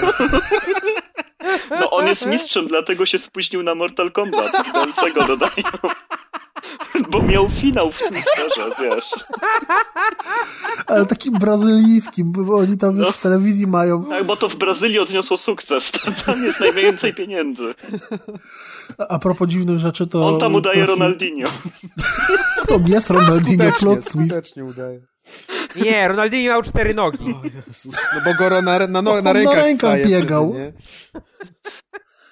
Natomiast nie wiem, czy wiecie, trafiłem wczoraj, mm, ponieważ e, Mikołaj dzisiaj miał wielką konferencję, to zaproponowałem mu, żeby mm, wchodząc na scenę odpalił sobie muzyczkę e, Push It to the Limit, która była bazowo w e, Scarface. Scarface. I co tak jest, odpalił? w takim ładnym montażu, ale pojawiło się w internecie piękny filmik, gdzie jest ta sama muzyczka podłożona do jakiegoś takiego filmu, gdzie jest wizyta w fabryce dildosów. A tak. No i o. podstępny, podstępny Trzeba YouTube... Nie, to jest świetne. Ja to na grupę kiedyś rzucałem, jest naprawdę rewelacyjne. Ogląda się, jak, bo to w ogóle jest jakiegoś filmu, jest zupełnie od czapy, gdzie ci ludzie, którzy tam chodzą po tej fabryce dildosów, też są zaskoczeni. Na przykład koleś bierze takiego, takiego, takiego gibającego się na lewo i na prawo i tak hu, hu, hu. Ale jak YouTube, panu do, lo, lo, lo. jak wiecie, ma świętej pamięci zresztą. E, świętej pamięci YouTube? Nie, Trolloman. Pan Aha, tak, tak, tak, tak, tak. W każdym razie, YouTube ma tak zwane sugerowane, YouTube które many. wyświetla na podstawie tego, co się obejrzało. No jeżeli obejrzałem filmik Dildo Factory, to YouTube zaproponował mi film instruktażowy, gdzie jakaś modelka pokazuje w jaki sposób, ubrana w bieliznę, pokazuje w jaki sposób należy używać jakiegoś, tam nazwa jest tego gadżetu, bo to jest filmik instruktorzowy wrzucony przez ten gadżet, znaczy przez firmę robiącą ten gadżet na ich YouTube'a, który polega na tym, że to są takie takie specjalne coś, dzięki czemu przyczepiasz sobie do nogi sztucznego kutasa i możesz się tą nogą sama ten Teraz, eee... bawić ze sobą. No. Naprawdę. I to jest Dlaczego nam o tym opowiadasz? Bo ten filmik zaproponował. Ja myślę, że. Z lekarzem o tym porozmawiam. Że jest taki lekarz. Dojdę szybko do tego dalej. Wiem, że dojdziesz szybko. E, kolejny filmik, który YouTube zaproponował po obejrzeniu tego. To jeszcze nie koniec. To był filmik, co mnie zadziwiło autentycznie. Wyobraźcie sobie, że we Włoszech jest jakiś reality show, to polega na tym, że mamy klimat typu jakiś tam, nie wiem, idol, czy no, mam talent, coś w tym stylu. No jest cztery krzesełka, siedzi tam jury. Mm, patrząc po tych ludziach, to była tam Elżbieta Zapędowska, e, był tam e, ten e, łysy z klanu. Łysy z klanu, I były tam jeszcze jakieś takie dwie raczej starsze osoby. Mm, trzech kolesi, chyba jedna właśnie ta, ta taka starsza pani. No i nagle i znienacka przychodzi mm, e, para ubrana w bieliźnie i prezentują im, bo przed, tą, przed tymi krzesłami stoi wielkie łóżko. No i przychodzi para ubrana w bieliźnie i zaczyna prezentować swoją grę wstępną, która trwa kilka minut, po czym oni stają przed tym łóżkiem i komisja zaczyna to oceniać i tam dawać rady, że no tutaj generalnie tam za mało zainteresowałeś się uchem, tam powinieneś coś zrobić z językiem i, tak, i, i to jest normalne reality show w, we Włoszech. To no, uwagę, że Kuldan mo, zrozumiał po włosku. No. Kto by, kto by oglądał? Mokre Włoszki No w Polsce na pewno nie, no kurde, te skarpety wszystkie. Skarpety. I klapki. Co to znaczy? Skarpety i klapki, no. To jest jakiś slang poznański? Nie, nie, nie, nie, nie. Nic takiego skarpety. się nie wydaje. Ja, ja się ewakuuję, Kuldan. I o, panowie wszyscy. Dziękuję wszystkim. Zabiłeś go tym dildosem. na nodze. Dzięki. Zabiłeś go dildosem na nodze, to jakiś film karate. No to jest fatality. To Saints Row 5. Dildos na nodze. To trochę bajoneta. Jezus. na nodze. I właśnie dlatego kupiliśmy Wii U. No. no okay. Dobra, Arku, bardzo serdecznie Tobie dziękujemy za to, że z nami byłeś. W imieniu trzymaj króla się, i całej świty. Do następnego odcinka. Ja was, was pozdrawiam. Właśnie, do, do następnego odcinka. No. Wiadomo. Cześć, cześć. No, cześć, cześć. Cześć. E, no dobra, Mikołaj, słuchaj, wyciągaj te swoje suchary, pokrusz nam na stół. Mam nadzieję, że masło przyniosłeś, albo jakiś dżem przynajmniej. Wody! Bo suchary tak na sucho to jest wody, coś. Jedziesz z Gordonem. Nie e, Freemanem, ani nie Ramseyem, tylko z Gordonem. E, komisarzem. Tak. Dobrze. Nie, bo już zgupiałem, już myślę, bo e, zdradzę, zdradzę tajemnicę, że mój komputer coś poszalał i w momencie jak dzisiejszego Skype'a włączam, to w ogóle przestaje mi internet działać na wszystkich innych kanałach, czyli nie mogę nawet włączyć, nie wiem, maila czy Facebooka, także... Czyli tak jakbyśmy po... nagrywali w studiu, nie. nie możemy sprawdzać internetu, bo, bo jeszcze dodajmy, że twój komputer nam też zablokował internet. Skynet. E, w każdym, e, w każdym razie, e, grałem w dwa Batmany i Batman Arkham City i Batman Arkham Origins. Jednego skończyłem, drugiego jestem w połowie. Czyli czekaj, 2012 do ciebie dzwonił, jak zobaczył, jak na PSN-ie się wyświetliło, że odpalasz Jego Batmana. Jego kolega to... 13. Ej, ja City też jeszcze nie skończyłem. Hej, hej, hej. Ja mam, ja, tak ja mam zagadkę. Pytanie, zagadkę mam. Yy, czy nie, przed... nie, tam jest za dużo człowieka zagadki. czy będzie remaster? Trylogia. E, tak.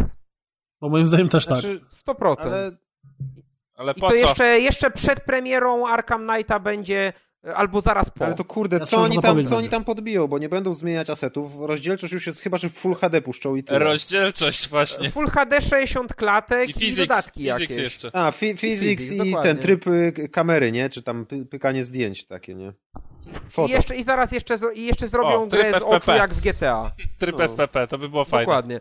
No i koniec. Dobra, a wracając do Batmanów. Y, Batman Arkham City posłuży mi za doskonały przykład, dlaczego ta gra jest dla mnie idealnym sandboxem. Batman Arkham City ma niewielką mapę, ma skondensowane doświadczenie, y, w każdej chwili coś się dzieje, tu jacyś wrogowie kogoś napadają, to jest jakaś misja, ale tego nie ma na tyle dużo, żeby się nie ogarnąć. Co więcej, każda misja poboczna jest elementem jakiegoś mini scenariusza, który opowiada historię.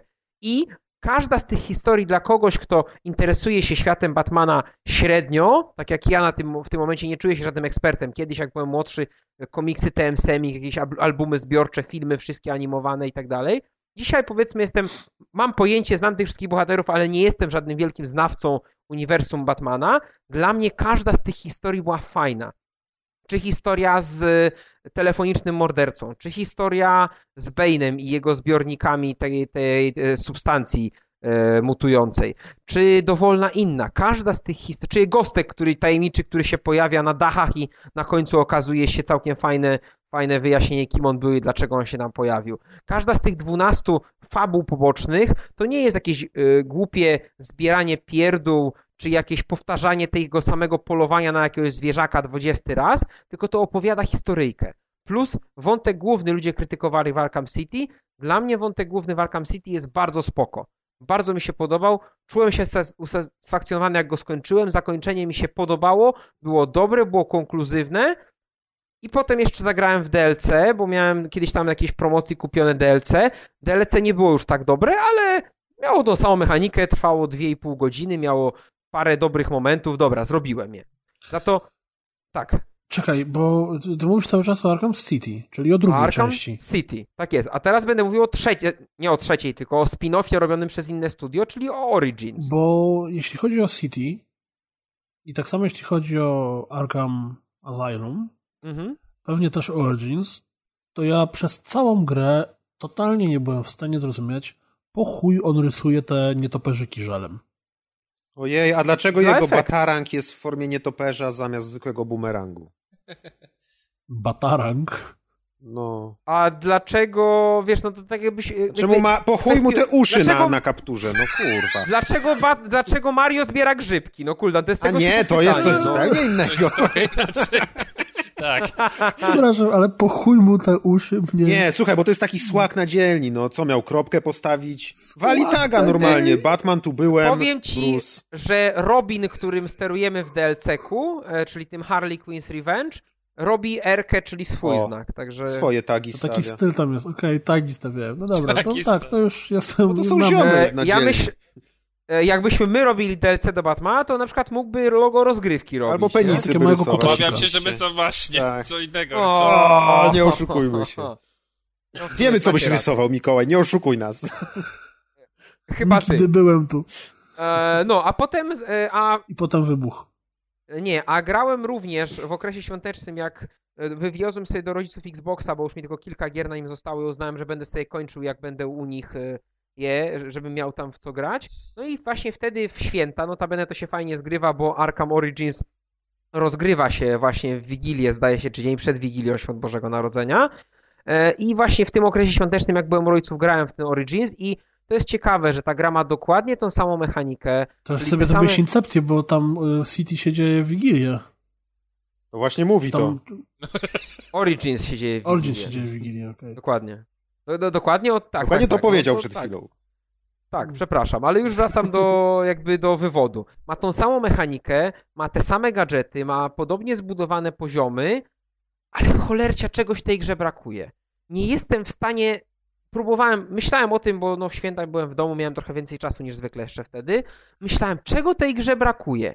I ja nie jestem w stanie jakby pokazać jednego czynnika, dlaczego ta gra jest słabsza, takiego ewidentnego jakiegoś felera czy błędu, takiej rzeczy, czegoś, ale ta gra po prostu jest dla mnie dużo nudniejsza i mniej mnie przekuwa. Mimo tego, że jest zbudowana według tego samego schematu, czyli raz na jakiś czas zamknięty obszar, na którym dzieje się misja, a tak to otwarty świat, w którym są jakieś eventy, misje poboczne i tak dalej. A czy nie myślisz, że to może być to, że po prostu zmęczyłeś się, znaczy nie tyle, że się zmęczyłeś, bo z przyjemnością grałeś w City, ale jak już skończyłeś City, to akurat tyle czasu poświęciłeś Batmanowi. Przesyt Batmanowy. Że miałeś przesyt. Że gdybyś Ale na przykład właśnie... w ogóle nie tknął City, tylko byś grał od początku w Origins, to z przyjemnością grałbyś w Origins. Dokładnie by tak było. Miałem ten kazus na przykład z e, niektórymi asasynami, kiedy przechodziłem asasyna sprzed roku i potem próbowałem nowego i miałem dość. Ja to rozumiem, ale ja zagrałem najpierw w Origins, Zostawiłem je u rodziców, po czym przyjechałem do domu na jarany na Batmana, żeby sprawdzić te City okazało się, że City grałem całe, zrobiłem w ciągu kilku dni. Także nie, to tego nie, tu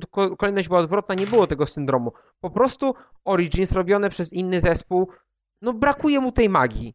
To jest przyzwoita gra. Mam nadzieję, że nie będzie miał tego baga w 3 czwartych gry, który części ludzi zepsuł grę, a Warner miał w tyłku robienie patcha, w związku z czym deweloper robił DLC-ka z Mr. Freezem zamiast zrobić patcha, w związku z czym gra się może zepsuć i wuj, mhm. ale mam nadzieję, że uniknę. I przycisk bodaj znika w jednym miejscu, który trzeba włączyć w ramach questa fabularnego z głównego wątku, tak? No to, to jest trochę smutne. Mam nadzieję, że tego uniknę i, i że kiedyś tam tą grę u rodziców skończę, ale jeśli mielibyście grać, tylko zagrać w życiu w jedną grę o Batmanie, to z tych dwóch Absolutnie. Ale to jest fajne, bo o... mi na przykład też City w ogóle nie, nie miałem na niej ochoty już pomijając to, a, a, raczej nie pomijając, że jeszcze mam właśnie, tfu, znaczy Origins. Mam jeszcze City do skończenia i do Origins w ogóle mnie nie ciągnie. Po pierwsze, że właśnie nikt jakoś specjalnie nie zachwalał tego Origins, że wow, to jest nagle coś zupełnie nowego, ale przede wszystkim ze względów czysto wizualnych, jako grafik horror mogę się przyznać, że po prostu nie podoba mi się taka trochę zmiana stylu najbardziej komiksowy, który tam nastąpiła w Originsie. I akurat z tego względu się nie, nie, w ogóle nie mam parcia na, na, żeby w to zagrać. Z, Origi z, z, z, Batman Arkham Origins najbardziej polecam Blackgate, czyli tą osłonę, która wyszła najpierw, odsłonę, która najpierw wyszła na Vita i chyba 3DS-a, a później dostała konwersję na wszystko, co ma przyciski. I bardziej już to polecam niż te Origins Origins, ponieważ Blackgate ma przynajmniej inną mechanikę, jest taką batmanowską metroidvanią w 2,5D, ma całkiem fajne kilka pomysłów i ma bardzo fajne rysowane przerowniki filmowe, także jeśli już musielibyście grać w jakiegoś Batmana Origins, to właśnie w Blackgate. A y, co sądzicie o Dark Knight, czy tam jakkolwiek, jak to tam się będzie nazywało, ta nowa część? Arkham Knight. Arkham, Arkham Knight. Tam jakaś drama była, że Amazon chyba wrzucił mm, kolekcjonerkę, w której była ten Figurka nagrobek, y, tak, był, tak, był nagrobek Batmana i że tam o kochane miasto naszemu obrońcy, znaczy miasto naszemu kochanemu obrońcy spoczywa w spokoju.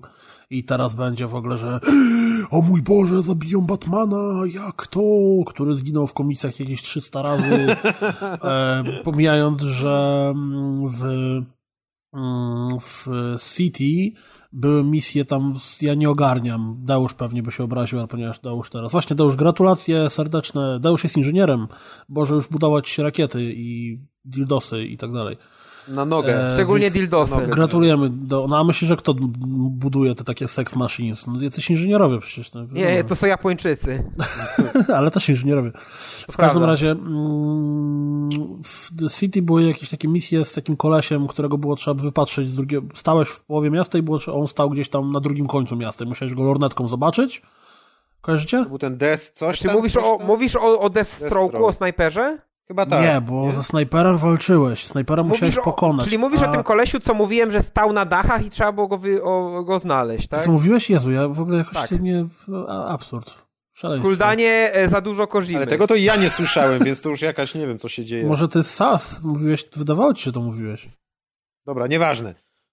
Niech w każdym razie, słuchacze ten to koleś, ocenią, no. jak zrobiłeś całą jego misję, to on do ciebie przyłaził i mówi ci, że o tam Batmanie, o, czeka ciebie ciemna przyszłość, zginiesz, coś tam, stanie w banie. Ja byłem pewny, że ten wątek pójdzie w Origins, ale...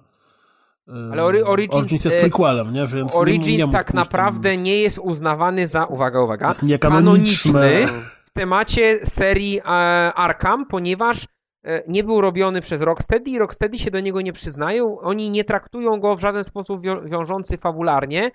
E, szczególnie, że wydaje mi się, że są jakieś wydarzenia w fabule Origins, które sprawiałyby, że rzeczy, które dzieją się w teoretycznie późniejszym Asylum nie miałyby sensu. Także tu jest problem, ale, ale no, traktujemy tę grę jako trylogię, która będzie dopiero dopełniona.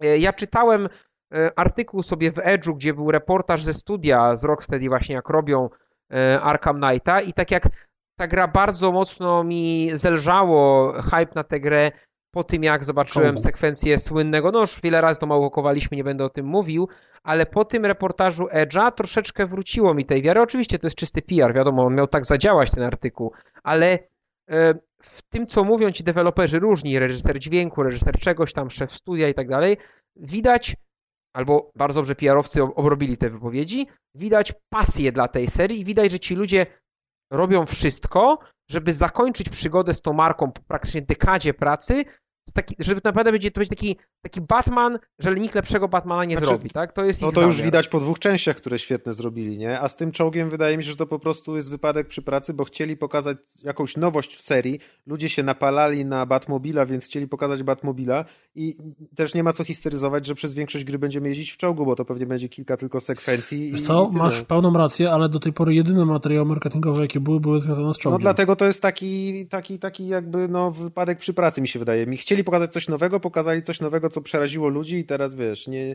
Bo co mieli pokazać? Jakby pokazali inne zwykłe misje, to ludzie powiedzieli, a znowu się będzie, nie wiem, skakać po dachach i coś tam, fajna grafika, no spoko. I walka kontekstowa. No, a taki powiesz, patrzcie, no. mamy ten Batmobil, wow! A wszyscy, o Batmobil, e, zaraz, co to jest? Łe, czołg. Znaczy, okay. strajfujący. No. Znaczy, oni w tym artykule mówią o tym, że Batmobil w tej grze znalazł się nie przede wszystkim do walki, tylko pierwotnym zamysłem było to, że miasto rozrosło się znowu kilka Tak, razy większe tak. niż te miasto City, w związku z czym jest fajnie, bo poszerzyli sobie ulice Mhm. i można tam dołożyć właśnie pojazdy. Odpowiednik I- karawany. No trochę tak, ale e, i, a dopiero koncepcja, żeby można było nim walczyć, plus tam też mówią o fajnych rzeczach, że Batmobil będzie również elementem walk tych z wrogami e, ludzkimi. Przykładowo będzie można w każdej chwili. Batmobil to będzie taki trochę jak koń w niektórych asasynach. Tylko koń nie walczył, ale że możesz użyć Batmobilu. No tak, bo on z chwili. niego Na przykład- wyskakiwał tak bardzo wysoko, jak na sprężynie, że tak powiem, albo coś. Nie, ale to jest, to jest jedno, ale ja myślę o akcjach typu, że walczysz na przykład z dziesięcioma wrogami, klikasz Batmobil, żeby się pojawił, on przyjeżdża i ich traktuje e, prądem, żeby kilku z nich sparaliżować, żebyś ty mógł ich szybko e, poobkładać Mhm. ciosami i znokautować. Także tego typu akcje. łamią się nos. To jak taki pies z Fable. Tyl, tylko nie szczeka, Tak. no. Przynajmniej mam nadzieję, że nie będzie szczekał.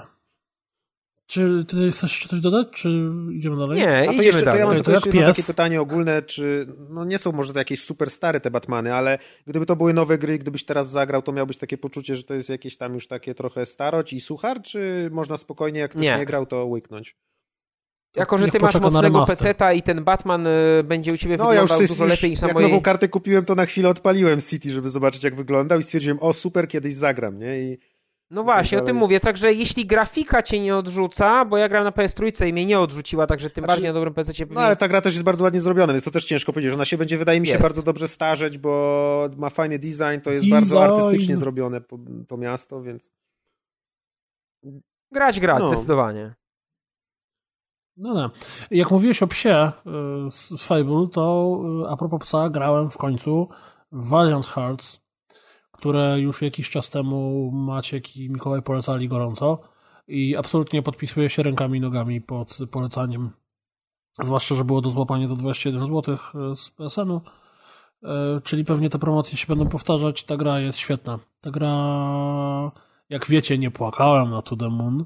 Natomiast końcóweczka Valiant Hearts y, mocno mnie ścisnęła za gardło i było blisko jakiś, żeby się cooldownowa łza potoczyła po policzku.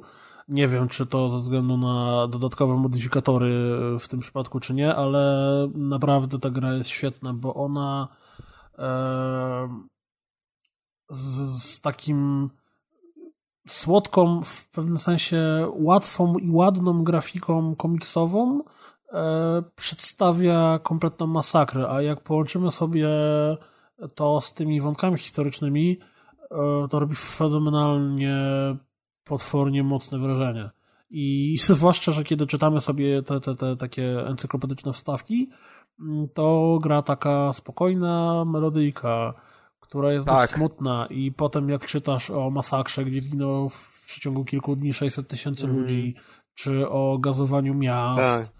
Czy o tam wielu innych motywach, zwłaszcza, że jeszcze oni to zrobili na tyle dobrze, że to, o czym przeczytasz w tych wstawkach historycznych, za chwilę zobaczysz w grze. Mhm, Czyli jeżeli czytasz sobie o, nie wiem, oddziałach hinduskich, to za chwilę biegniesz z oddziałem hinduskim. Jeżeli czytasz o tym, że użyto chloru, e, znaczy tego tam gazu, to za chwilę widzisz, że on pojawia się po prostu w grze. Oj, miasto w E, gazie to jest absolutnie jeden z najlepszych tych. Jeden z Tam najlepszych jest dużo. poziomów. Ta gra mm, gameplayowo nie jest jakaś rewelacyjna. Znaczy ona e, mi najbardziej przypominała The Cave. Czyli mieliśmy. E, Poza sobie... tym, że The Cave było kijowe, a Valiant Hearts było fajne, to tak.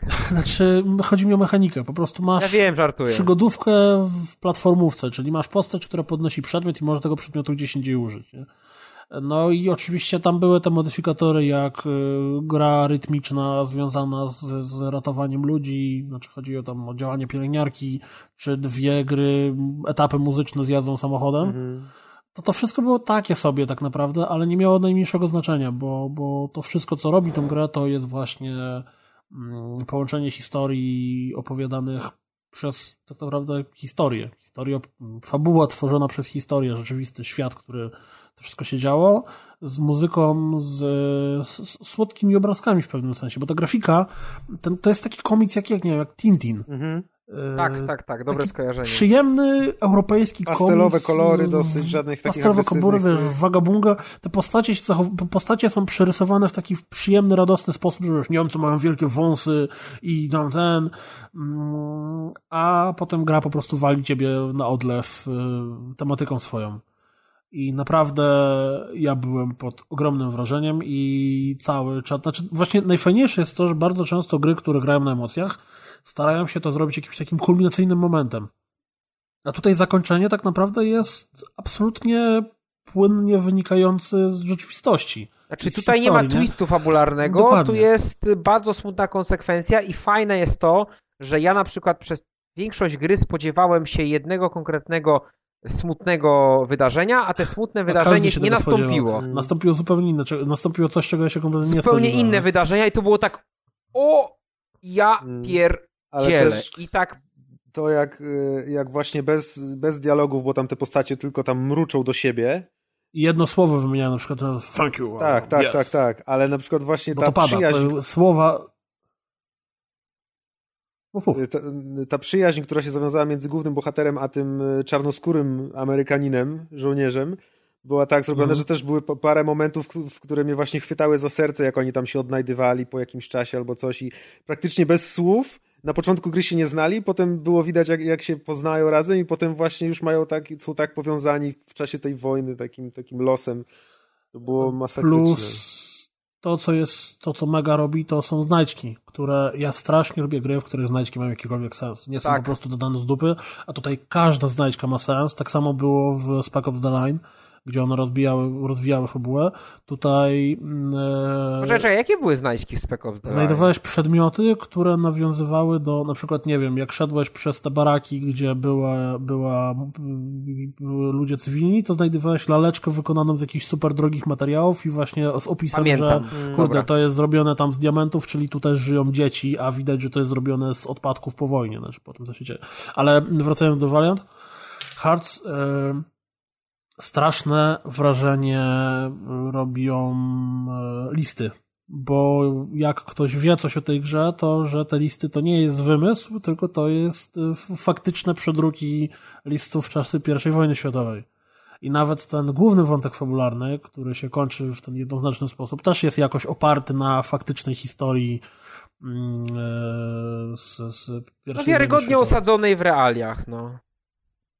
No, więc generalnie, jeżeli ktoś jeszcze nie grał, to nie ma co się zastanawiać, koniecznie trzeba to sprawdzić, bo, bo takich gier powinno być e, jak najwięcej. No, ich, ich nie ma, ale też właśnie teraz zdałem sobie sprawę, że ona jest, e, ona jakby zostanie klasykiem, mi się wydaje, będzie za wiele lat wspominana, a jest tak zrobiona i graficznie, i mechanika w niej zastosowana jest taka, że wydaje mi się, że nawet za paręnaście lat będzie można w nią spokojnie zagrać i, i się nie zestarzeje, nie?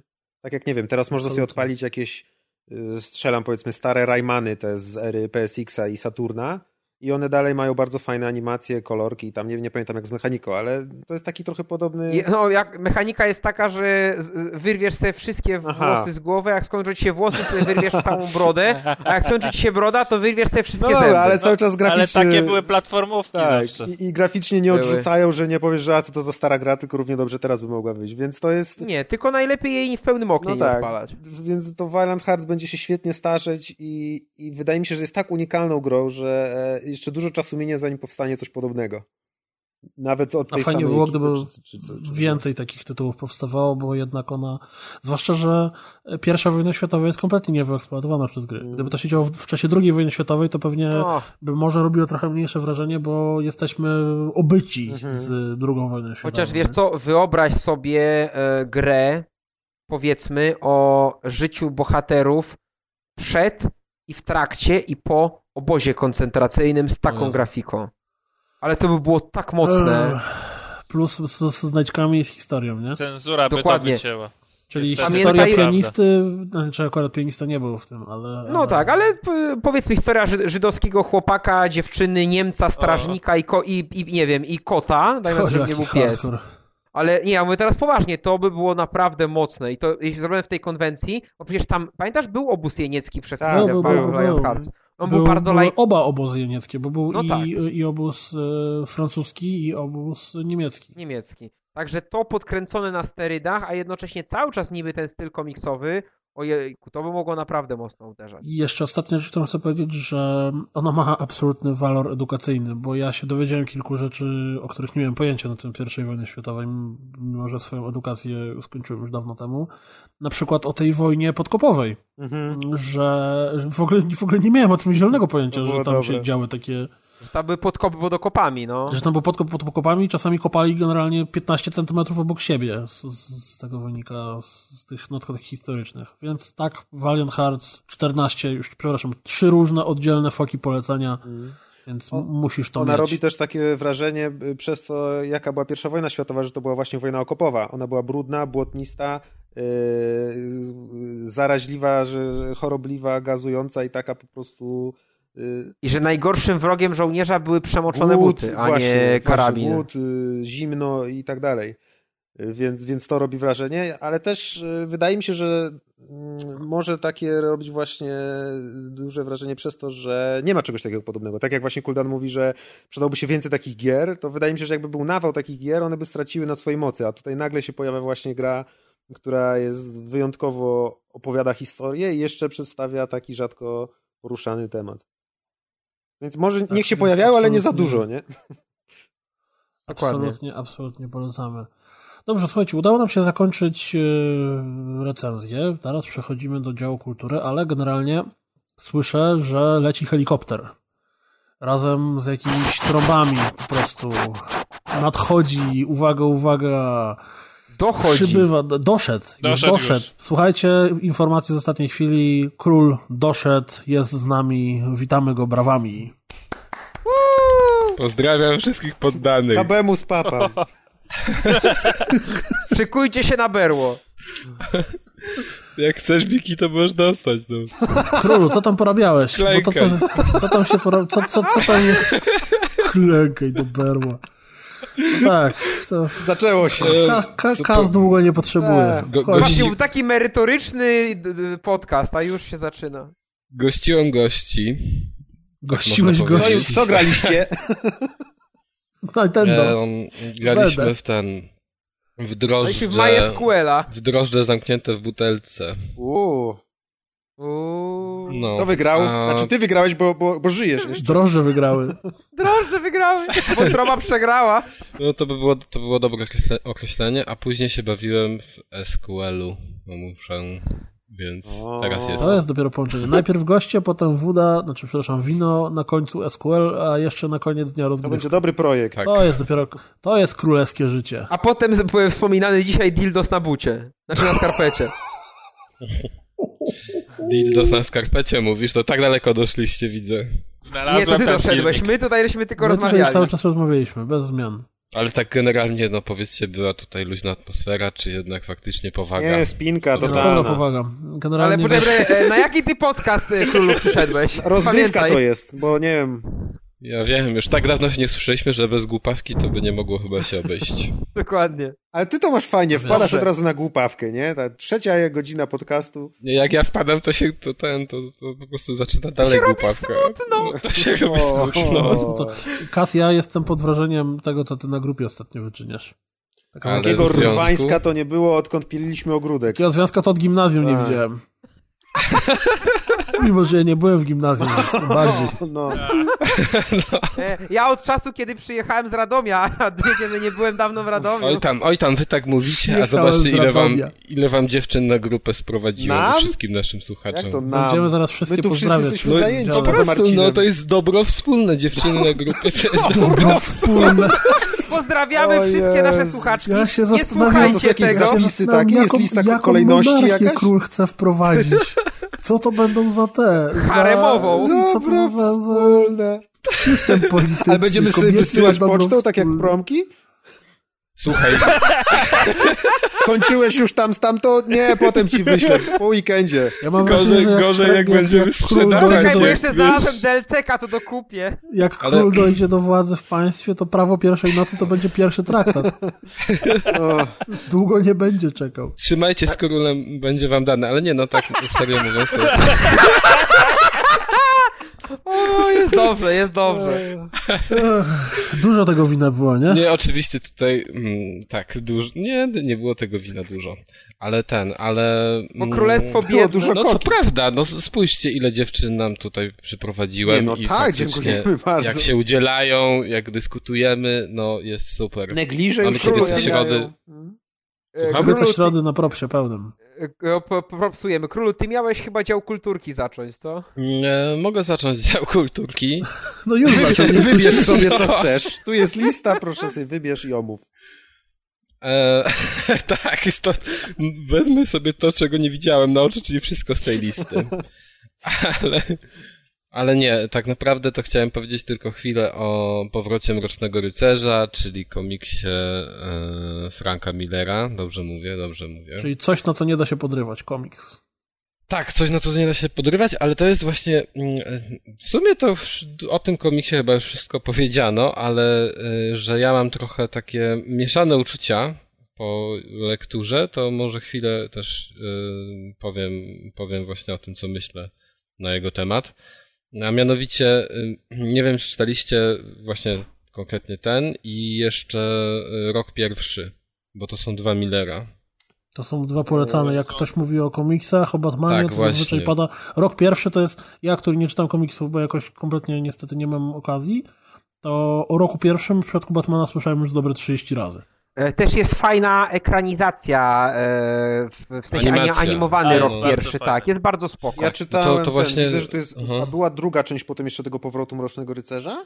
Było coś takiego? Tak, była. Bo ja mam właśnie, była, mam, mam to jedno i drugie, kiedyś czytałem, już Strikes, nie pamiętam. Strikes Back, czy Tak, Strikes to Again, kiedyś było wydane, takiego. powrót był w jednym tomie, a tamten był chyba na dwa czy trzy tomy nawet rozbity. To, no, pamiętam, to mam to gdzieś na półce. No w każdym razie, kurczę, ja przeczytałem pierwszy, jako pierwszy rok pierwszy e, w oryginale i bardzo mi się spodobał. E, I też czytałem o tym później więcej w internecie i generalnie, albo ja tak miałem taki, taki, taki traf, że po prostu widziałem recenzję obydwu i najczęściej ten powrót Mrocznego Rycerza był uważany za lepszy. A ja niestety uważam go za gorszy. To jest w ogóle pierwszy komiks, bo powrót był wcześniej, rok był później. E, I powrót opowiada historię w ogóle. To jest też fajna koncepcja, że on opowiada historię Batmana, który już jest na emeryturze, Mhm. tak to można określić. Starym Czyli- dziadem jest takim. Jest starym dziadem, pewne wydarzenia z przeszłości spowodowały, że zarzucił bycie Batmanem. I teraz nie pamiętam, czy tutaj mija 10 lat, czy 8, no dość długi okres czasu. I on e, jednak ponownie zakłada e, maskę i, i przywdziewa ten swój strój. E, I teraz, no mówię, już nie będziemy się bardziej w to zagłębiać, ale co mi się tutaj podobało, to na pewno sam początek. Właśnie tu taka klarowała się dość mroczna historia, która, no, która fajnie, fajnie, fajnie się rozpoczynała, bo mieliśmy właśnie starego Bruce'a Wayne'a, który już ma dosyć bycia Batmanem, Mhm. który, który jest cały czas się bije z myślami, że wiele rzeczy robił źle. E, I mamy też jego jakby e, przeciwników, którzy też są starzy i którzy też e, trochę fiksują z tego powodu i którzy nie umieją się odnaleźć w świecie, w, gdzie nie ma ich takiego nemezis. To jest takie fajne, bo to jest takie Batmana. spotkanie emerytów, nie? Wszyscy się starzeją o 30 Tak, lat, to, to jest takie spotykają się w barze że- i piją, nie? I mówią za stare czasy, nie? Że na, że na przykład tu jest Joker, który, który tam leży, leży chyba cały czas w Arkham, ale jest w takim stanie, no nie wiem jak to powiedzieć, że Agonalnym. no, no nie agonalnym, takiej tam nawet jest to określone, ale zapomniałem, ale takiej śpiączki, wiesz, że on niby funkcjonuje, A, ale tak naprawdę trochę. ale takie trochę warzywo i dopiero, i dopiero ten Joker jest to widoczne, jak pojawia się informacja w telewizji, że Batman powrócił, no to Joker nagle tak, wiesz, wstaje z tego Pojawia się takie otępienia. Pik nagle, nie? Tykanie serca. No i, znaczy nie, bo on, wiesz, bo on jakby jest y, w takim szoku, nie, że on cały czas leży, ma otwarte oczy, to, to nie jest śpiączka, tylko no jakoś to jest określone, nie pamiętam. Teraz y, taka trauma może, no nie Mhm. wiem. No i em, to jest super i strasznie mi w ogóle mi się podobał tutaj motyw Jokera, ale ten komiks ma również sporo wad, na przykład w ogóle się nie spodziewałem, że tu się pojawi Superman. A tutaj nagle nic tego nizowego mamy. Spoiler! Znaczy, no, no to jest taki spoiler, że nawet nie wiem, chyba w drugim rozdziale już masz zapowiedź, że pojawi się Superman, bo już jest taka dyskusja. Ale co się dzieje potem I... tam, to, to też jest fajne. To... No, no co się dzieje tam, to, to jest właśnie nie, pa, nie pasuje Spoiler. mi to, kompletnie mi to nie pasuje. nie pasuje mi wplecenie Supermana w tę opowieść. Kolejna rzecz, która mi nie pasuje, to że mam wrażenie, że, Miller on tak chciał trochę chwycić kilka srok za ogon i nie zrobił jednej porządnej historii, zrobił kilka pomniejszych. Że mamy tutaj nagle dwie twarze w jednym tam momencie, później mamy Jokera, mamy też innych przeciwników i to tak trochę nie do końca się zazębia. I, I czasem mam wrażenie, że mógł pociągnąć po prostu jeden wątek, a nie ciągnąć kilka. Mm, I mm, kolejną rzeczą, która mniej mi się podoba niż w roku, to jest kreska. I tutaj chyba sam Miller odpowiada za kreskę, a w roku był to inny artysta, taki, takie włoskie nazwisko, teraz też już nie będę przekręcał. I tam to było lepiej oddane. Tutaj jest ta kreska taka mocno abstrakcyjna i Kurczę, no ja powiem szczerze, że nie jestem jakimś tak, nie jestem osobą, która aż tak dużą wagę przywiązuje do ilustracji, ale nie do końca mi tutaj się to podobało. No to są takie millerowskie bazdroły, że... dosyć takie grubaśno-brutalne, tak, tak. nie? Takie przesadziste. Takie, takie... Karykaturalne. Tak, właśnie, tak, masz rację, że ja na przykład, no wiesz, mi to tam za bardzo nie przeszkadzało, ale też nie, nie, daleki jestem od zachwytów, natomiast zdaję sobie sprawę, że niektórych może taka kreska w ogóle odrzucić. Niemniej e, warto się z tym zapoznać, bo to jest ma momenty po prostu ten komiks. No właśnie na przykład potyczka z Jokerem jest super. To, co się tam dzieje w jej trakcie i pod koniec też jest świetne. Sam ten motyw właśnie powrotu Batmana do służby jest e, też super. Ale ten komiks ma również niedociągnięcia i jakby go porównać do roku, to rok jest dużym krokiem do przodu. Bo tam ciężko się do czegokolwiek mi by było przyczepić. Tam była jedna spójna historia, tam był przez cały komiks mrok, tam nie było takich dziwnych, dziwnych rzeczy, jak właśnie, nie wiem, że Superman ci wlatuje i robi raban. E, tutaj, kurczę, to trochę było tak, jakbyś sobie wziął połączenie tego nowoczesnego komiksu, takiego mrocznego, superbohaterskiego, powiedzmy, właśnie, który wyklarował się po tym powrocie i zmieszał go właśnie z takim, z takimi elementami charakterystycznymi dla, e, dla tych komiksów wcześniejszych. Czyli, czyli właśnie jakimiś starciami, jakimiś takimi głupotkami troszkę, tak to określę. I e, dlatego ja go stawiam niżej, ale cały czas sądzę, że warto sobie to poczytać. Tym bardziej, że u nas teraz wyszło po polsku wznowienie, bardzo ładnie wydane przez Egmont w twardej mhm. oprawie. Ja właśnie znalazłem okładkę tego roku pierwszego i też ją kojarzę, że chyba gdzieś mam ten komiks, ale ja je kupowałem jak wychodziły tam chyba z 10 lat temu, czy nawet jeszcze dalej, więc ledwo no, je bo pamiętam. to tak było, no. I pamiętam, że tak druga było. część mhm. tego powrotu y, Mrocznego Rycerza chyba mi się jeszcze mniej podobała niż pierwsza, że pierwsza była fajniejsza, druga były takie flaki z olejem bardziej, ale to już jak przez mgłę pamiętam, bo to dekadę temu było. No, pierwsza, ja, jak zacząłem czytać pierwszą, to mówię, wow, naprawdę fajne. Ale kurczę, później robiło, robił się taki ostry zjazd, pojawił się Joker, znowu zaczęło być super. I później znowu przez chwilę, przez chwilę tak, e, no, miałem mieszane odczucia, więc to jest, nie jest to komiks taki, wiecie, jednowymiarowy. Roller coaster taki, emocji. I taki roller coaster, a tam nawet dosłownie jest roller coaster w pewnym momencie, tylko troszkę, powiedzmy, kolejka górska taka mniejsza. Mhm. Więc dobrze trafiłeś. Yeah. Także polecam, ale lepiej się zaopatrzcie w rok pierwszy. Co ciekawe, on chyba nie został wznowiony. I chyba go nie można dostać na razie na polskim rynku, tak w sklepach. Ale on ma chyba jakieś takie mega ultra hiperkosmiczne wydania kolekcjonerskie. Znaczy nie tyle kolekcjonerskie, bo komiksy to chyba nie należy mówić, że kolekcjonerskie, tylko jakieś takie tam... Bo sam komiks jest już komik kolekcjonerskim gadżetem w Polsce. jakiś tam, nie Ale wiem, wiecie co, no, nie, no, no komiksy Batmana, są ładnie na przykład wydawane często. No to mi chodzi, to nie był żart, komiksy tak, są często wydawane ładnie, bo inaczej ładnie. nikt ich już nie kupuje, tylko no. jako właśnie coś, co będzie ładnie wyglądało na półce po przeczytaniu. Masz tam dodatki na przykład yy, i to trochę słabe, że tutaj nie ma praktycznie dodatków w tym komiksie, nawet nie ma No, bardzo często spotykałem się też w zachodnich, ale u nas w wydaniach, że masz jakiś taki wstęp, który ci rozjaśnia um, to, jak ten komik powstał i co na przykład zmienił, jeżeli to jest wartościowe dzieło. Tu tego nie ma, tu jest jakiś tam wstęp Millera, który jest w zasadzie takim nawiązaniem do samej fabuły, a, a takich rzeczy pobocznych no, no brak. I szkoda, bo bo właśnie ten rok, to, to wydanie, które ja mam, jest w zwykłej oprawie i tam jest dużo tych dodatków, które się bardzo ciekawie czyta i ogląda, bo to są zarówno takie rzeczy pisane i e, rysowane, a tu tego zabrakło i trochę szkoda, tym bardziej, że Egmont wydaje to e, za dużą kasę, bo nie, nie wiem, 99 zł czy 90 zł to jest cena standardowa Ostatnio można było kupić to dużo, dużo taniej, bo prawie że za połowę No na Allegro są za 60 zł można kupić.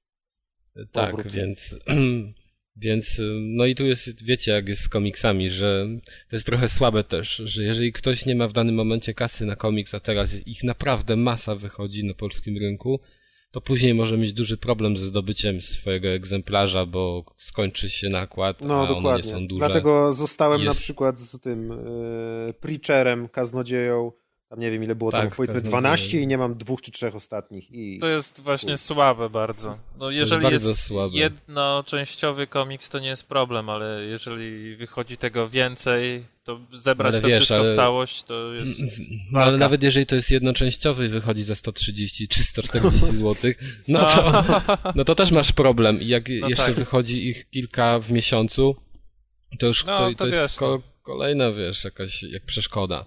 Ja teraz jeszcze czytam, tylko powiem szybko, Monstera e, Urasawy i, i to pierwszy tom jest po prostu świetny.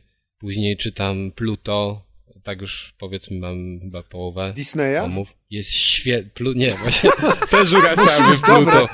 Jest świetny i jak, muszę o tym opowiedzieć kiedyś On go czyta razem z Kojimą, ale, który się mu pojawia. Ale jak, sko jak skończę Pluto, bo u nas już wyszło wszystkie, wszystkie, wszystkie numery, a Monster jeszcze nie, ale to są dwa komiksy, które już teraz po tym co widzę i przeczytałem uważam, że warto totalnie warto je nabyć. A Monstera muszę super. dorwać już teraz, póki jest jako tako dostępny. Super. Te pierwsze trzy I tomy.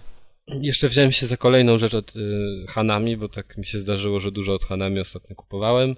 I to, było, to jest Ikigami. I też mam pierwszy tom za sobą i po prostu też jest rewelacja na razie. Kurczę, że to, to szkoda, że generalnie to wydawnictwo tak mm, no, szkoda. padło trochę, jeżeli chodzi o liczbę wydawanych to, tomów i mang, bo swego czasu wydawały ich całkiem dużo, a teraz to jest chyba tylko Monster i ostatnio jeszcze jakiś jeden komiks taki jednotomowy i tyle w zeszłym roku było.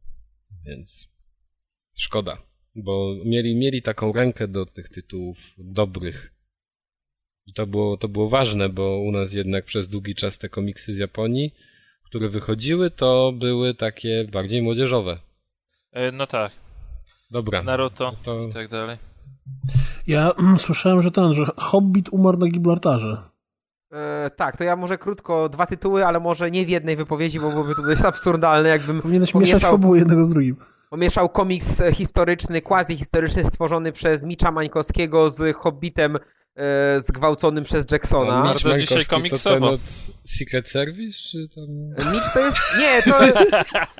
znaczy, e, Secret Service się pojawia w tym komiksie tak gdzieś z boku, ale Secret Service ten brytyjski, a nie ten Secret Uuu. Service, Secret Service Pixel. No, to przepraszam, no. powiedziałeś o Hobbicie gwałconym przez e, Petera Jacksona. Jestem w stanie się założyć o jakieś pieniądze, że jest taki fan. ale to dosłownie ten film jest tak słaby, że można to... Znaczy, jeśli chodzi o Hobbita, e, ja się bawiłem dobrze. To znaczy, e, szedłem tam. E, szedłem tam mając e, niskie oczekiwania i niskie wymagania, a dostałem film, który dla mnie z tej całej trylogii był najlepszy. Co nie znaczy, że był dobry. A czy tam że bitwa trwa 3 czwarte filmu? Bitwa trwa połowę filmu i jest dobra, ale jest za długa. I teraz powiem, że w tym momencie pojawiła się to, co myślałem, że pojawi się dopiero jak będzie edycja Blu-ray, ale ktoś to zrobił już w niskiej, niższej rozdzielczości, czyli ktoś wziął trzy filmy na warsztat, powycinał bzdury, powycinał żydopisane, powycinał wątek miłosny krasnoluda i elficy i inne głupoty i zrobił e, trzygodzinny film, który czterogodzinny film, który jest tak zwany Hobbit The Tolkien Edition, czyli tam The Tolkien Cut. Wiesz, najlepsze I- jest to, że reakcja internetu była taka, że to jest dużo lepsze i fajniejsze niż wersja Petera Jacksona. Dokładnie. Znaczy, ja mówiłem od początku wszystkim, że coś takiego się pojawi i że to będzie awesome, ponieważ Hobbit sam w sobie jest, okej, prostą, dość dziecinną, ale dobrą i sprawnie poprowadzoną opowieścią, w związku z czym jeśli nie dokładamy do niego dłużyzn, nie dokładamy do niego interracial love i innych głupot, no to mamy po prostu normalną opowieść. I normalny, normalną, dobrą, przygodową y, historię. Także y, tego Hobbita wiadomo, trzeba go obejrzeć, póki on jest w kinie, albo Hmm. jak ktoś chce go obejrzeć, y, no ale nie, takie czy wystawanie w kinach, y, w, w kinie powinno się oglądać, Ale- bo jednak efekty, ta bitwa, to wszystko to w domu będzie robiło jeszcze mniejsze wrażenie, ale nie, nie, i tyle, obejrzeć, zapomnieć, do widzenia. A jeśli chodzi o No jeszcze tylko chciałem tylko coś powiedzieć, że taka mała dygresja, wyobrażacie sobie, co by było, gdyby ta moda, gdyby na przykład y, moda, która jest teraz, czyli na podstawie jednej książki trzy Trylogia. filmy, była z trylogią, to tam by było z 16 części. E, Ja myślę, że Jackson spokojnie mógłby nakręcić kręcić do końca życia Silmarillion. Każde opowiadanie... A wy, wiesz, on pewnie tak będzie robił, spokojnie. Daj mu czas. Ale właśnie to, jak to by na przykład, bo wiesz, jest, jest trylogia, tam chyba y, kwadrologia, nie? Czy jak to tam się zwie, a na przykład takie 10 części albo, albo Dziesięcioksiąg. 12. 10 ksiąg. No. I każdy trylogią. No, takie, takie wiesz, 30 części. Jak James każde, Bond. każde pół książki to jedna Tak. trylogia by była. Ale to się E, sprzedaje, jak widać. No, póki wiesz, Nie już da się Tolkien nic nie, ukryć. napi- już nic nie napisze, to teraz będą kręcili to, co pozostało, a w Tak. końcu zaczną remake'i. A później zaczną wydawać nie, A niewydane potem- historie. A potem będą wydawali wersje, tak, remake'i na konsole nowej generacji. E, A co do drugiego produktu, o którym chciałem powiedzieć, to jest komiks, który został sfinansowany poprzez społecznościowe wspieranie i w odróżnieniu od e, kultowego magazynu o grach e, spełnił wszystkie cele i wyszedł i bonusy dotarły i, I w się ogóle nie skończył. I wszystko się, no skończył się, ale miał skończyć tam się, gdzie miał się skończyć. Także jakby tu był z, y, jedno, to jest jeden twór. To jest spójna historia, niedługa, ja to czytałem, no może godzinę tak powolutku sobie czytając, bo jest multum postaci historycznych i dopisanych, jest multum lokacji, jest dość krótki, a przekazuje historię, która się dzieje w kilku miejscach y, równocześnie przez kilka dni. Jest naprawdę dużo wątków. A jeszcze e, ja nie jestem ekspertem od II wojny światowej. E, nigdy nie był to jakiś mój ulubiony okres historyczny, w związku z czym ja musiałem sobie sporo doczytać. Na szczęście tu trzeba pochwalić, że autorzy Mitch i, i no, pewnie zrobił to sam. Zabrał e, tyle kasy na Secret Service, że wiesz, że mógł robić to porządnie. E, fa- nie, bo e, można się śmiać, ale Mitch akurat wiedzę historyczną ma naprawdę dużą. Siedzi w tym gdzieś tam, szczególnie właśnie w tej historii najnowszej, czyli druga wojna i później. I faktycznie jeszcze spotykał się ze świadkami żyjącymi ostatnimi. Spotykał się z profesorem takim, który napisał książkę najlepszą polską na ten temat. On Zresztą tam gdzieś jest jego rekomendacja tego Ale to zaraz, to faktycznie ten Mitch? No tak. Tak, Piotr Mitch Mańkowski. Ach, ja sobie, ja myśl, robiłem, właśnie... Tak, to Kojima, którego Arek przywołał. Król, król nie zna historii o Kojimie. O, Właśnie, no, Pozna. król sobie posłucha. i Mhm. potem będzie żałował. Ale wracając do tematu. E, I e, jakby ta warstwa dokumentacji jest dobra i ona pomaga zrozumieć ten komiks, bo komiks przedstawia spiskową teorię dziejów na temat śmierci generała Sikorskiego na Gibraltarze, czyli komu dlaczego zależało i dlaczego było czterech kolesi o takim samym nazwisku jednocześnie w jednym miejscu i dlaczego trzej musieli zginąć. Oraz generał Sikorski swoją drogą. Także jest to dobra opowieść, aczkolwiek nie jest to znowu jakieś dobro kultury, bez którego nie mógłbym żyć.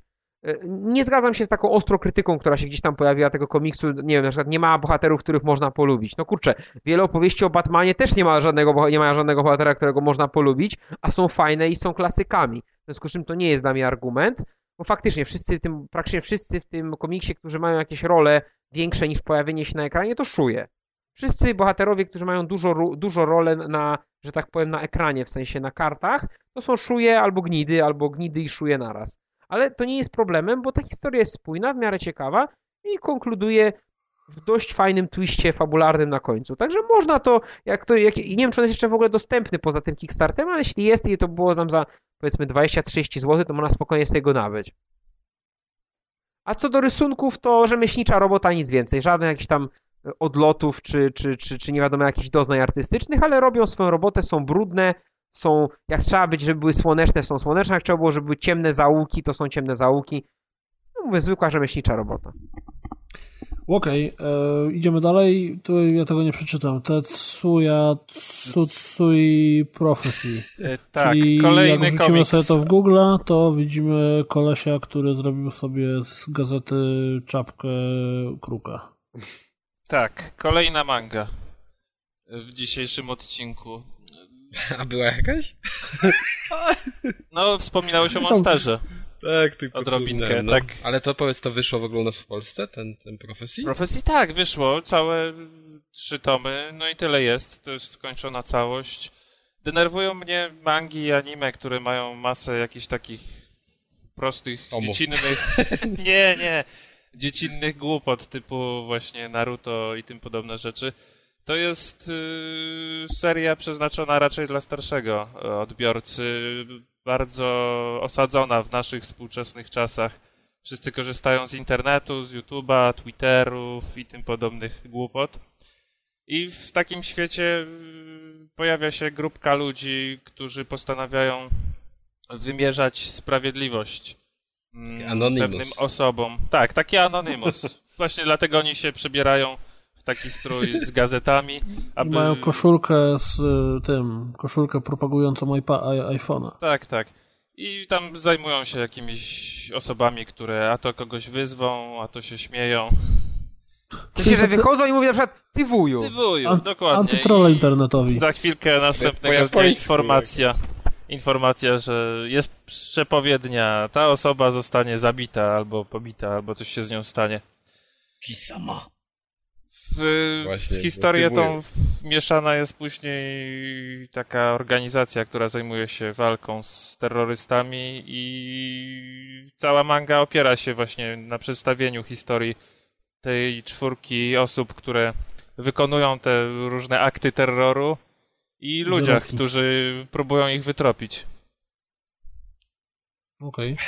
Ale coś jest, ale generalnie bo ty mówisz tak, jakby to było nudne. Nie, to jest bardzo ciekawe. Bardzo chciałbym to zobaczyć w formie anime, bo jest bardzo ładnie narysowane.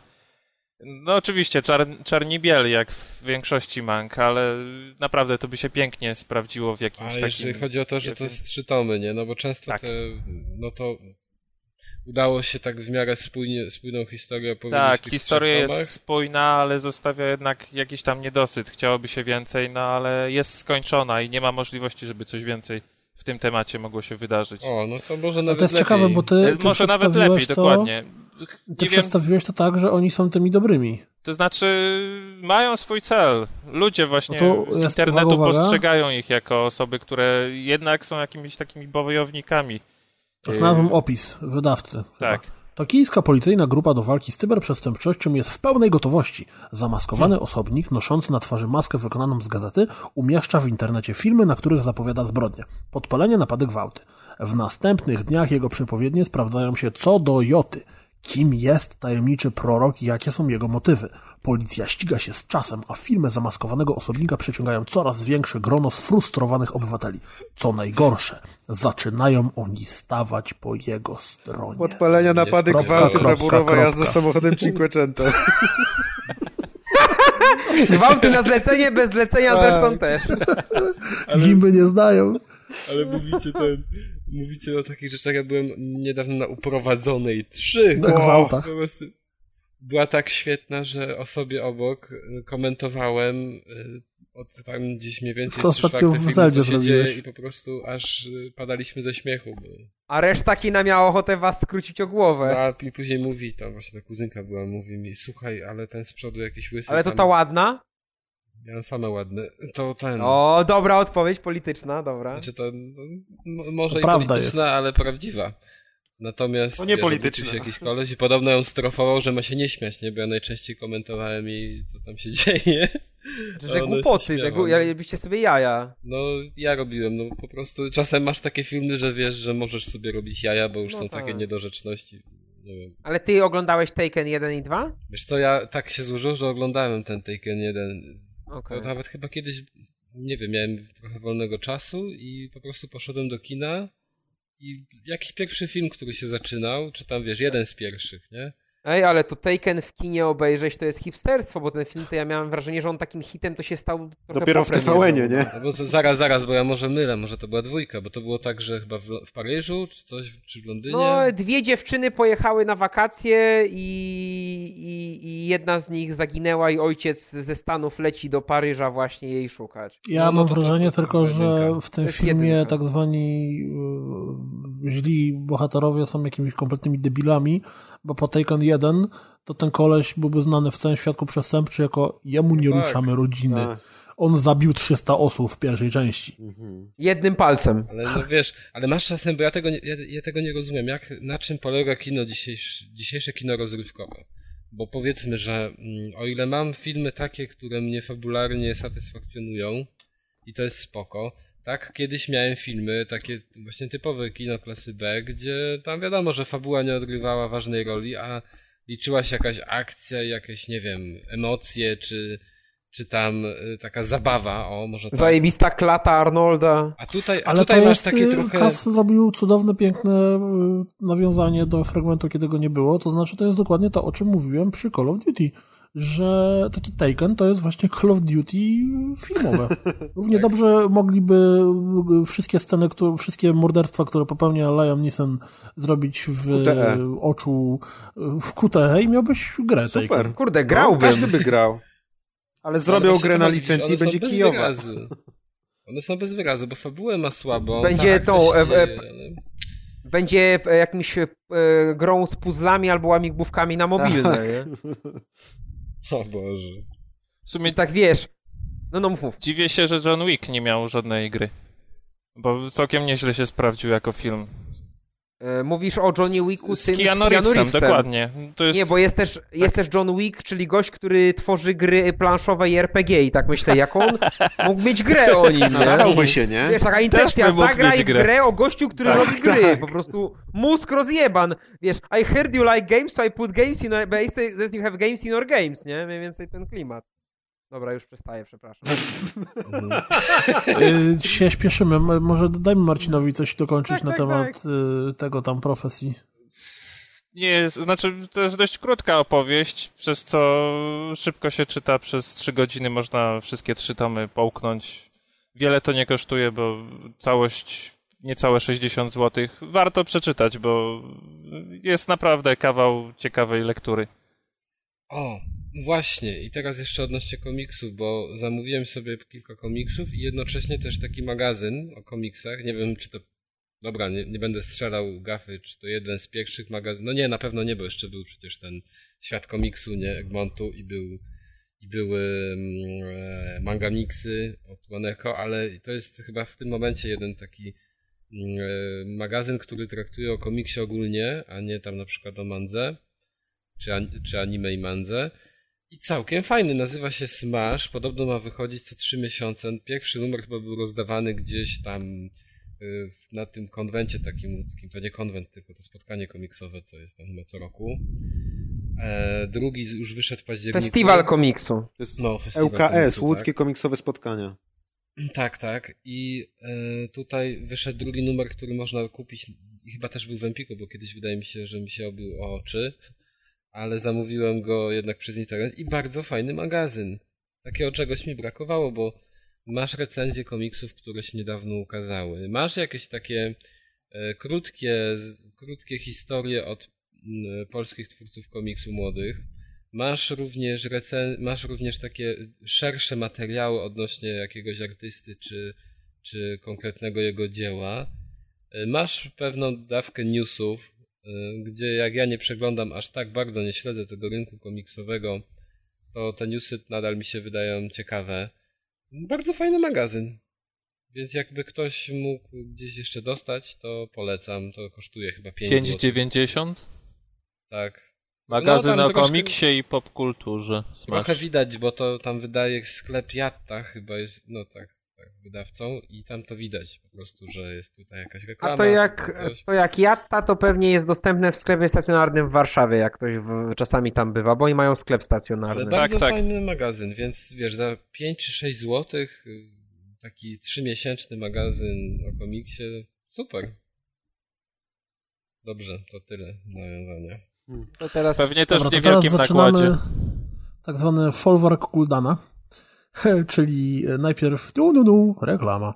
E, Zapraszamy wszystkich serdecznie do wejścia na naszą grupę facebookową, która jest bardzo fajna i jest tam dużo ciekawych dyskusji, rozmów, jest sporo merytoryki, ale też sporo różnego rodzaju dziwnych rzeczy z internetu i nagich pań.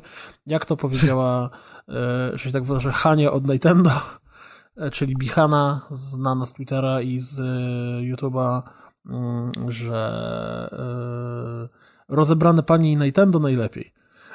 Więc generalnie zapraszamy serdecznie na naszą grupę. E, Na Oprócz forum. tego również zapraszamy na forum, na którym jest cicho i spokojnie, ale regularnie się wątki pojawiają i są różne dyskusje i tam jest bardzo merytorycznie, jeżeli już ktoś rozmawia, to raczej stricte. Miałem ostatnio ciekawą rozmowę o Hotline Miami i o e, Itanie Carterze, taki flashback z tego, co tam wcześniej mm, się działo. E, Poza tym oczywiście zapraszamy na naszego bloga www.rozgrywkapodcast.pl, na którym regularnie pojawiają się teksty różnych zaprzyjaźnionych z nami osób, które są niektóre ciekawsze, niektóre mniej ciekawe. Coś dla każdego się znajdzie. Tam się pojawiają również moje filmy mm, różne. Niedługo na pewno pojawi się unboxing kolejnego Artcade Bloka. Jeżeli nie wiecie o co chodzi, to, to po prostu wejdźcie, zobaczcie, doceniajcie to, że się staramy i że robimy różne rzeczy. Kliknąć, przeczytać, skomentować, to nie jest tak dużo wysiłek. Przesłać parę fajnie, złotych, numer konta podamy I później. pamiętajcie, pamiętajcie, że wcale nie robimy tego, po żeby mieć witrynę, na którą możemy otrzymywać promki. Wcale. E, oprócz tego, co chciałem powiedzieć, że mm, wiem, że dużo osób nas słucha, a nie każdy może chcieć być na jakimś forum, albo być na Facebooku, albo coś tam, dlatego e, wydawało się to nam właściwie oczywiste, ale jakoś do mnie dotarło, że my nigdy o tym nie powiemy, że bardzo serdecznie zapraszamy do kontaktu z nami mailowego.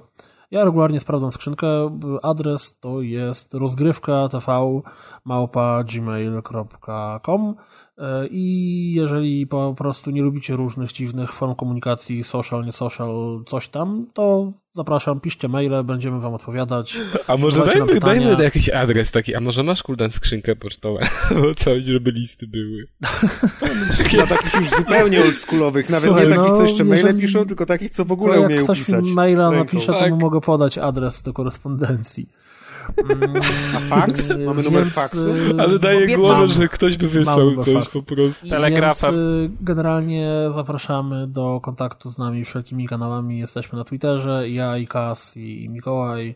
Jesteśmy na Facebooku, właściwie jesteśmy wszędzie, gdzie się da i bardzo przyjemnie nam, co się dzieje regularnie, mm, e, dostawać jakieś e, informacje od Was zwrotne, co Wam się podoba, co się Wam nie podoba i tak dalej i tam podobne. Oprócz tego, jak wiecie, w magazynie Gamer można znaleźć naszą reklamówkę. Deusz y, wchodzi na wyżyny mm, Abstrakcyjnego myślenia. Abstrakcyjnego myślenia, abstrakcyjnego humoru. E, I chociażby z tego powodu zainstalujecie sobie apkę i ściągnijcie numer, a jak już to zrobicie i zobaczycie, znajdziecie naszą reklamę, to mm, oprócz tego e, zajrzyjcie do artykułów, które tam są, bo jak zawsze w Gamerze można znaleźć dużo nowych treści. W momencie, w którym nasz odcinek będzie się pojawiał, będzie świeżutki numer. Nie będę, nie mogę polecić konkretnych artykułów z niego, no bo jeszcze go nie mam szans przeczytać, ale na pewno mm, przynajmniej kilka tekstów, które tam się znajdą, będą dla Was interesujące, więc serdecznie polecamy również Gamera. Eee, Coś chcecie dodać do moich długiej wypowiedzi reklamowej i tego, jak to się z nami kontaktować i co robić? Nie ma nas na Asku okej. jeszcze, ani na Spotify. Czyli tak, www.rozgrywkapodcast.pl E, rozgrywka TV czy też TV na YouTubie i rozgrywka TV czy też TV, jak go czytał, czyli rozgrywka TV. znaczy małpa gmail.com. Zapraszamy do kontaktów wszelkimi drogami, bo jak ktoś mi na fejsie nagle nieznajoma osoba mi pisze, że słucha audycji i to jest mega fajne i tam to czy tam to się obśmiał, to jest naprawdę mega, mm, że tak powiem, zachęcające do naszego działania. Zrobiliśmy sobie długą przerwę noworoczną. Stymulujące. Stymulujące do działania, ale już w, w nowy rok wchodzimy z, z, z, z pierdolnięciem e, i będzie się działo. A jak wam w pracy Teraz. Y, Facebooka blokują, to torem możecie się łączyć. Tak, tutaj Marcin... A, a czasami Marcin, Ironmanem. Marcin może to e, tutoriala zrobić, w jaki sposób nie za pomocą Tora. tutoriala. Rozgrywka Guerrilla Style. Ściągasz, uruchamiasz, grasz. Wiesz, jedną ręką włączasz Facebooka, a drugą ręką przez Tora kupujesz narkotyki, lewe paszporty, bułgarskie. Dron ci nie przywozi, nie? Przez Mickey D approved. Mm, teraz jeśli chodzi o nasz klasyczny kącik pozdrowień, mm, to są trzy pozdrowienia ultra specjalne. Po pierwsze, serdecznie pozdrawiamy, to będzie w kolejności czasowej do rzeczywistości, jak to się działo. Po pierwsze, pozdrawiamy bardzo serdecznie Tomasza Czerskiego, który przysłał, że tak powiem, redakcji rozgrywki e, planszówki. E, dokładnie. O. Pirates Cove. Ale czy, i... czy redakcja rozgrywki to jest tylko cooldown? Właśnie, gdzie, nie, gdzie nie ja mogę to pograć? Przy, przyszły u mnie. Nie, to nie tylko cooldown. redakcja przyszły, rozgrywki przyszły, przyszły dwie do dwóch różnych osób. Daleko mam do redakcji. E, mam redakcję w cooldownkowie. No, wiadomo, a gdzie się Wigilii odbywa? E, jak tylko będę mógł solidnie ograć, to na pewno na, w dziale kulturki recenzja się znajdzie bo mega dawno nie było żadnej planszówki. Więc e, serdecznie Tomaszu pozdrawiamy i Jakbyście coś mieli na Wii U takiego do... Nie możecie dekru kupić. Dziękujemy za, tak. E, za dużo fajnych komentarzy, które tam e, wrzucasz nam na temat audycji. Miło zawsze usłyszeć, jak to obudziłeś żonę śmiejąc się w środku nocy z, z audycji.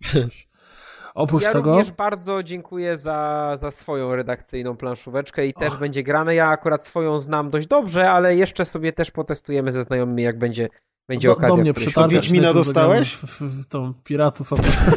A to by była ironia. To było dobre. Mm, oprócz tego serdecznie bardzo pozdrawiamy Bartłomieja Barskiego, który zaproponował mm, Mikołajowi, że podeślę mu dysk do Xboxa 360, kiedy Mikołaj był w potrzebie. Mm. Też również serdecznie pozdrawiamy. Oprócz tego również serdecznie pozdrawiamy Krzyśka Talajczyka, który na grupę wrzucił zdjęcia swojego potomka.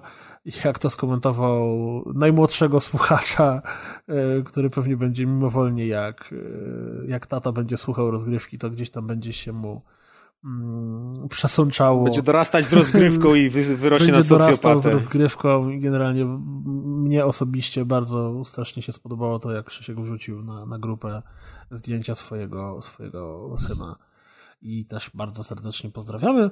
No a teraz przechodzimy do klasycznego działu pozdrowień, e, zapisanych jak zawsze pod postem pozdrowieniowym na fanpage'u i pod postem na grupie. Oczywiście też zachęcamy do lajkowania fanpage'u, bo wiadomo, że e, wirtualne kutasy nam rosną i w ogóle będziemy przepotężni. Tomasz Daniel pozdrawia wszystkich, y, którzy, jeśli tacy istnieją generalnie, którzy przesłuchali odcinek świąteczny za jednym razem bez przerwy. Pozdrawia również wszystkich, którzy wzięli udział w tym odcinku. Y, on posłuchał na raty, no bo wiadomo, 8 godzin podcastu, szacun.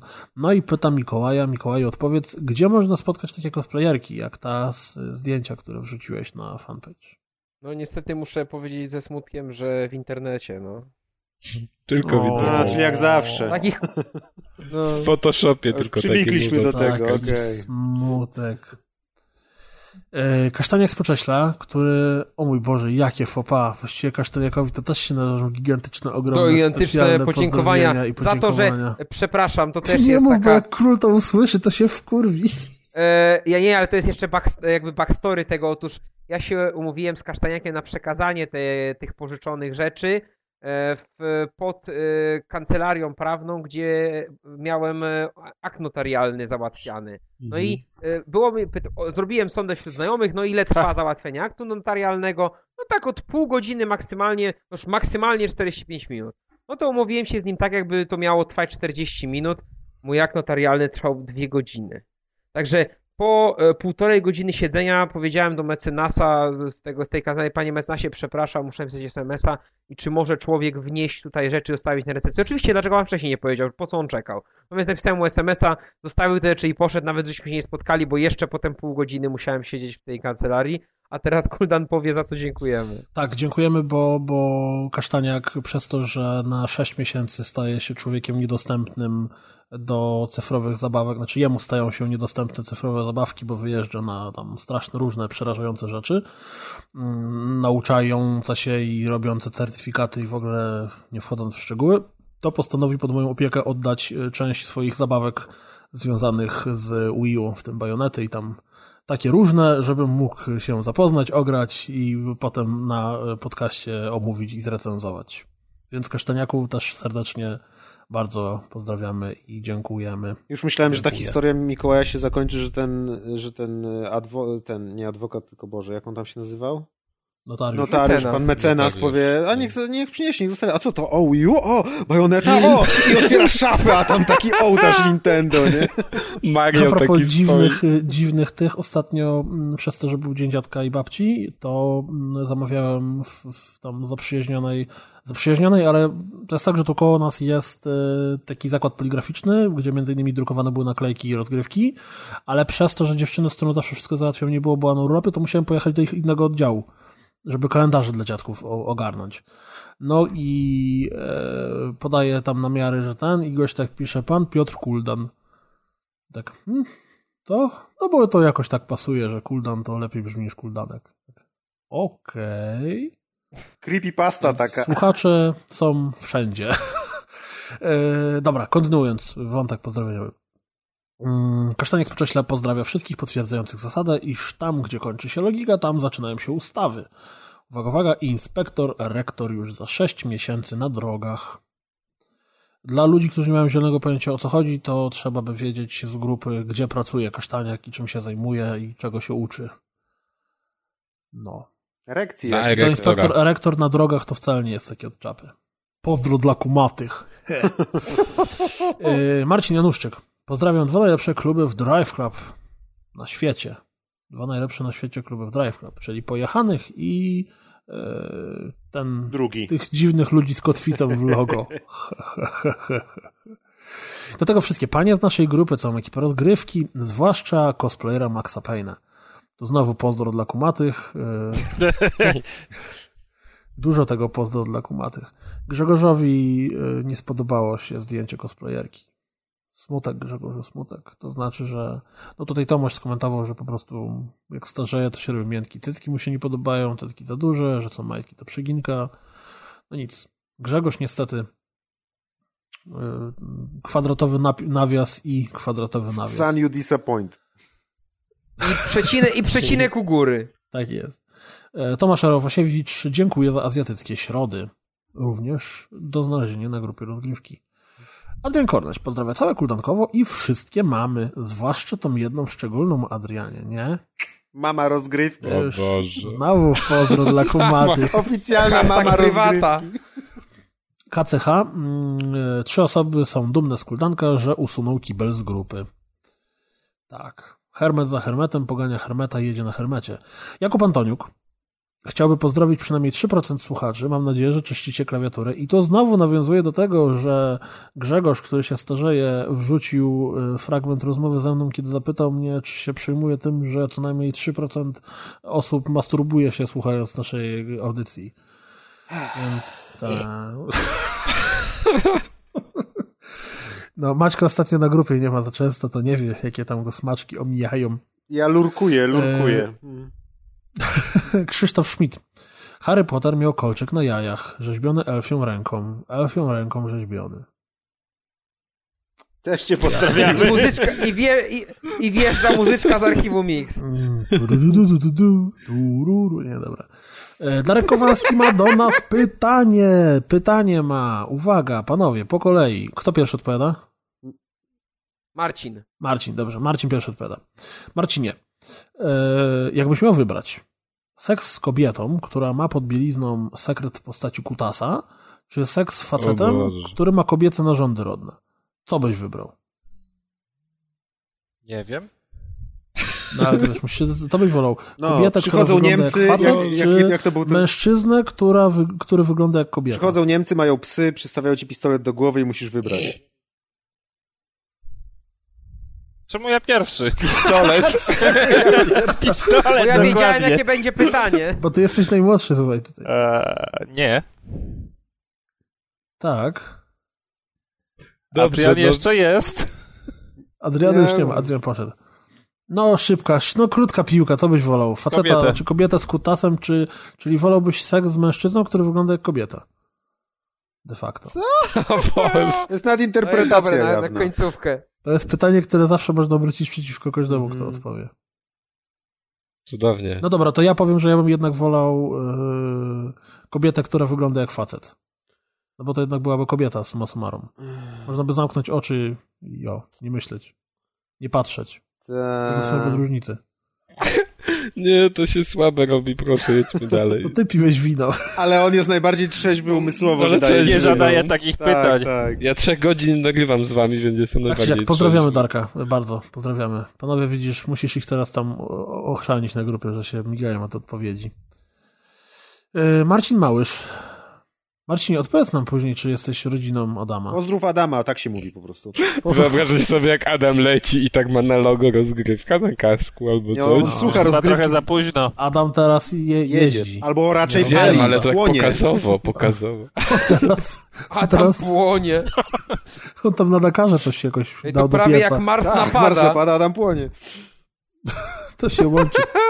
Marcin Małysz pozdrawia całą ekipę rozgrywki, Formogatki, Input Laga, Fantasmagierii i cały światek podcastów Ale w to w ogóle nie było śmieszne, bo jestem, Patrzcie, zapomniał o... jestem pewien, że Marcin jest biedny, bo te żarty o Małyszu to pewnie już od małego słyszy. A może nie od małego, ale od 10 lat.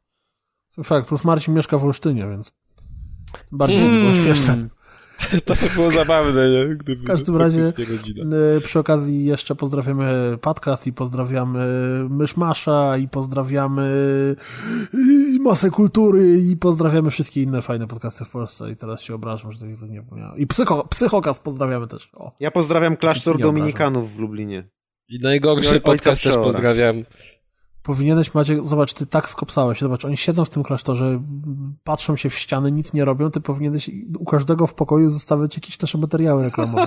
Wiesz, wydrukowane, print screeny z grupy wydrukowane z tymi laskami gołymi wszystkimi, tam wszędzie podkreślone słowo rozgrywka, podcast, rozgrywka, podcast.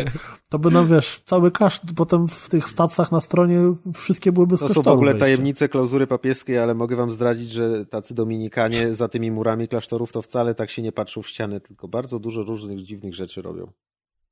Grają na I nie mogę nic więcej powiedzieć, bo musiałbym was zabić wszystkich. To miałbyś dużo osób do zabijania No. na świecie, którzy by słuchali Trochę tak. podcastu. A Maciek tak, I will find you and I Tak, will tak, znajdę you. wszystkich tych 16 tysięcy słuchaczy, którzy nas słuchają i bym ich I zabił. wszystkich na literę N. Matki, babki, Tak, prababki. Na literę M jak. Mindjack. Gdzie ostatnio Wilk, y, ten co komiks, znaczy on się nie, Wilk to jest postać, a ja niestety zawsze zapominam jak się nazywa autor. Maciek, ty na pewno Nie wilk, tylko wilku. I to są Wilku, bracia tak. Minkiewicz. Bracia Minkiewicz tak dają do pieca swoimi komiksami. Było to, co zrobili z... y, Górnikami. Opowiem, z górnikami to jest mistrzostwo świata. Po prostu naprawdę, jeżeli tego nie znajdziecie. A, a zakończę, widzieliście to, czy nie? Tak, Czy wszyscy tak. widzieli, czy nie? Tak, tak. Ja nie Naprawdę. widziałem, więc... Nie widziałeś? Ja też nie To sobie znajdź. Bo to jest jeszcze epilog pod tytułem jeszcze Grubasowi zrobili loda na widzę. Naprawdę. Podobało ci się, co? Mm, Nie ma. Dobre, dobre. Jedźmy dalej. Trafne. dalej. Mm, Norbert e, Albrecht. Pozdrawia całą ekipę rozgrywki oraz króla. A propos podcastów, które pozdrawiamy, pozdrawiamy też e, bezimiennych, w którym wystąpił nasz człowiek ostatnio, Rafał. Nasi ludzie. w obcych którego podcastach. nazwisko boję się wymienić, bo... Powiedz to, powiedz, no powiedz. Przekręć jego nazwisko po Nasza raz ulica. 749. Radomyski. Uuu, ktoś tu zakuwał ostro. Full pro. Całą noc się uczyłem. Eee, Jakub Weber pozdrawia AliExpress i całe Chiny. Okej. E, Najlepsze jest to, jak pojawiają się takie hermety w tych pozdrowieniach, że nawet my nie wiemy o co chodzi.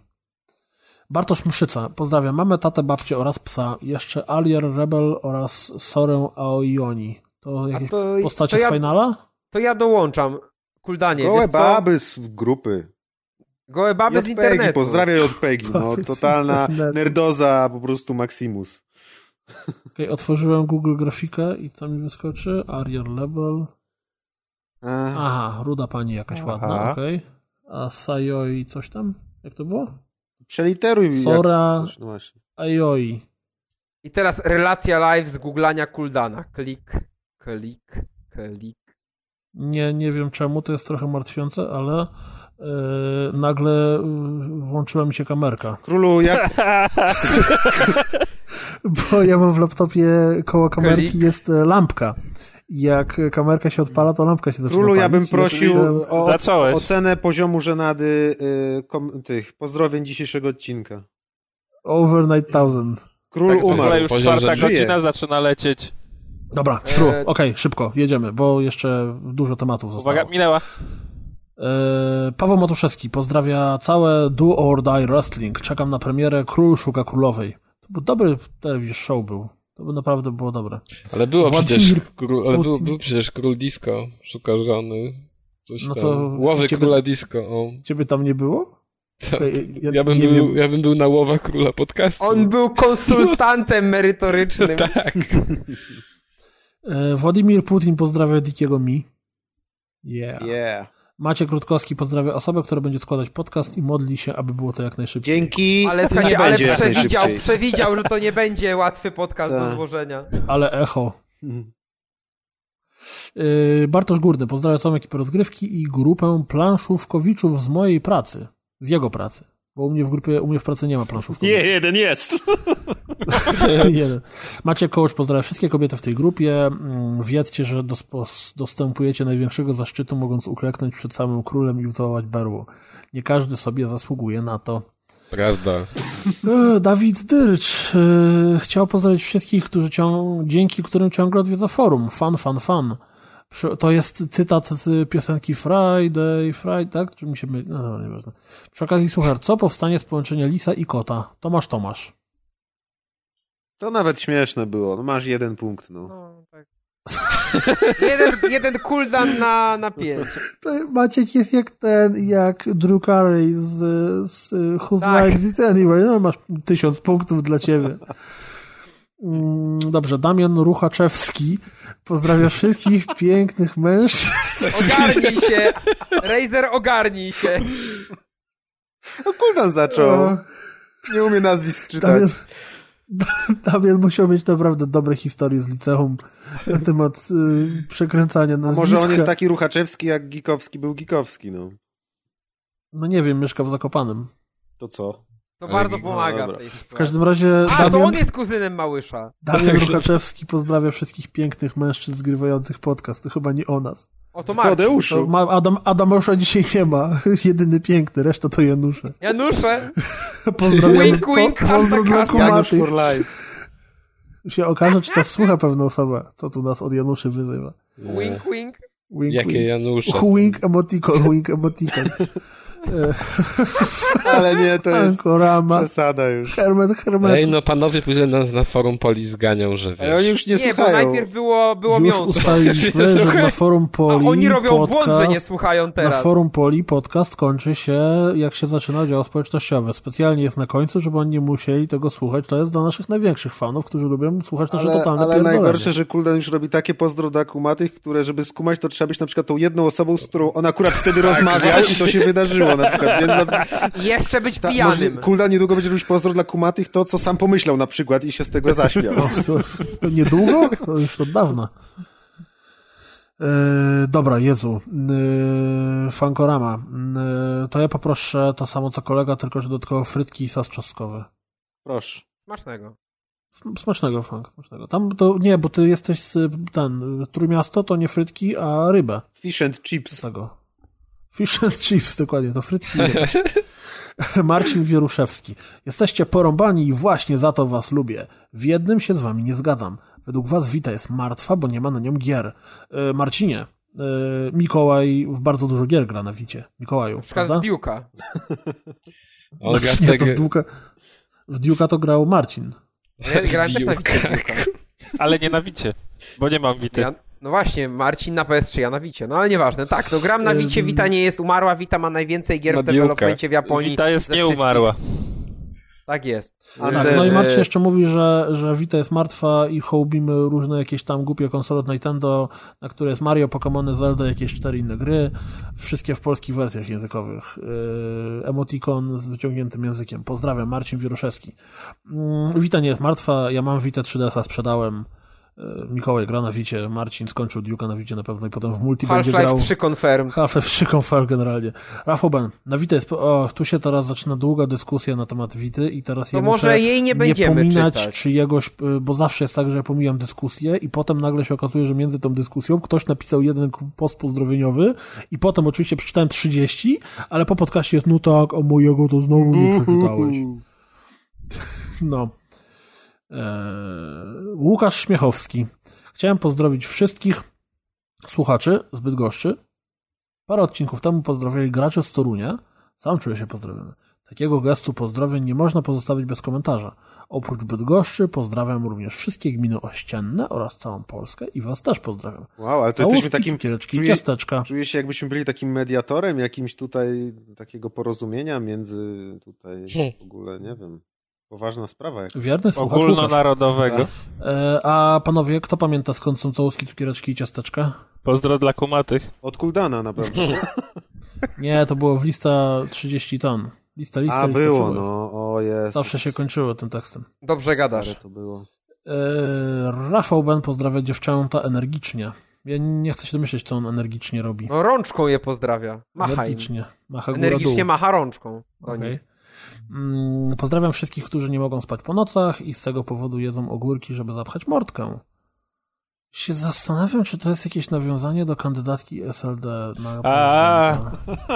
O kurde, ale... ogórek. Uuu, e, e. Hashtag śledczy Tak. Kuldan. Głębokie. Śledczy Kuldan to ostatnio był w innej sprawie. Eee, Pozdro dla kumatych, nie zapomnijmy. Marcin Pielach pozdrawia Sony i przesła wielkiego, czarnego, soczystego, żylastego. No i pozdrawia oszołomy z grupy. A Malwina Pacek pozdrawia wszystkich fanów pierogów.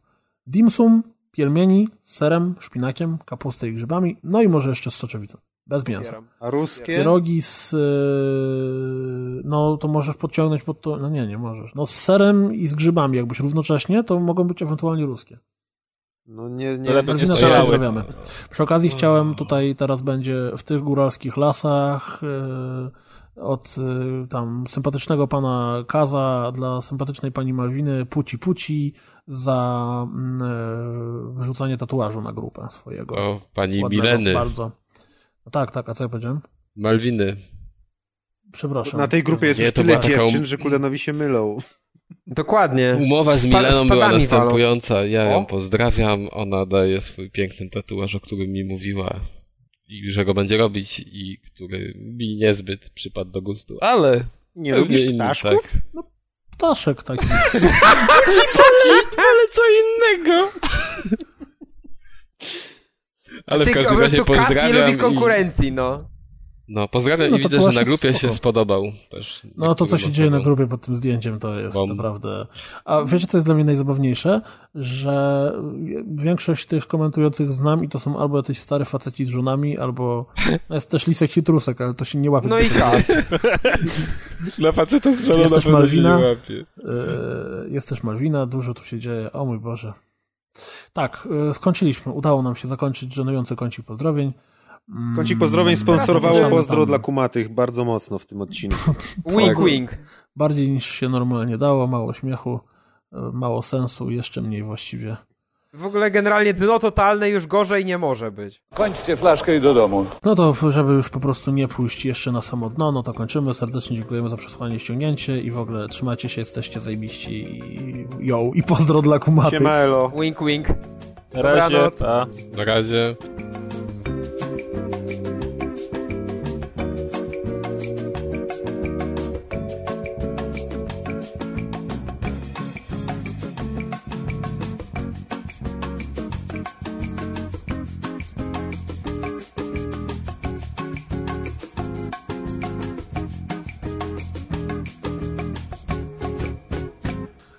Teraz A, Mikołaj, chuj tak tam, już, opowiem wam o tym Wiedźminie.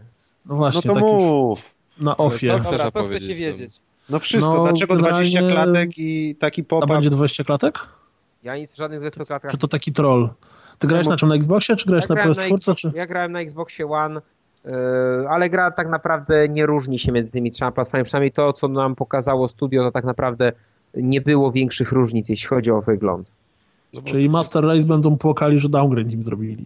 No. Znaczy, Nie, jeżeli, wydaje jeżeli się- powtórzy się historia z Wiedźmina drugiego, to pewnie będzie w opcjach graficznych możliwość ustawienia takiej opcji, że karty graficzne płoną i zaczynają dymieć. E, Wydaje mi się, że PC po prostu był dobrany ze średniej półki, właśnie po to, żeby ta gra wyglądała bardzo podobnie. Aha.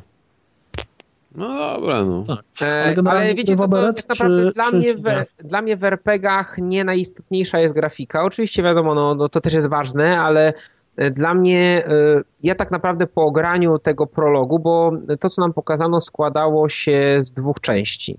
Najpierw graliśmy prolog e, do gry i to był kompletny, gotowy prolog, e, a następnie można było przenieść się na wyspę Skellige, czyli na taki klimat trochę jak Żelazne Wyspy z... Dobrze pamiętam, one się nazywają Żelazne w Tak, Grze o tak. Tak. No to trochę podobny klimat, czyli też takie ala nordyckie, też tacy twardzi ludzie, też ludzie, którzy raczej skorzy do bójki, a dopiero potem do rozmowy właściwie o co się biją i tak dalej. I tam też był bardzo fajny fragment, ale najpierw o prologu. E, Prolog super jest zawiązana akcja, to znaczy e, gra zaczyna się, e, tutorial w grze, nie, nie będę wam zdradzał fabuły, broń Boże, ale tutorial w grze jest e, bardzo fajnie wpleciony we wprowadzenie do rozgrywki i jednocześnie e, tutorial już zawiera pierwszy, pierwsze takie całkiem fajne twiścik fabularny i takie mały cios w zęby, że tak powiem. Także to też jest, to też jest klasa, y, co się dzieje pod koniec, y, pod koniec y, tutorialu. Y, Dalej w prologu już mamy namiastkę tego otwartego świata, mamy ileś różnych zadań pobocznych jeden główny quest, który jest bardzo ciekawy. Y, Znowu, no jakby siłą dla mnie Wiedźmina dwójki, bo w pierwszego prawie nie grałem. Wiedźmina dwójki były questy, były, byli ciekawi bohaterowie, którzy nam te questy dawali i interesujące wydarzenia i wybory, których musieliśmy dokonywać, których wyniki były często zupełnie różne od tego, co byśmy się spodziewali i często wybór, który wydawało nam się, że będzie wyborem pozytywnym, okazywał się nie do końca pozytywnym albo pozytywnym dla zupełnie innych ludzi niż myśleliśmy. Także tutaj znowu mamy z tą taką e, trudnością do oceny moralnej i nie z, ta, e, nie z takimi wyborami typu Infamous, tylko z wyborami typu e, najlepsze momenty Mass Effecta, także to jest fajne. E, Dla mnie super jest system walki, bo jest takim kreatywnym rozwinięciem systemu walki z dwójki. Mi się system walki z dwójki bardzo podoba. Mnie nawet to turlanie, z którego ludzie się śmieli, się podobało, także ja tu może nie jestem obiektywny, ale teraz nie ma turlania, jest to te uniki trochę inaczej rozwinięte, czy pokazane, ale też trzeba e, trzeba być bardzo dobrze, że tak powiem, timing mieć dobrze opracowany i Czekaj, a, a powiedz mi jedną rzecz na, już na wejściu, bo Mhm. w dwójce było strasznie dużo głosów krytycznych na temat tutorialu, znaczy nie wiem, czy prologu, czy jego zwał, tak go zwał, że właśnie tam nie było tutoriala, że, że gra się zaczynała i nagle pojawiły się walki i ty generalnie nie miałeś pojęcia co robić i dawałeś ciała. Nie, tu jest dobrze pod tym względem. Tu jest fajnie i pod względem fabularnym, i pod względem mechanicznym jest pokazane, co masz robić, dlaczego masz to robić, kim jesteś i tak dalej. Także tu Jak prolog jest... bardzo fabularnie to jest w prologu związane z poprzednią częścią? Wiesz co, znaczy... Yy... Jakbym usiadł do tej gry i to był pierwsza gra z serii, w którą gram i bym nie znał książek, to myślę, że podstawowe zawiązanie bym zrozumiał, w sensie co się, co się dzieje. Oczywiście wiadomo, że jest mi dużo łatwiej, bo czytałem wszystkie możliwe książki Sapka i grałem w dwójkę i przeczytałem sobie cały scenariusz jedynki, w związku z czym jakby zanim usiadłem do dwójki wtedy na Xboxie po premierze. Także to na pewno mi jest łatwiej, ale myślę, że jest to zrobione w ten sposób, żeby, no oczywiście na przykład nowy gracz nie zrozumie, dlaczego e, cały prolog właściwie, cały prolog masz wrażenie, że coś jest nie tak. Jak wiesz o co chodzi w sadze, tak? I wiesz o co chodzi w dwójce, grze. I cały czas wrażenie, że coś jest nie tak i potem właśnie dostajesz w zęby i już wiesz co jest nie tak. A ktoś, kto e, nie będzie znał tego materiału źródłowego, no to ten tego nie doceni tego, tego detalu, ale z drugiej strony będzie miał spoko prolog, który go wprowadzi bohaterów realia, a jednocześnie pokaże mu, jak ma eksplorować i jak ma walczyć. Także a w ogóle e, część tutorialową prologu można ominąć. E, prawie całą część tutorialową można ominąć, po prostu można w jednym dialogu powiedzieć, że nie, nie, nie chcę, chcę iść na skróty i nie musimy tego robić. Potwierdzasz potem wybór i możesz tego nie robić. Także jak ktoś nie ma ochoty robić tutoriala eksploracji, bo uważa, że ma to w małym palcu albo wystarczą mu potem samou, jakieś tam samouczki, które są w grze do przeczytania, nie musi tego robić. Tak to też jest fajne. E, I dla mnie naj, co najważniejsze dla mnie było w tym buildzie, który ogrywałem, to było to, że e, ja czułem cały czas ten zew przygody, tak?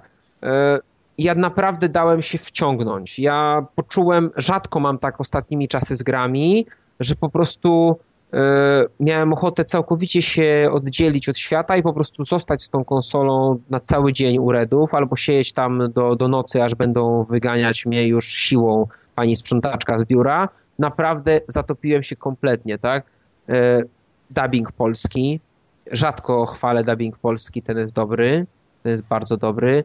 Rozenek znowu e, jako Geralt, no bo ten głos jest tak charakterystyczny, że można od razu go rozpoznać jest super. Jest dalej świetny. Już wiem, że będę miał z tym problem. A nie podobał Ci się Rozenek w dwójce? Nie to. Ja Rozenka bardzo dużo książek słuchałem. I on ma tak charakterystyczny głos, że jak przesłuchałem już całą sagę mm, y, tego pana Lodowego Ogrodu, a teraz słucham chłopców, to po prostu bardzo dobrze znam jego głos i no tak. nijak nie będzie mi pasował do postaci. Ale on trochę inaczej gra Geralta niż gra inne postaci, wiesz? On y, nawet inaczej gra Geralta niż gra Konana w audiokomiksach, także tu jest, jest nadzieja, że on troszeczkę inaczej tą fazę, że tak powiem, nastawia. No ale wyobrażam sobie, bo ja tak miałem przecież e, z tym, e, ja tak miałem z, z kolem z Winfilmusa, tak? Że no, słyszałem ja reklamę gładzi szpachlowej, no. Akurat nie e, słyszałem gładzi szpachlowej, ale też tak miałem. No, ale, ale także to, to było to.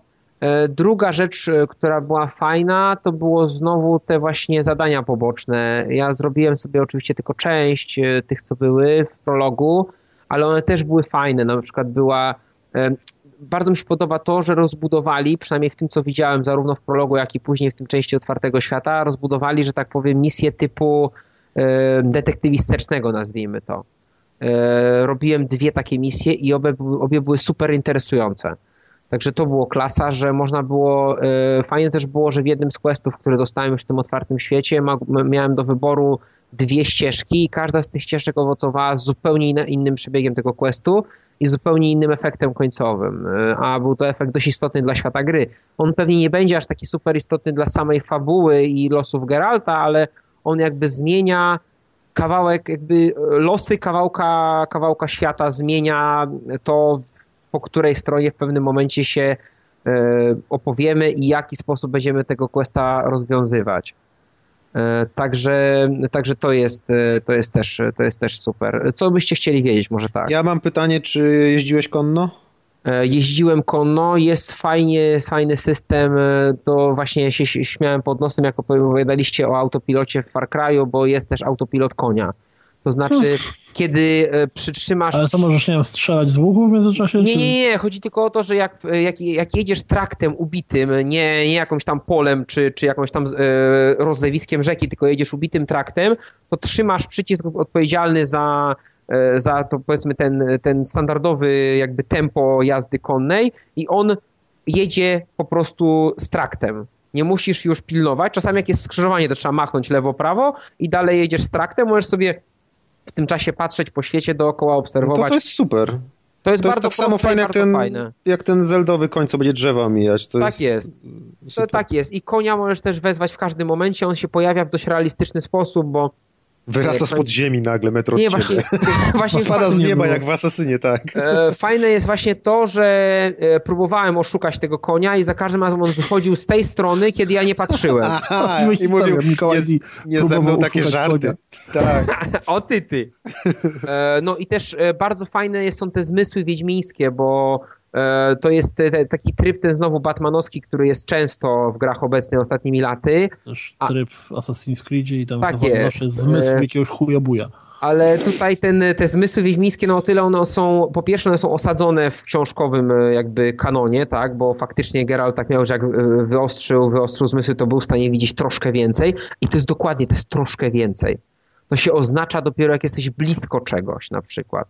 To nie jest tak, że włączysz, masz jak Batman tam rentgen trzy, poko- trzy pomieszczenia dalej, tylko w najbliższej okolicy podświetlają ci się jakieś elementy, a, co, a wszystko nie robi się czarne, tylko wszystko się robi lekko rozmyte. Taki efekt trochę dookoła jest jakbyś e, powiedzmy był lekko wstawiony. Tak? To, tak jest ta, to jest coś takiego jak tam było na którymś tam gameplayu, co on e, wilkołaka śledził. Śledził te, te tropy, tak jest i to mhm. bardzo fajnie działa i to jakby nie upraszcza tak bardzo, w związku z czym nie jest tak, że ci pokaże jakiś przedmiot, który musisz użyć w następnej sali, tylko po prostu jak śledzisz na przykład tropy, no to tropy pod twoimi nogami się podświetlą i kawałek dalej do mhm. przodu, w którą kierunku masz iść. Także to jest fajnie zrobione. A e... powiedz mi, bo generalnie jak weźmiemy sobie dowolny sandbox, e, mhm. czy, czy, czy ten fragment na tych wyspach, on nazwałbyś go faktycznie takim typowo sandboxowym? Znaczy masz mocno otwarty świat, w którym są jakieś tam, nie wiem, dodatkowe questy niezwiązane z linią fabuły i tak dalej, czy...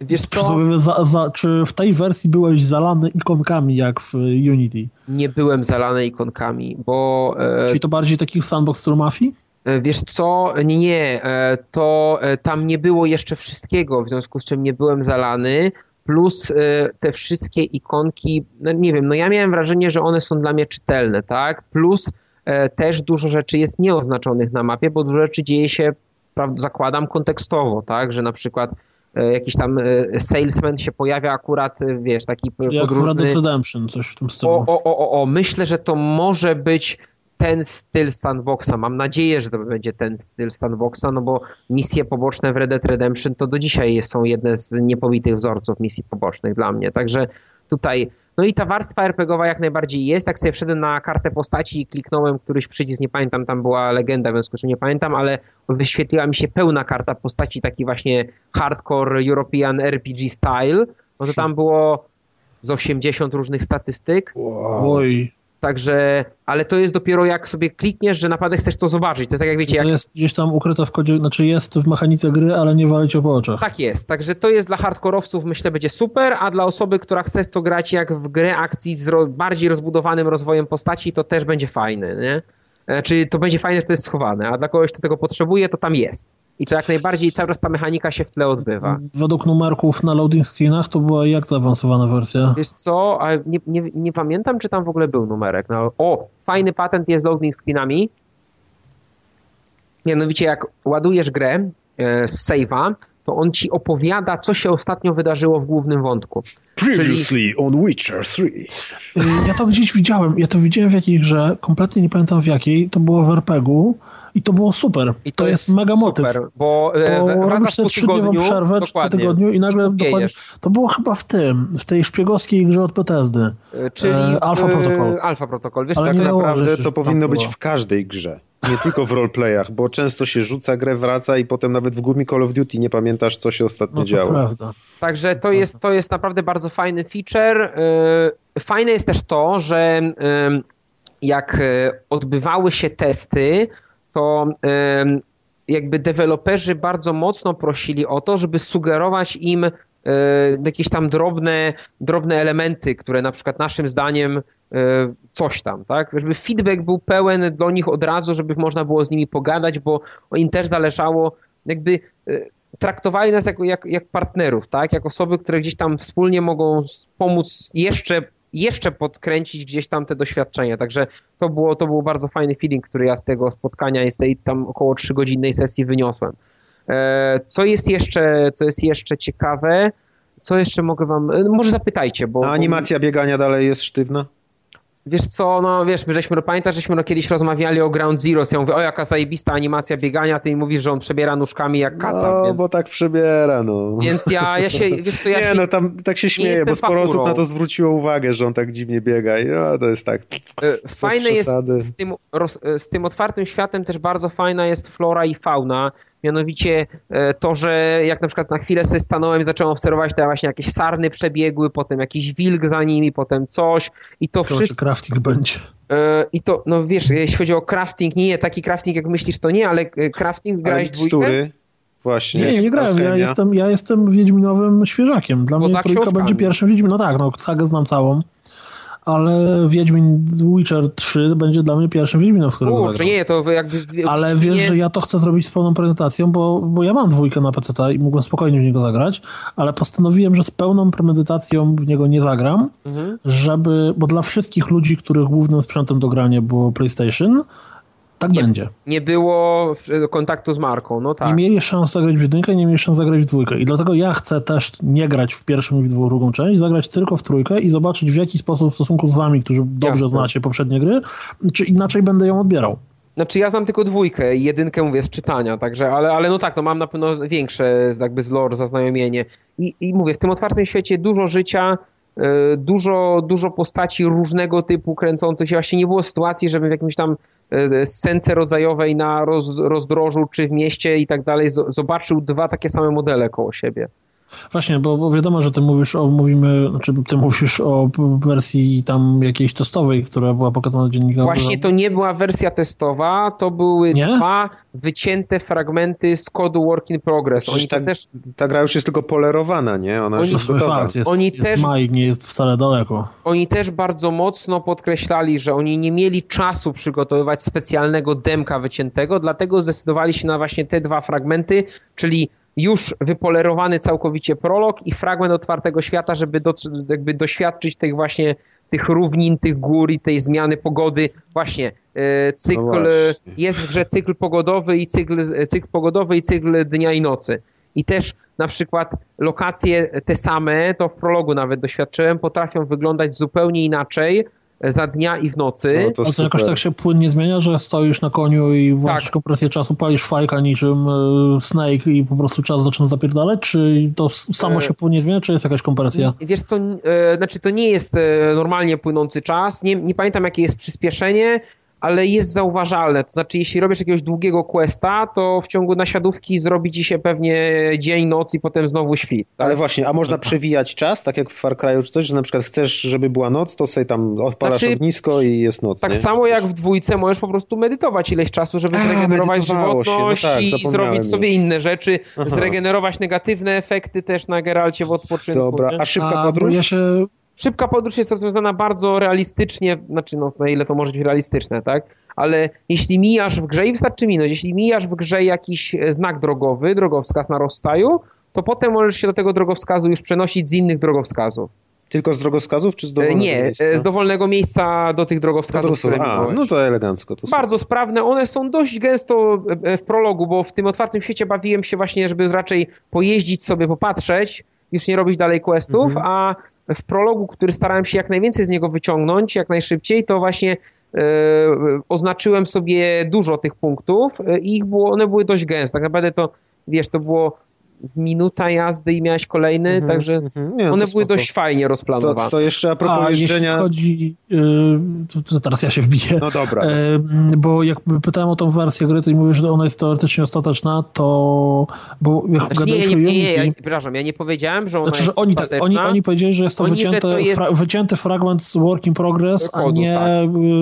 y, zrobiony pod pokaz. Tak jest. To jak rozmawialiśmy o Unity, to właśnie Maciek mówił, że ogromne wrażenie robiły zaludnienie w miastach i, i Arek.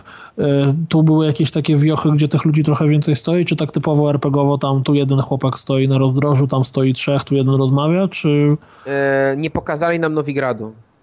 Okej, czyli tylko wiochy były, więc... E, Były, nie było szans, jedno, żeby- była jedna fajna forteca i była jedna scena w tej fortecy na Skellige, nie chcę zdradzać, bo to bardzo fajny quest, e, gdzie była wielka scena masowa, gdzie było bardzo dużo postaci i dużo postaci się przemieszczało, ale wydaje mi się, że to była wyreżyserowana scena. Ale nie, było... Nie interaktywna taka, tak? E, ona była interaktywna, ale ruchy tych postaci były zaprogramowane, one tańczyły, one, to było zrobione, żeby to był jakby, żeby to był piękny pokaz właśnie, ale i tam było dużo tych postaci, ale one się nie ruszały w real time, tylko one miały zaplanowane konkretne jakby ruchy, mi się wydaje. Co nie zmienia faktu, że było ich tam ze 40 i tam trwała uczta i, i było dużo szczegółów i dużo rzeczy się działo na tej scenie. Tylko to była scena, w której ja szedłem Geraltem przez y, salę i po prostu z wejścia do wyjścia, żeby pójść gdzieś dalej. Także to nie mhm. była scenka mhm. przerywnikowa. Czyli to było coś w stylu y, teatru w Asasynie tam czwartym. O, o, o, o, o, o, o, o, o, coś, trochę tak, albo jak, jak scena, a ty nie grałeś, ale jak scena na początku Unity Maciek kojarzy, jak było głosowanie w, w tych stanach generalnych, na samym początku Unity. No, było tak. dużo. Mhm, tak, tak, on tak, się, tak, tak on tak, przechodził tylko tutaj w Wiedźminie nie było klonów, bo każda postać była mhm. inna, bo to Siedzieli było dla i słuchali tylko. No. A nie, to tu właśnie oni dużo robili, ale też byli wyreżyserowani. No nie? tak, tak, tak.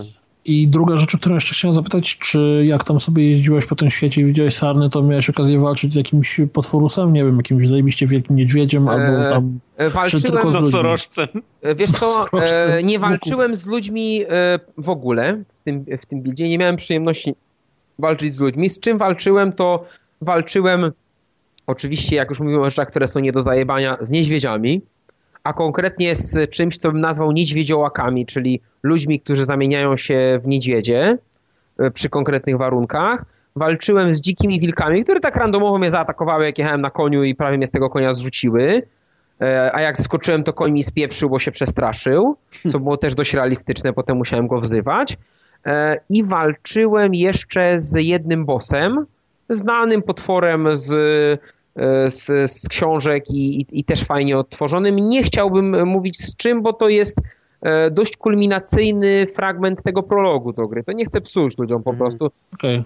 Ale, ale, ale ta walka, ta walka właśnie z tym przeciwnikiem, który był bardzo mobilny, wymagała skorzystania z tej kuszy, tej małej kuszy, którą ma Wiedźmin. E, system celowania i jakby strzelania z kuszy jest dość intuicyjny, także to szybko e, jest do, do tego schematu sterowania dawnego, szybko to dołącza i to wchodzi w krew po kilku, po kilku oddanych strzałach.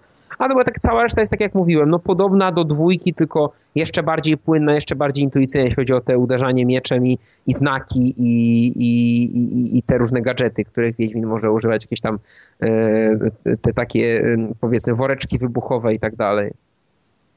A jak mówiłeś o tej pogodzie, że, mhm. że są różne jakby stany pogodowe i że wpływają na to, jak lokacje wyglądają, tak. to to są co? Na przykład deszcze, mgły, o takie jakieś... E, ja widziałem deszcz, e, widziałem e, na Skellige chyba padał śnieg z deszczem i widziałem też oczywiście no, piękne słoneczko, tak, tą letnią taką pogodę w prologu, bo prolog się dzieje w takim jak na klimat wojenny, bo przecież e, w Wiedźminie III trwa wojna między Królestwami Północy i, i Nilfgaardem.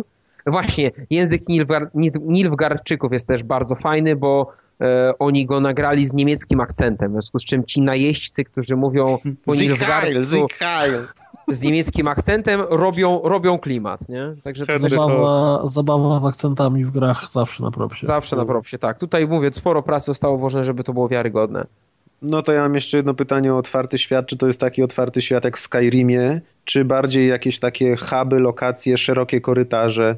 E, nie mogę się na razie wypowiedzieć. To, co widziałem, było dużą lokacją, gdzie dotar dotarłem do jednej granicy, która była e, morzem, a z drugiej była góra, a potem już dalej nie dotarłem, bo zacząłem oglądać inne rzeczy, w związku z czym dalej już nie zwiedzałem. Mhm. E, ale z tego, co żeśmy rozmawiali, to cała mapa, która była w grze, bo była pełna mapa, to jest mhm. właśnie jeden otwarty świat, gdzie ładowania Tam są było jakieś popierdalanie mhm. łódką y, na trailerach. Mhm. No było. Geralt wsiada i sobie pływa, więc jak mówisz, że to byłeś na wyspach, to pewnie... No byłem na Skellige, bo na, Ske, na Skellige jakby jest jeden z tropów w głównym wątku, który Geralt musi zbadać, ale ja, tego, ja tam głównego, jakby główny quest miałem wyłączony wtedy. Mogłem się bawić tylko tymi rzeczami, które tam były do, ale ja na tych, w tym otwartym świecie byłem krótko, ja byłem e, z tych trzech godzin może pół godziny tam, bo ja chciałem zrobić ten prolog. Chciałem wiedzieć, jak się kończy prolog. Znaczy ja, mi się włączył, to może było niekoniecznie profesjonalnie najlepsze, ale mi się po prostu włączył taki syndrom gracza, który po prostu chce poznać jak najwięcej z tego wie, wie, Wiedźmina trzeciego, w związku z czym ja po prostu chciałem przejść cały prolog. I hmm. dopiero jak przy ten cały prolog, no to gość mi powiedział, że no teraz przenosimy się, bo skończyłeś prolog, a dalej, dalej na razie nie pokazujemy. Także ja już wiem, jak się kończy prolog. No i generalnie tak. Tak jak do tej pory, jeśli chodziło o Wiedźmina, to byłem. No, wyjdzie, to zagram. O to teraz przez to wszystko, co opowiadasz, się zrobiłem trochę najarany. Uwierz mi, ja też wychodząc od Redów, yy, byłem tak, kurde, wow, jest, jest wow, nie? Jest naprawdę, jest, jest dobrze, jest bardzo dobrze. E, I tak jak e, gdzieś tam, wiesz, na Twitterku sam widziałeś, niektórzy ludzie tam Mielu chyba narzekał, znaczy tam żarciki jakieś puszczał, że, że czy ta gra w ogóle jest, czy ona żyje, czy ona istnieje. Ta gra żyje, ta gra istnieje, ta gra działa, ta gra jest naprawdę fajna, no, no naprawdę fajna. Jak ona cała będzie tak wypolerowana jak ten prolog, który ograłem i z którego wycisnąłem sporo. Nie wszystko, bo nie zrobiłem wszystkich questów pobocznych, nie zbierałem pierdół i tak dalej no to to będzie naprawdę fajny tytuł RPGowy. No to, to jeśli, jeśli, jeśli w tym roku skończę jednego RPG tylko, to, to będzie ten RPG na pewno. Ja się trochę boję, że mm, bo w różnych okazjach tam wywiadów, nie wywiadów, zapowiedzi bardzo mocno była podkreślane, że o, to będzie gra na 100 godzin tam, czy na 120, czy tam coś tam. Bo będzie. Że przejście fabuły zajmie nam 100 godzin. Nie, nie, no żeby... główna fabuła to mówili chyba, że 40 do 60. No, no właśnie. No, wiesz, 40 do 60 to też jest kosmos. Nie, nie, no to ja wiem. To, to, to jest, dlatego mówię, że jeśli zrobię jednego RPG, to to będzie ten, bo może mi nie starczyć no. czas na więcej RPGów. Ja się troszeczkę właśnie boję tego, o czym ty mówiłeś w przypadku Unity, czy, czy ja mówiłem w przypadku Far Cry'a, że przeładowanie atrakcjami, a każda gra z wiesz, z jednej strony to rozumiem, bo twórcy jak robią sandboxa, to jeżeli zrobią to w stylu mafii, to potem wszyscy napierdalają, że no co to za sandbox, który nie można nic robić, tylko szukać playboyów. Ale z drugiej strony to, co się chuja dzieje właściwie we, no i chuja śmietniku, we wszystkich sandboxach, które teraz wychodzą, bo i w Grand Theft Auto, i właśnie w Far Cry'u, i w Asasynach, gdzie masz nasrane miliony rzeczy do szukania, znajdowania, znajdźki, pudełka, gazety, listy, listy, koperty, zdjęcia, minimisje i tak dalej, to też jest dla mnie przesada. Jasne, ja że po prostu możesz tego nie robić e, grając, nie? Maćku, Ale... właśnie. Maćku, czy w dwójce były jakieś znajdźki takie sensu stricte?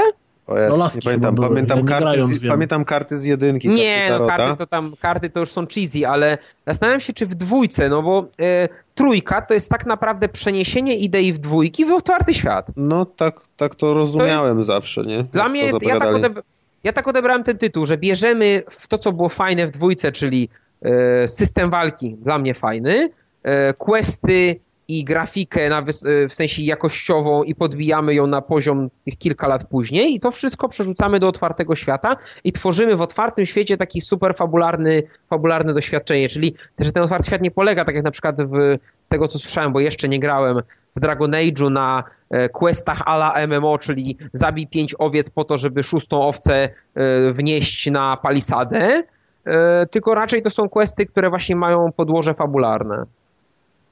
I mam nadzieję, że po prostu tak będzie dużo questów fabularnych, prostszych i dłuższych, które będą wymagały nawet przejechania połowy mapy, ale będą wymagały przejechania połowy mapy po to, żeby na końcu była jakaś wypasiona walka albo jakaś Y, intryga y, mhm. polityczna. Także a, tego. A zwróciłeś uwagę na warstwę dźwiękową? Bo ja akurat zazwyczaj w grach nie zwracam uwagi na warstwę dźwiękową, a Wiedźminy to są takie gry, których po prostu i soundtrack uwielbiam i, i te dźwięki też jakoś zwracam na nie uwagę. Powiem ci, pytanie, jak były warunki do, do No właśnie, no właśnie, czy w ogóle dało się? Warunki były komfortowe, bo były spore ekrany, do tego podłączone konsole i pady, a do padów, bo w Xboxie jest tak, że e, no tak podobnie jak w PS4, że trzeba do pada wpinać, znaczy można bezprzewodowo, ale kablowe się wpina na przykład do pada, no to do pada Xboxowego miałem podpięte porządne słuchawki, wydaje mi się, że Sennheisery, takie wytłumiające, czyli z tymi dużymi nausznikami. Hmm.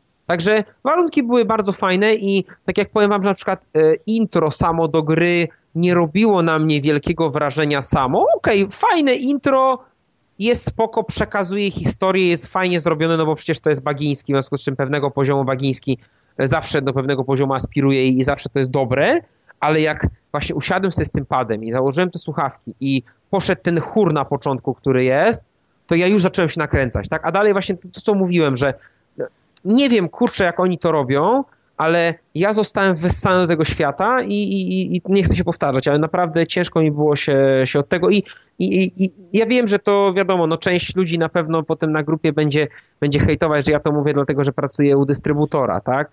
Ale... To jest oczywiste. Ale, e, no właśnie, ale ja te słowa staram się mówić e, szczerze jako, jako fan dwójki, tak? No bo dwójka, no nie miałem interesu w chwaleniu dwójki dwa lata temu, jak ją chwaliłem wszędzie, bo nie miałem nic wspólnego z CDPPL, czy z CD Projektem, czy z Redami, czy z kimkolwiek, a dwójka mi się po prostu super podobała. Dla mnie dwójka to był mój ulubiony RPG poprzedniej generacji. A powiedz mi jeszcze, bo tak mi naszło, mm, to jest straszny problem dla gier fabularnych, które mają e, sequele. No. W Batmanie mm, na przykład przez całe, o którym zresztą też dzisiaj mówiliśmy, w całym Arkham Asylum zbieraliśmy umiejętności. Więc na samym początku Arkham City byłeś już ultra dopakowany. No tak. Wiedźmin jest RPG-iem. Przez pierwszego Wiedźmina i drugiego Wiedźmina się coraz bardziej teoretycznie powinieneś rozwijać, więc jeżeli trójka jest kontynuacją fabularną dwójki, to Wiedźmin na samym początku prologu powinien być mega koksem. Czy jest tam jakiś sprytny myk pod tytułem nagły atak amnezji, tak, wyssanie mocy zabrali przez kryształ, mieczyk, nie pamiętam zabrali jak się mieczek, czy tak dalej, eee... czy gość od początku jest koksem i po prostu przeciwnicy są jeszcze większymi koksami. Tam jest nagły atak spawacza. eee, ale poważnie to... Powiem ci tak, Wiedźmin na początku prologu miał już e, wszystkie swoje znaki wiedźmińskie, no bo trudno, żeby Geralt nie znał znaków. Mhm. E, miał oba miecze, czyli miecz na potwory srebrny i miecz stalowy na ludzi. E, miał ale umiejętności do rozwoju było od groma i ciut ciut. Do Ale oni nie, nie ma jakiegoś wytłumaczenia, którego po prostu Geralt zapomniał, jak się robi poczwórny młonek i chuj. wiesz co, nie zastanawiałem się nad tym, no nie, nie znalazłem takiego nie, no bo, wiesz, no bo, bo, bo, bo, tak naprawdę właśnie w grach to jest, to jest charakterystyczne, że jeżeli zaczyna się gra, to twoja postać musi być, wiesz, żółw go ugryzie i on od tego umiera. Właśnie nie, Geralt nie strony... jest e, żółw go ugryzie, bo Geraltem na pierwszym poziomie, bo nie, nie, nie, nie dobiłem tyle doświadczenia, żeby przed bossem zrobić drugi poziom. Geralta na pierwszym poziomie ubiłem naprawdę konkretnego bossa. Co okay, prawda... po prostu Geralt jest koksem od początku. Geralt jest koksem, ale A świat... może się stać, e, może pójść w stronę e, hardkoru kosmosu, koksu, no.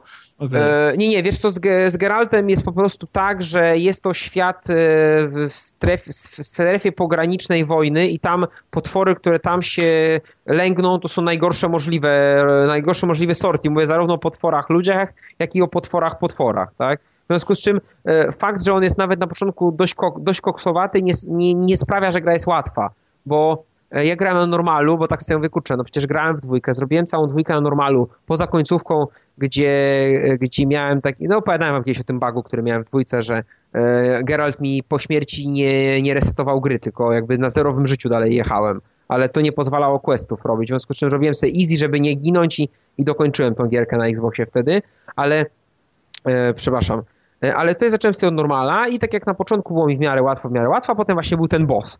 I zaczęły się schody, bo trzeba było myśleć, trzeba było e, szyb, bardzo szybko reagować i mimo tego, że moje ciosy były dość silne, to by mobilność tego bossa, no i oczywiście ilość HP-ów, które miał, no sprawiały, że to, była, że to było trudne wyzwanie i pamiętam, że, e, że nawet deweloper do mnie podszedł, mówi, że może ci pomóc tego. Nie, nie, ja sobie przejdę. No i jeszcze tam dwa, dwie czy trzy próby i wreszcie go zrobiłem i znowu to było, to już dzisiaj raz mówiłem o tym typie emocji, ale to znowu, e, to co przy Tesla Gradzie chyba mówiłem, to było znowu takiego, kurde, jest, udało się, nie? I, I, taki fajny feeling, że udało mi się i zrobiłem to nie jakimś exploitem, tylko faktycznie jakby dopadłem tego gościa w ten sposób, że wreszcie udało mi się mu ten e, zbić życie szybciej niż on mnie, nie? Także był też taki poczucie wyzwania. To też było fajne. I jeszcze jedna rzecz mi przyszła do głowy, jak a propos tych sandboxowości gry. Są NPC, prawda? E, są no, NPC-ów, jest bardzo Możesz dużo. mu zajebać e, mieczem przez web? Kurde, no nie próbowałem. Przepraszam, ja gram w gry tak jak, wiesz co, ja mam e, ten problem, że, że ja gram w gry tak jak, jak, jak ja się tak w miarę normalnie chciałbym zachowywać do ludzi, w związku z czym ja nie napierdalam NPC-ów. Ale za to, jak byłem w obozie Nilfgaardczyków i zacząłem myszkować po e, skrzyniach, to przed koleś powiedział mi, że jesteś gościem naszego ka kapitana, ale to nie znaczy, że masz tam grzebać po rzeczach, nie? O, czyli Gothic e, Represents. I to było, to było fajne. Bo ja oczywiście, to... o, kurde, jest ikonka tej, bo ja sobie włączyłem chwilę wiedźmińskie, o, jest ikonka, że można otworzyć, to pyk, pyk, pyk, pyk, pyk, przed gościem mi zwrócił uwagę, nie? I to, to było fajne. Ja, a propos, jak mówiłeś o tym e, uczuciu zwycięzca, zwycię... Jezu. Stwa. Sukcesu, to się nazywa w ogóle tak profesjonalnie fiero Czyli uczucie to, jak kiedyś czytałem bardzo długi artykuł o Dark Soulsach, które właśnie, że są dwa rodzaje